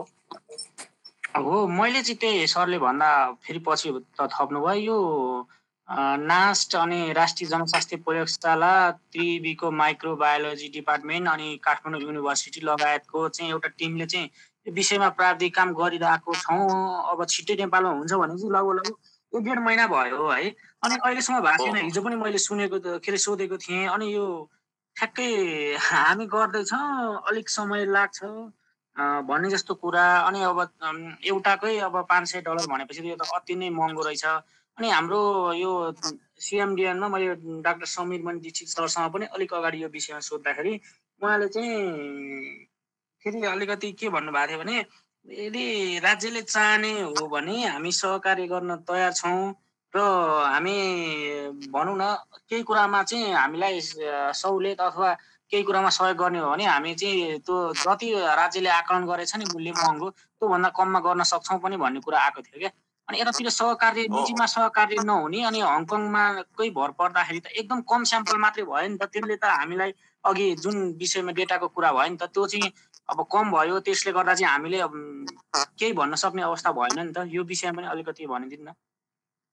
हो डेफिनेटली आई मिन अघि भने जस्तो सिएमडिएन जुन सिएमडिएन भनेको डक्टर सबिरकै ल्याब हो होइन? अब त्यहाँ चाहिँ अस्ति भर्खर रिपोर्ट पनि निकाल्नु भएको छ। उहाँहरूले चाहिँ कम्युनिटीमा गएर सेवेजबाट सिक्वेन्सिङ गर्नुभएको थियो। गर्दाखेरि यतिवटामा चाहिँ कोरोना भाइरस देखाएको छ भने त्यही जिन सिक्वेन्सिङबाटै गर्नुभयो त्यही भएर नेपालमा अहिले जिन सिक्वेन्सिङ गर्ने फेसिलिटी छ प्लेटफर्म छ। तर तपाईँले भने जस्तो अब त्यो गभर्मेन्ट र प्राइभेट कुकिज किन कोलाबोरेसन हुँदैन? त्यो त हामीले भन्न सक्दैनौँ होइन।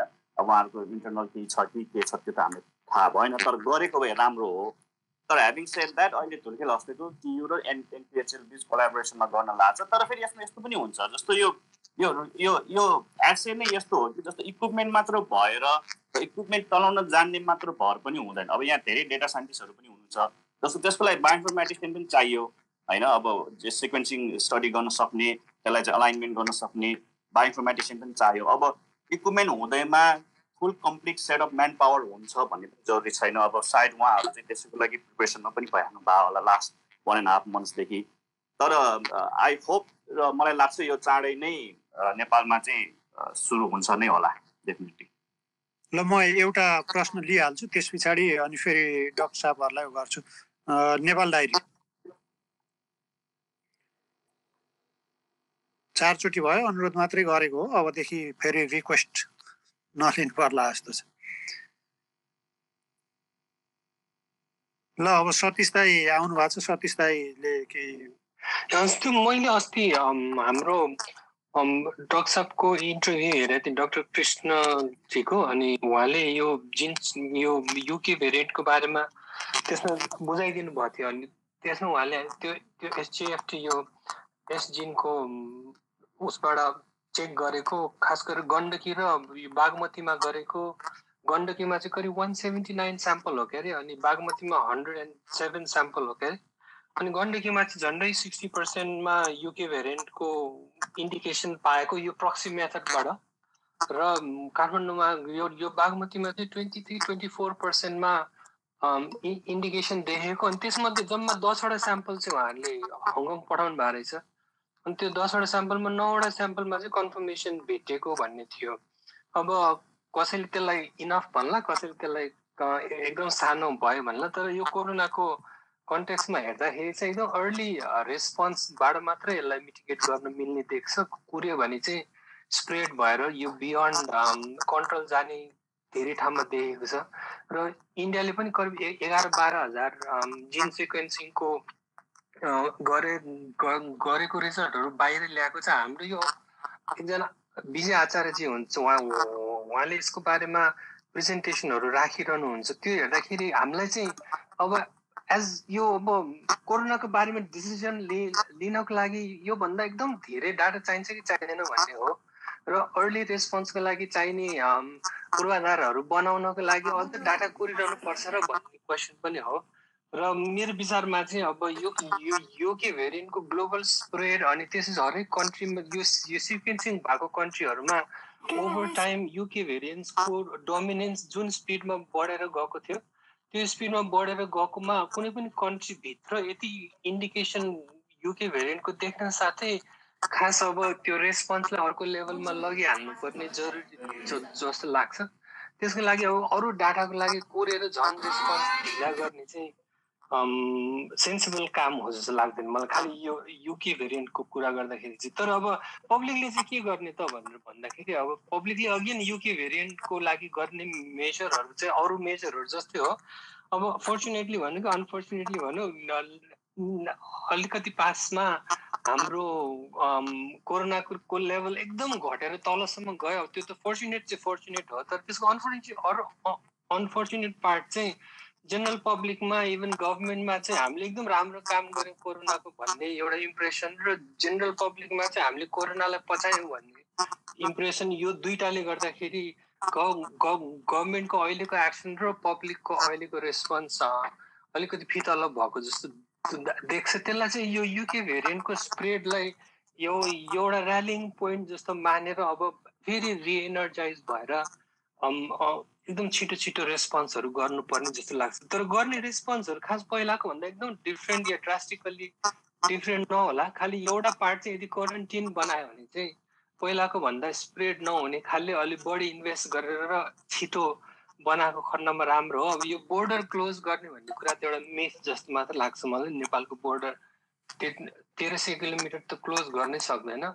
त्यो भएको र आएको मान्छेले चाहिँ कसरी डिल गर्ने र खालि यो इन्डियाबाट मात्रै आउने चिज हो भन्ने खालले पनि त्यो क्यारेक्टराइज नगरेर लोकल ट्रान्समिसनतिर पनि फोकस गरेको राम्रो हुन्छ। किनभने अहिले तपाईँले यो लास्ट चार पाँच दिनको को इन्फर्मेसन मात्र हेर्नुभयो भने फोकस नेपालगञ्जलाई या यो बाहिरबाट आएको मान्छेमा भए पनि अहिले नै काठमाडौँमा देखेको नम्बरहरू चाहिँ खास त्यो पहिला फोर फोर थाउजन्ड देखिने बेलाको नम्बरभन्दा माथि आउनु थालिसकेको छ र लास्ट पार्ट चाहिँ अब हामीले टेस्ट बढाउने टेस्ट बढाउने टेस्ट जताततै लग्ने भनेर भन्छौँ होला। तर नेपालले पहिला यो यो बाहन्नदेखि बहत्तरवटा ल्याब पुग्नेको बिचमा नै नेपालमा सत्र अठार हजार टेस्ट गरिसक्थ्यो। अहिले हामी चार हजारको को लेभलमा छौँ। र अलमोस्ट ट्वेन्टी फाइभ पर्सेन्ट त्यो त्यो चार हजार मध्येको करिब ट्वेन्टी फाइभ पर्सेन्ट हो। के अरे यो इन्टरनेसनल फ्लाइटमा जाने मान्छेहरू टेस्ट हुँदो रहेछ। तर यदि हामीले हेलो यो फोर फोर थाउजन्डलाई फोर थाउजन्डलाई फिफ त्यो पहिलाको फिफ्टिन थाउजन्ड लेभलसम्म मात्रै पनि लग्न सक्यो भने पनि अहिलेको ओभरअल सिचुएसन हामीलाई एकदम राम्ररी क्लियर हुन्छ जस्तो लाग्छ र यसमा एउटा जोड्नुपर्ने कुरा चाहिँ पहिला यो फिफ्टिन थाउजन्ड सिक्सटिन थाउजन्ड पुग्ने बेलातिर करिब करिब फिफ्टी पर्सेन्ट या फिफ्टी फाइभ पर्सेन्ट टेस्टहरू चाहिँ प्राइभेट ल्याबबाट भएको जुन चाहिँ पेड सर्भिसहरू हो। र अचानक गभर्मेन्टको ल्याबबाट गर्ने टेस्टहरू चाहिँ घट्दै गएर लास्टमा गएर यो पच्चिस सय तिन हजारको लेभलसम्म पनि घटेको थियो। यसपालि चाहिँ त्यस्तो भएन भने खास गरेर पैसा तिर्न नसक्ने र खास टेस्ट गर्नुपर्ने मान्छेहरूले चाहिँ टेस्ट गर्छ होला भन्ने हो। तर अब मेन क्वेसन चाहिँ नेपालले अठार हजारभन्दा पनि बढी टेस्ट अहिले नै गर्नुपर्छ कि पर्दैन भन्ने हो। मेन त्यो त्यो फर्स्ट यो स्मल स्टेप्सहरूको यो बेबी स्टेप्सहरूको कुरो कुरा गर्दाखेरि फर्स्ट स्टेप चाहिँ हामीले त्यो पहिला पुगिसकेको हाइसम्म मात्रै पनि टेस्टिङ गर्न सक्यो भने पनि धेरै कुरा थाहा हुन्छ जस्तो लाग्छ। अहिले म यति मात्रै भन्नु होला। हस् त हस्। विशालजी हजुर मेरो खासै कमेन्ट केही पनि छैन। Pretty much I'm enjoying this conversation अब नयाँ प्रस्पेक्ट ल्याउनु पर्छ भनेर राजवीले भन्नुको कुरा पनि सही हो। अघि पनि मैले भने अलिकति इनोभेटिभ वेमा जानु पऱ्यो हामी पहिलाको भन्दा।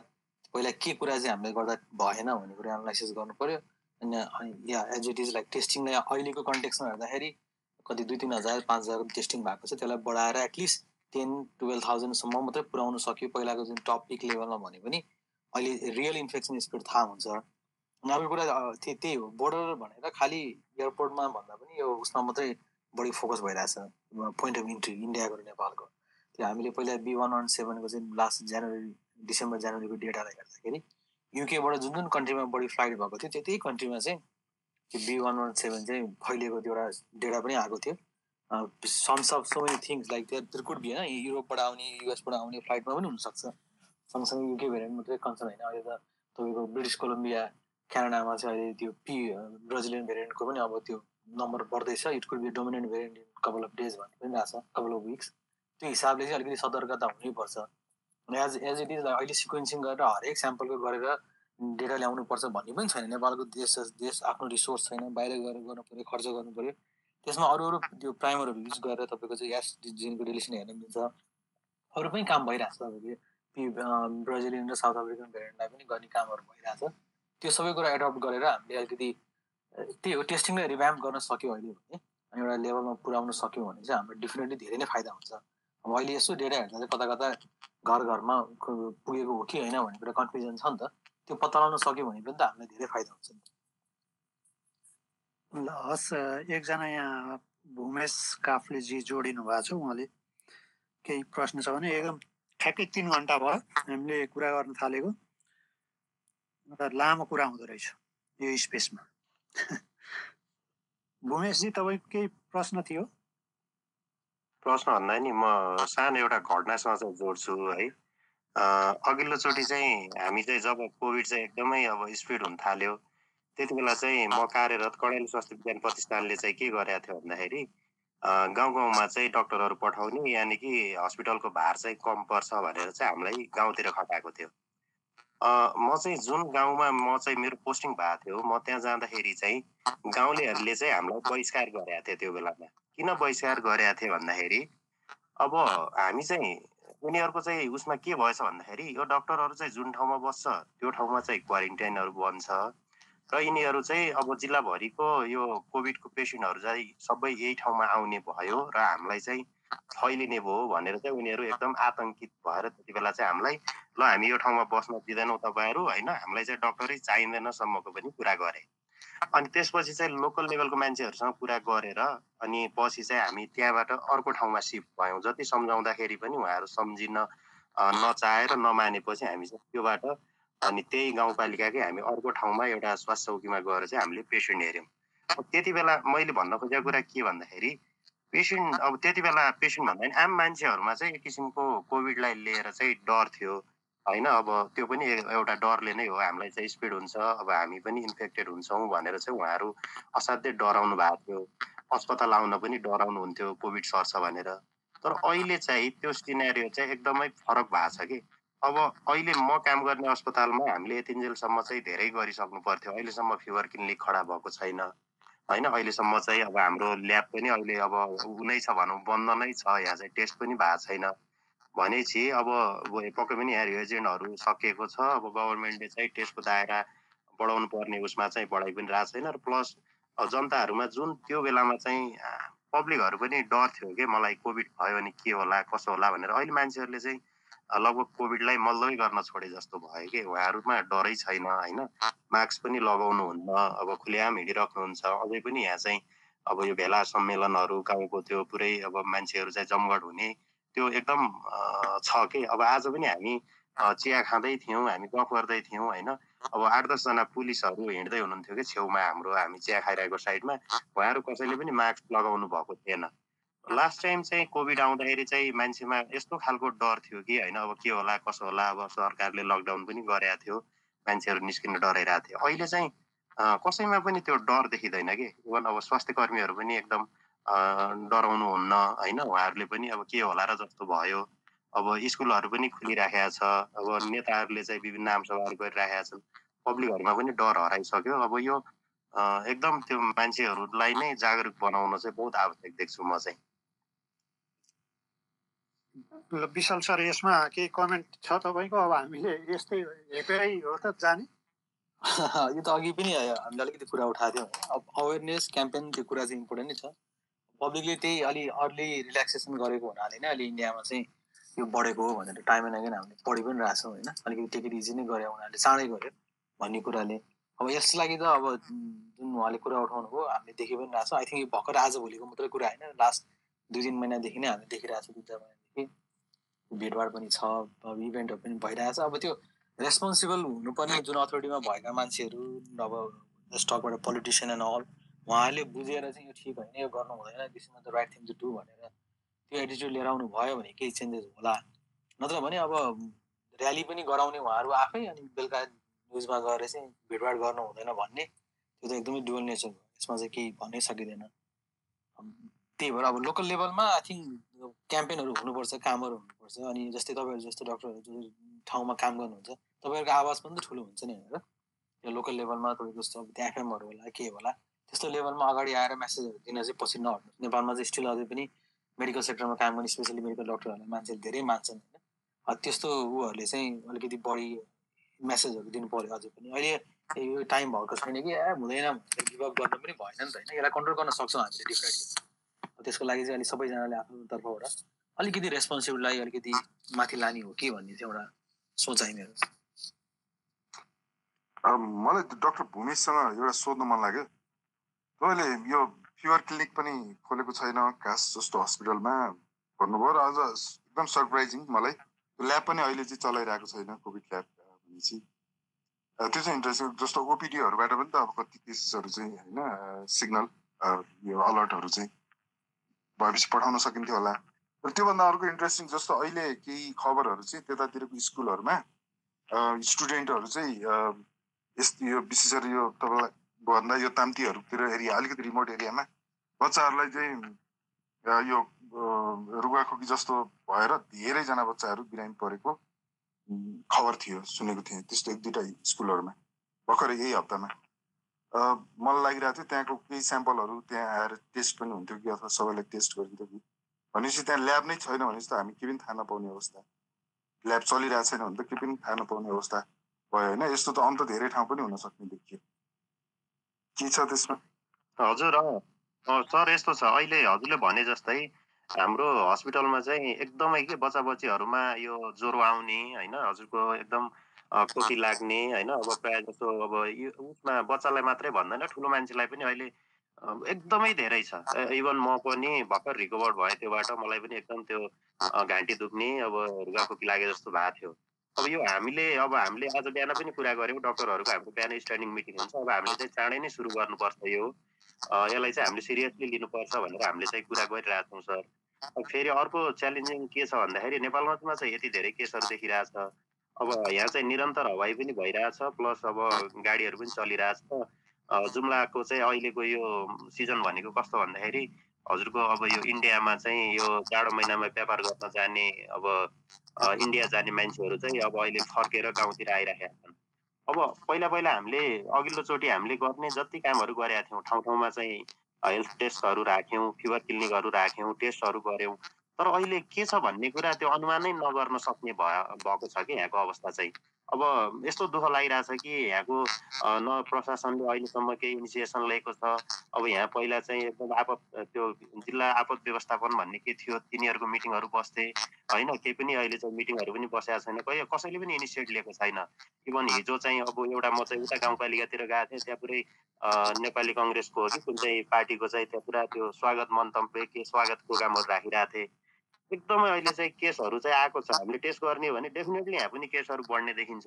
तर टेस्ट चाहिँ भएको छैन माधव सरले भने जस्तै बच्चाहरू चाहिँ एकदमै धेरै बिरामी भएर अहिले अस्पताल आइरहेको छ।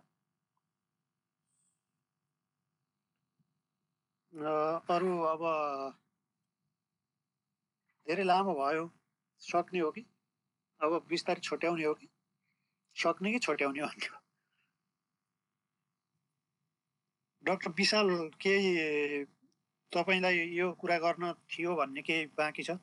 यो चाहिँ हाम्रो डक्टर विशालजीले इनिसिएसन लिनुभयो खास। म कामबाट ठ्याक्क फर्किन ठ्याक्कै बाहिर निस्केर मोबाइल खोल्ने बित्तिकै उहाँको म्यासेज देखेँ मैले। यस्तो छलफल गरौँ न भनेर त्यस पछाडि म घर आइपुगेपछि सुरु गरे हो।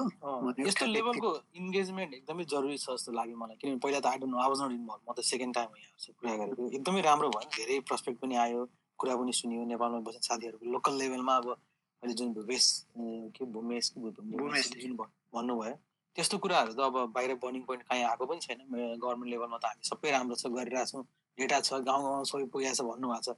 अब यही कन्टेक्सलाई अब सागरजी हाम्रो स्वरूप भाइहरूले चाहिँ बरु यो मिडियाको साथीहरूले कभर गर्नुभयो भने बेटर हुन्थ्यो होला। उहाँको जुन भोइसलाई चाहिँ होइन अलिकति ठाउँ दिनुभयो भने अब डेफिनेटली उहाँले जुन कुरा गर्नुभएको छ त्यसको हिसाबले हेर्दाखेरि त त्यो लेभलमा त्यहाँ चाहिँ केही न केही भइसकेको छ जस्तो हामीले सुनिन्छ नि होइन।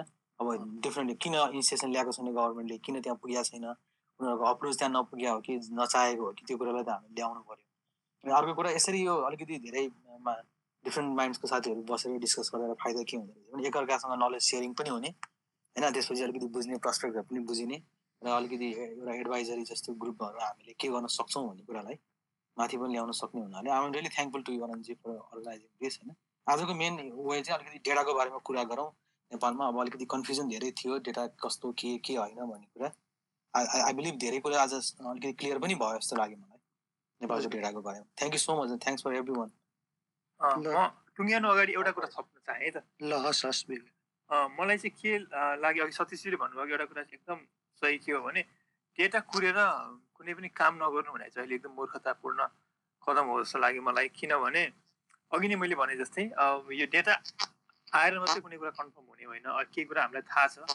भेरिएन्ट इन्डियामा बढ्दैछ नेपालमा पनि केसहरू बढ्दैछ भन्ने थाहा भएपछि सरकारलाई के कदम लिन घचघच्याउनु चाहिँ सबैले पर्छ। तर कदम के हुन्छ भन्ने कुरामा फेरि अघि हाम्रो राजीवजीले भने जस्तै लकडाउन बाहेक पनि अहिले विभिन्न हामीसँग उपायहरू छन् र यो एक वर्षभन्दा बढी भइसक्यो यो महामारी फैलिएको। अहिले नेपालमा यस्तो कुरा हुनुपर्ने थियो। नेपालमा नभए पनि बाहिरको अध्ययनहरूबाट चाहिँ के देखेको छ भने हामीलाई थाहा छ। एकजना मेरो साथीले पनि यस्तो अनुसन्धान गरेको थियो। हामीलाई के थाहा छ भने घरभित्र बन्द कोठामा बसेर हुने छलफलहरूमा चाहिँ बढी फैलिन्छ। घर बाहिर कम फैलिन्छ होइन? घर बाहिर अझै मास्क लगायो भने अझै कम फैलिन्छ। यस्तो विभिन्न सिनारीहरू छ होइन? रेस्टुरेन्टमा के हुन्छ एयरपोर्टमा के हुन्छ तपाईँको घरभित्र गर्ने बिहा भोजमा के हुन्छ? बाहिर गर्ने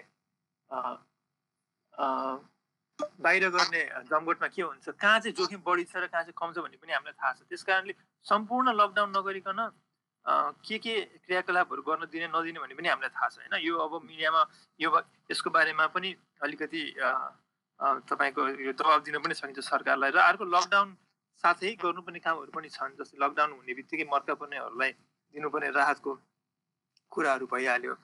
र तेस्रो कुरा चाहिँ हाम्रो विषयले भने जस्तै केही अनौपचारिक औपचारिक जस्तो भए पनि यस्तो छलफल गर्ने कुनै एउटा मञ्च बनाइराख्यो र काम अब सरकारसँग मिलेर हुन्छ अथवा अरू सेक्टरसँग मिलेर गर्न सक्ने काम गर्न सक्यो भने चाहिँ फेरि फेरि पनि अब डेटा गर्ने डेटाको काम गर्ने मान्छेहरूले एक किसिमको सुझाव दिन सक्छन् बाँकी पब्लिक हेल्थमा गर्ने मान्छेहरूले अर्को किसिमको सुझाव दिन सक्छन्।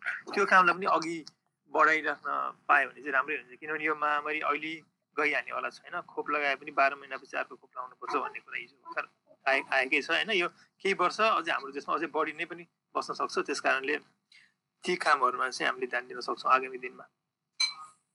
यसमा एउटा सानो कुरा थपिहाल्छ है म। जस्तो अघि सतीशजीले भन्नुभयो जस्तो अब त्यो B one one seven detect गर्ने नगर्ने अब बी वान वान सेभेन आयो भन्दैमा केही ड्रास्टिक सिग्निफिकेन्ट चेन्जेस हुने पनि होइन त्यो मिटिगेसन प्रोसेसलाई त्यसले गर्दाखेरि डेफिनेटली त्यो कुरिराख्नु जरुरी पनि छैन। बेसिक लेभलमा जे गर्नुपर्ने हो त्यो त irrespective whether there is variant or not त्यो त गर्नु परिहाल्यो। अनि अर्को कुरा यो प्लेटफर्मको कुरो गर्दाखेरि जस्तो अनन्तजी विशालजीहरूलाई के भन्न चाहन्छु भने यदि यो रेगुलरली हामीले गर्न सक्यौँ भने जस्तो मतलब नेपालको कन्टेक्समा मात्र होइन जस्तो बाहिर पनि अब के भइरहेछ नयाँ डेभलपमेन्ट के भइरहेछ कोभिड सम्बन्धी भनौँ न को भ्याक्सिनको डेभलपमेन्ट के भइरहेछ जस्तो अहिले अघि विशालजीले भन्नुभयो ल्यान्डसेटले चाहिँ अहिले यो एयरबोर्न डिजिज भनेर चाहिँ इभिडेन्स देखाएको छ होइन? त्यस्तो खालको जस्तो भनौँ न यो यो यो रिसर्च पेपर बेस्ड डिस्कसन पनि गर्न सक्यौँ भने पनि अलिकति इन्फर्मेसन सेयर गर्न हेल्प हुन्छ कि? यो बारेमा पनि अब छलफल गर्दै गरौँला फेरि यता पनि सबै समय मिलाउनु पर्ने रहेछ। एकदम गाह्रो के? नेपाल र यताको समय मिलाउनु पर्यो अमेरिकासम्मको समय मिलाउँदाखेरि सबजना धेरैतिर भएपछि सबको समय मिलाउँदाखेरि त्यो चाहिँ अलिक टाइम लाग्न सक्छ। अब त्यो रेगुलर सकेसम्म गर्ने प्रयास गरौँ सबै भएर। अनि मैले एकदम जहाँ जाँदै अघि विवेक दाईले भन्नुभएको थियो हामीलाई के नगर्ने सब थाहा छ।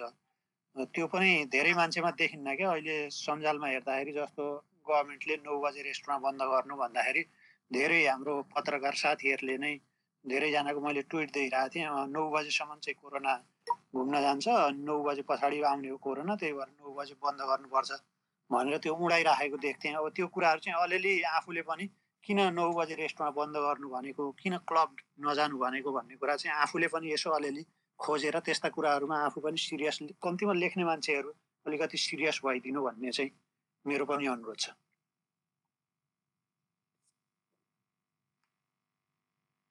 अरू केही छ त अब जाँदा जाँदै। सागर बाउ ल बिट मार्न अन्त। ल मेरो जिज्ञासा भन्दा नि अब जाने बेलामा चाहिँ यो अलिकति अनुभव जस्तो यो रिपोर्टिङ गर्दै गर्दा चाहिँ जहिले पनि हामीले क्वेसन गर्छौँ स्वास्थ्य मन्त्रालयलाई। अनि त्यहाँ स्वास्थ्य मन्त्रालय चाहिँ क्वेसन गर्दाखेरि के जवाफ आउँछ भने यो अब्जस मात्रै अब्जस खेप्ने चाहिँ स्वास्थ्य मन्त्रालय मात्रै भयो। यो चाहिँ महामारी चाहिँ स्वास्थ्य मन्त्रालयको प्रयासले मात्रै नियन्त्रण हुन्न। हामीले बनाउने नीति बनाएको छौँ सम्पूर्ण नीतिहरू बनाएर हामीले कार्यान्वयन गर्नको लागि विभिन्न निकायलाई दिएका छौँ तर हामीलाई सहकार्य नै भएको छैन भन्ने कुराहरू आउँछ। जस्तो कि हिजै अब एउटा स्वास्थ्य मन्त्रालयले एउटा अपिल गर्यो जुन चाहिँ सबैले थाहा पाइसक्नुभयो कि यो चाहिँ विद्यालय बन्द गर्ने अति प्रभावित अथवा अति जोखिम भएको क्षेत्रमा चाहिँ विद्यालय बन्द गर्ने स्वास्थ्य मन्त्रालयको प्रस्ताव चाहिँ अब मान्ने भएन स्वीकार भएन त्यही भएर चाहिँ स्वास्थ्य मन्त्रालयले चाहिँ प्रष्ट भाषामा विद्यालय चाहिँ विद्यार्थीलाई नपठाउनु भनेर अभिभावकलाई अपिल गर्यो। आज त्यसको काउन्टर वक्तव्य पनि शिक्षा मन्त्रालयले जारी गरिसक्यो। हो यस्तो कुराहरूले चाहिँ भनौँ न सहकार्य नभएको देखिन्छ मन्त्रालयहरूमा जस्तो कि अहिले अहिलेसम्म कन्ट्याक्ट ट्रेसिङ भएको छैन। भनेको यत्रो चाहिँ अब जोखिम आइसक्यो भनेर स्वास्थ्य मन्त्रालयले भन्छ। कन्ट्याक्ट ट्रेसिङ किन भएको छैन भनेर क्वेसन गर्दाखेरि हाम्रो इडिसिडीले के भन्छ भने हामीले चाहिँ एडिसिडीले चाहिँ नीति बनाउने अनुगमन गर्ने हो कन्ट्याक्ट ट्रेसिङ गर्ने जिम्मा चाहिँ स्थानीय पालिकाको हो भनेर उतातिर दोष देखाइन्छ। अनि अघि हाम्रो भूमेश सरले चाहिँ यो फिभर क्लिनिक र टेस्टको कुरा चाहिँ परीक्षणको कुरा गर्नुभएको थियो। त्यसमा पनि यो यो हुन सकेको रहेनछ नि भनेर स्वास्थ्य मन्त्रालयलाई क्वेसन गर्यो भने त सम्बन्धित अस्पतालले गर्ने हो नि हामीले त यो टेस्टिङ गाइडलाइन दिएको छौँ यसलाई टेस्ट गर्नु यसलाई नगर्नु भनेर चाहिँ हामीले सबै कुरा दिएको छौँ त्यो अस्पतालले किन गर्ने त्यता हो नि त सबै चाहिँ यहाँ स्वास्थ्य मन्त्रालय हेरेर बस्छ त हामीले त नीति बनाउने काम हो भनेर भनौँ न। यो चाहिँ महामारी नियन्त्रण गर्नको लागि चाहिँ हामीले चाहिँ स्वास्थ्य मन्त्रालय हामीले अब्जस मात्रै भोग्यौँ। तर तपाईँहरू किन प्रधानमन्त्रीलाई चाहिँ प्रश्न गर्न सक्नुहुन्न? अथवा किन चाहिँ हाम्रो शिक्षा मन्त्रालयलाई प्रश्न गर्न सक्नुहुन्न भन्ने जस्तो कुरा आउँछ? र मैले भन्न खोजेको चाहिँ यो चाहिँ क्वेसन भन्ने कुरा चाहिँ हामीले चाहिँ स्वास्थ्य मन्त्रालयलाई अथवा एउटा मात्रै उसलाई गरेर चाहिँ नहुँदो रहेछ भन्ने कुरा चाहिँ मैले रिपोर्टिङ गर्दाखेरि अनुभव भएको कुरा मात्रै भन्न चाहेको। किनभने प्रधानमन्त्री केपी शर्मा ओलीज्यूले चाहिँ अब पछिल्लो समय विभिन्न अभिव्यक्ति दिँदै आउनु भएको छ। स्वास्थ्य मन्त्रालयले चाहिँ अब जनताहरूलाई तपाईँहरू जनस्वास्थ्यको मापदण्ड पालना गर्नु भएन भने हामी लकडाउन गरिदिन्छौँ भन्ने किसिमको धम्कीको भाषा प्रयोग गर्ने सुनिन्छ होइन यो चाहिँ हामी सबैले सुनेको त्यही भएर मानिसमा के मनोविज्ञान पऱ्यो भने चाहिँ यो उनीहरूले त मन परि गरिरहेछन् भने हामी चाहिँ किन मान्ने भन्ने एक किसिमको मनोविज्ञान छ। र भनौँ त्यसको कारणले चाहिँ हामी अहिले झन् जोखिममा गइरहेछौँ जस्तो मलाई लाग्छ। मेरो कुरा चाहिँ यति है। यसमा त के टिप्पणी गर्ने हो विशाल सरले? होइन होइन म त्यो अथोरिटीको बारेमा त्यति नलेज पनि छैन त्यही भएर नगर। अरू कोही नेपालमा हुनुहुन्छ भने प्लिज राम्रो सुन्न पर्ने सुन्न पर्ने सरकारले अहिले सुन्न पर्ने त सायद स्वास्थ्य मन्त्रालयकै होला। स्वास्थ्य स्वास्थ्य मन्त्रालयको गुनासो नै त्यही छ हामीले भनेको कसैले मान्दैन हामी एक्लैले के गर्ने? हामी चाहिँ अब्जस भोग्ने मात्रै भयौँ। हामीले भनेको मान्नु पर्यो नि। खोइ त विद्यालय बन्द गरेको। खोइ त स्थानीय नगरपालिकाले प्रदेश सरकारले कन्ट्याक्ट ट्रेसिङ गरेको। खोइ त अस्पतालहरूले चाहिँ भनौँ न के अरे त्यो गर्नुपर्ने कामहरू गरेको। हामीले यहाँ बसेर नीति नियम त बनाएका छौँ तर खोइ त सबैले गरेको। खोइ त अर्थ मन्त्रालयले बजेट दिएको भन्ने जस्तो कुराहरू। स्वास्थ्य मन्त्रालयको एउटा भनौँ न अब यो अरूलाई आफूले काम गर्न नसकेर अरूलाई आरोप लगाएको हो अथवा यो रियालिटी के हो भन्ने कुरा चाहिँ अलिकति बुझ्नै गाह्रो सतीश केही भन्न खोज्नु भयो जस्तो लाग्यो। सतीश दाई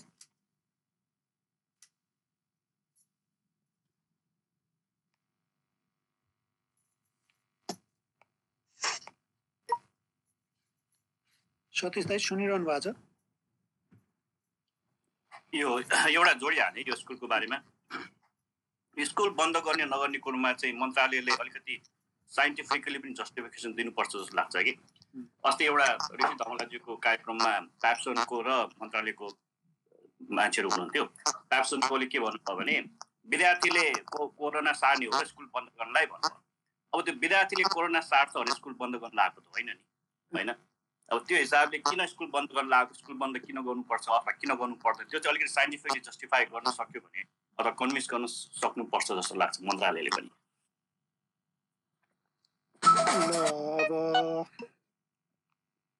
अब चाहिँ सकौँ। सकौँ। गुड नाइट भनौँ। साँच्चै सकौँ। अब सुत्न नि पर्छ। मेरो नेपाल- पहिलो मेरो चाहिँ यो पहिलोचोटि थियो। This is my fun fun listening and sharing ल हस् सबैजना आइदिनु भयो आफ्नो कुरा राखिदिनु भयो धेरै धेरै धन्यवाद। अनि डक्टर विशाललाई विशेष धन्यवाद इनिसिएसनको लागि। फेरि फुर्सद हुने बित्तिकै। फुर्सद त अलिअलि हुन्छ। फेरि सधैँभरि एउटै कुरा गऱ्यो भने यहाँ फेरि मान्छेलाई दिक्क पनि लाग्ला। यसो हप्ता हप्ता हप्तामा कुरा गर्नु पर्ला जस्तो लाग्यो। हुन्छ। माधव माधव दाईले केही हात उठाउनु भयो छ लास्टमा एकचोटि उहाँलाई क्लोजिङ मन्तव्य दिन लगाएर छोडिदिनु पर्यो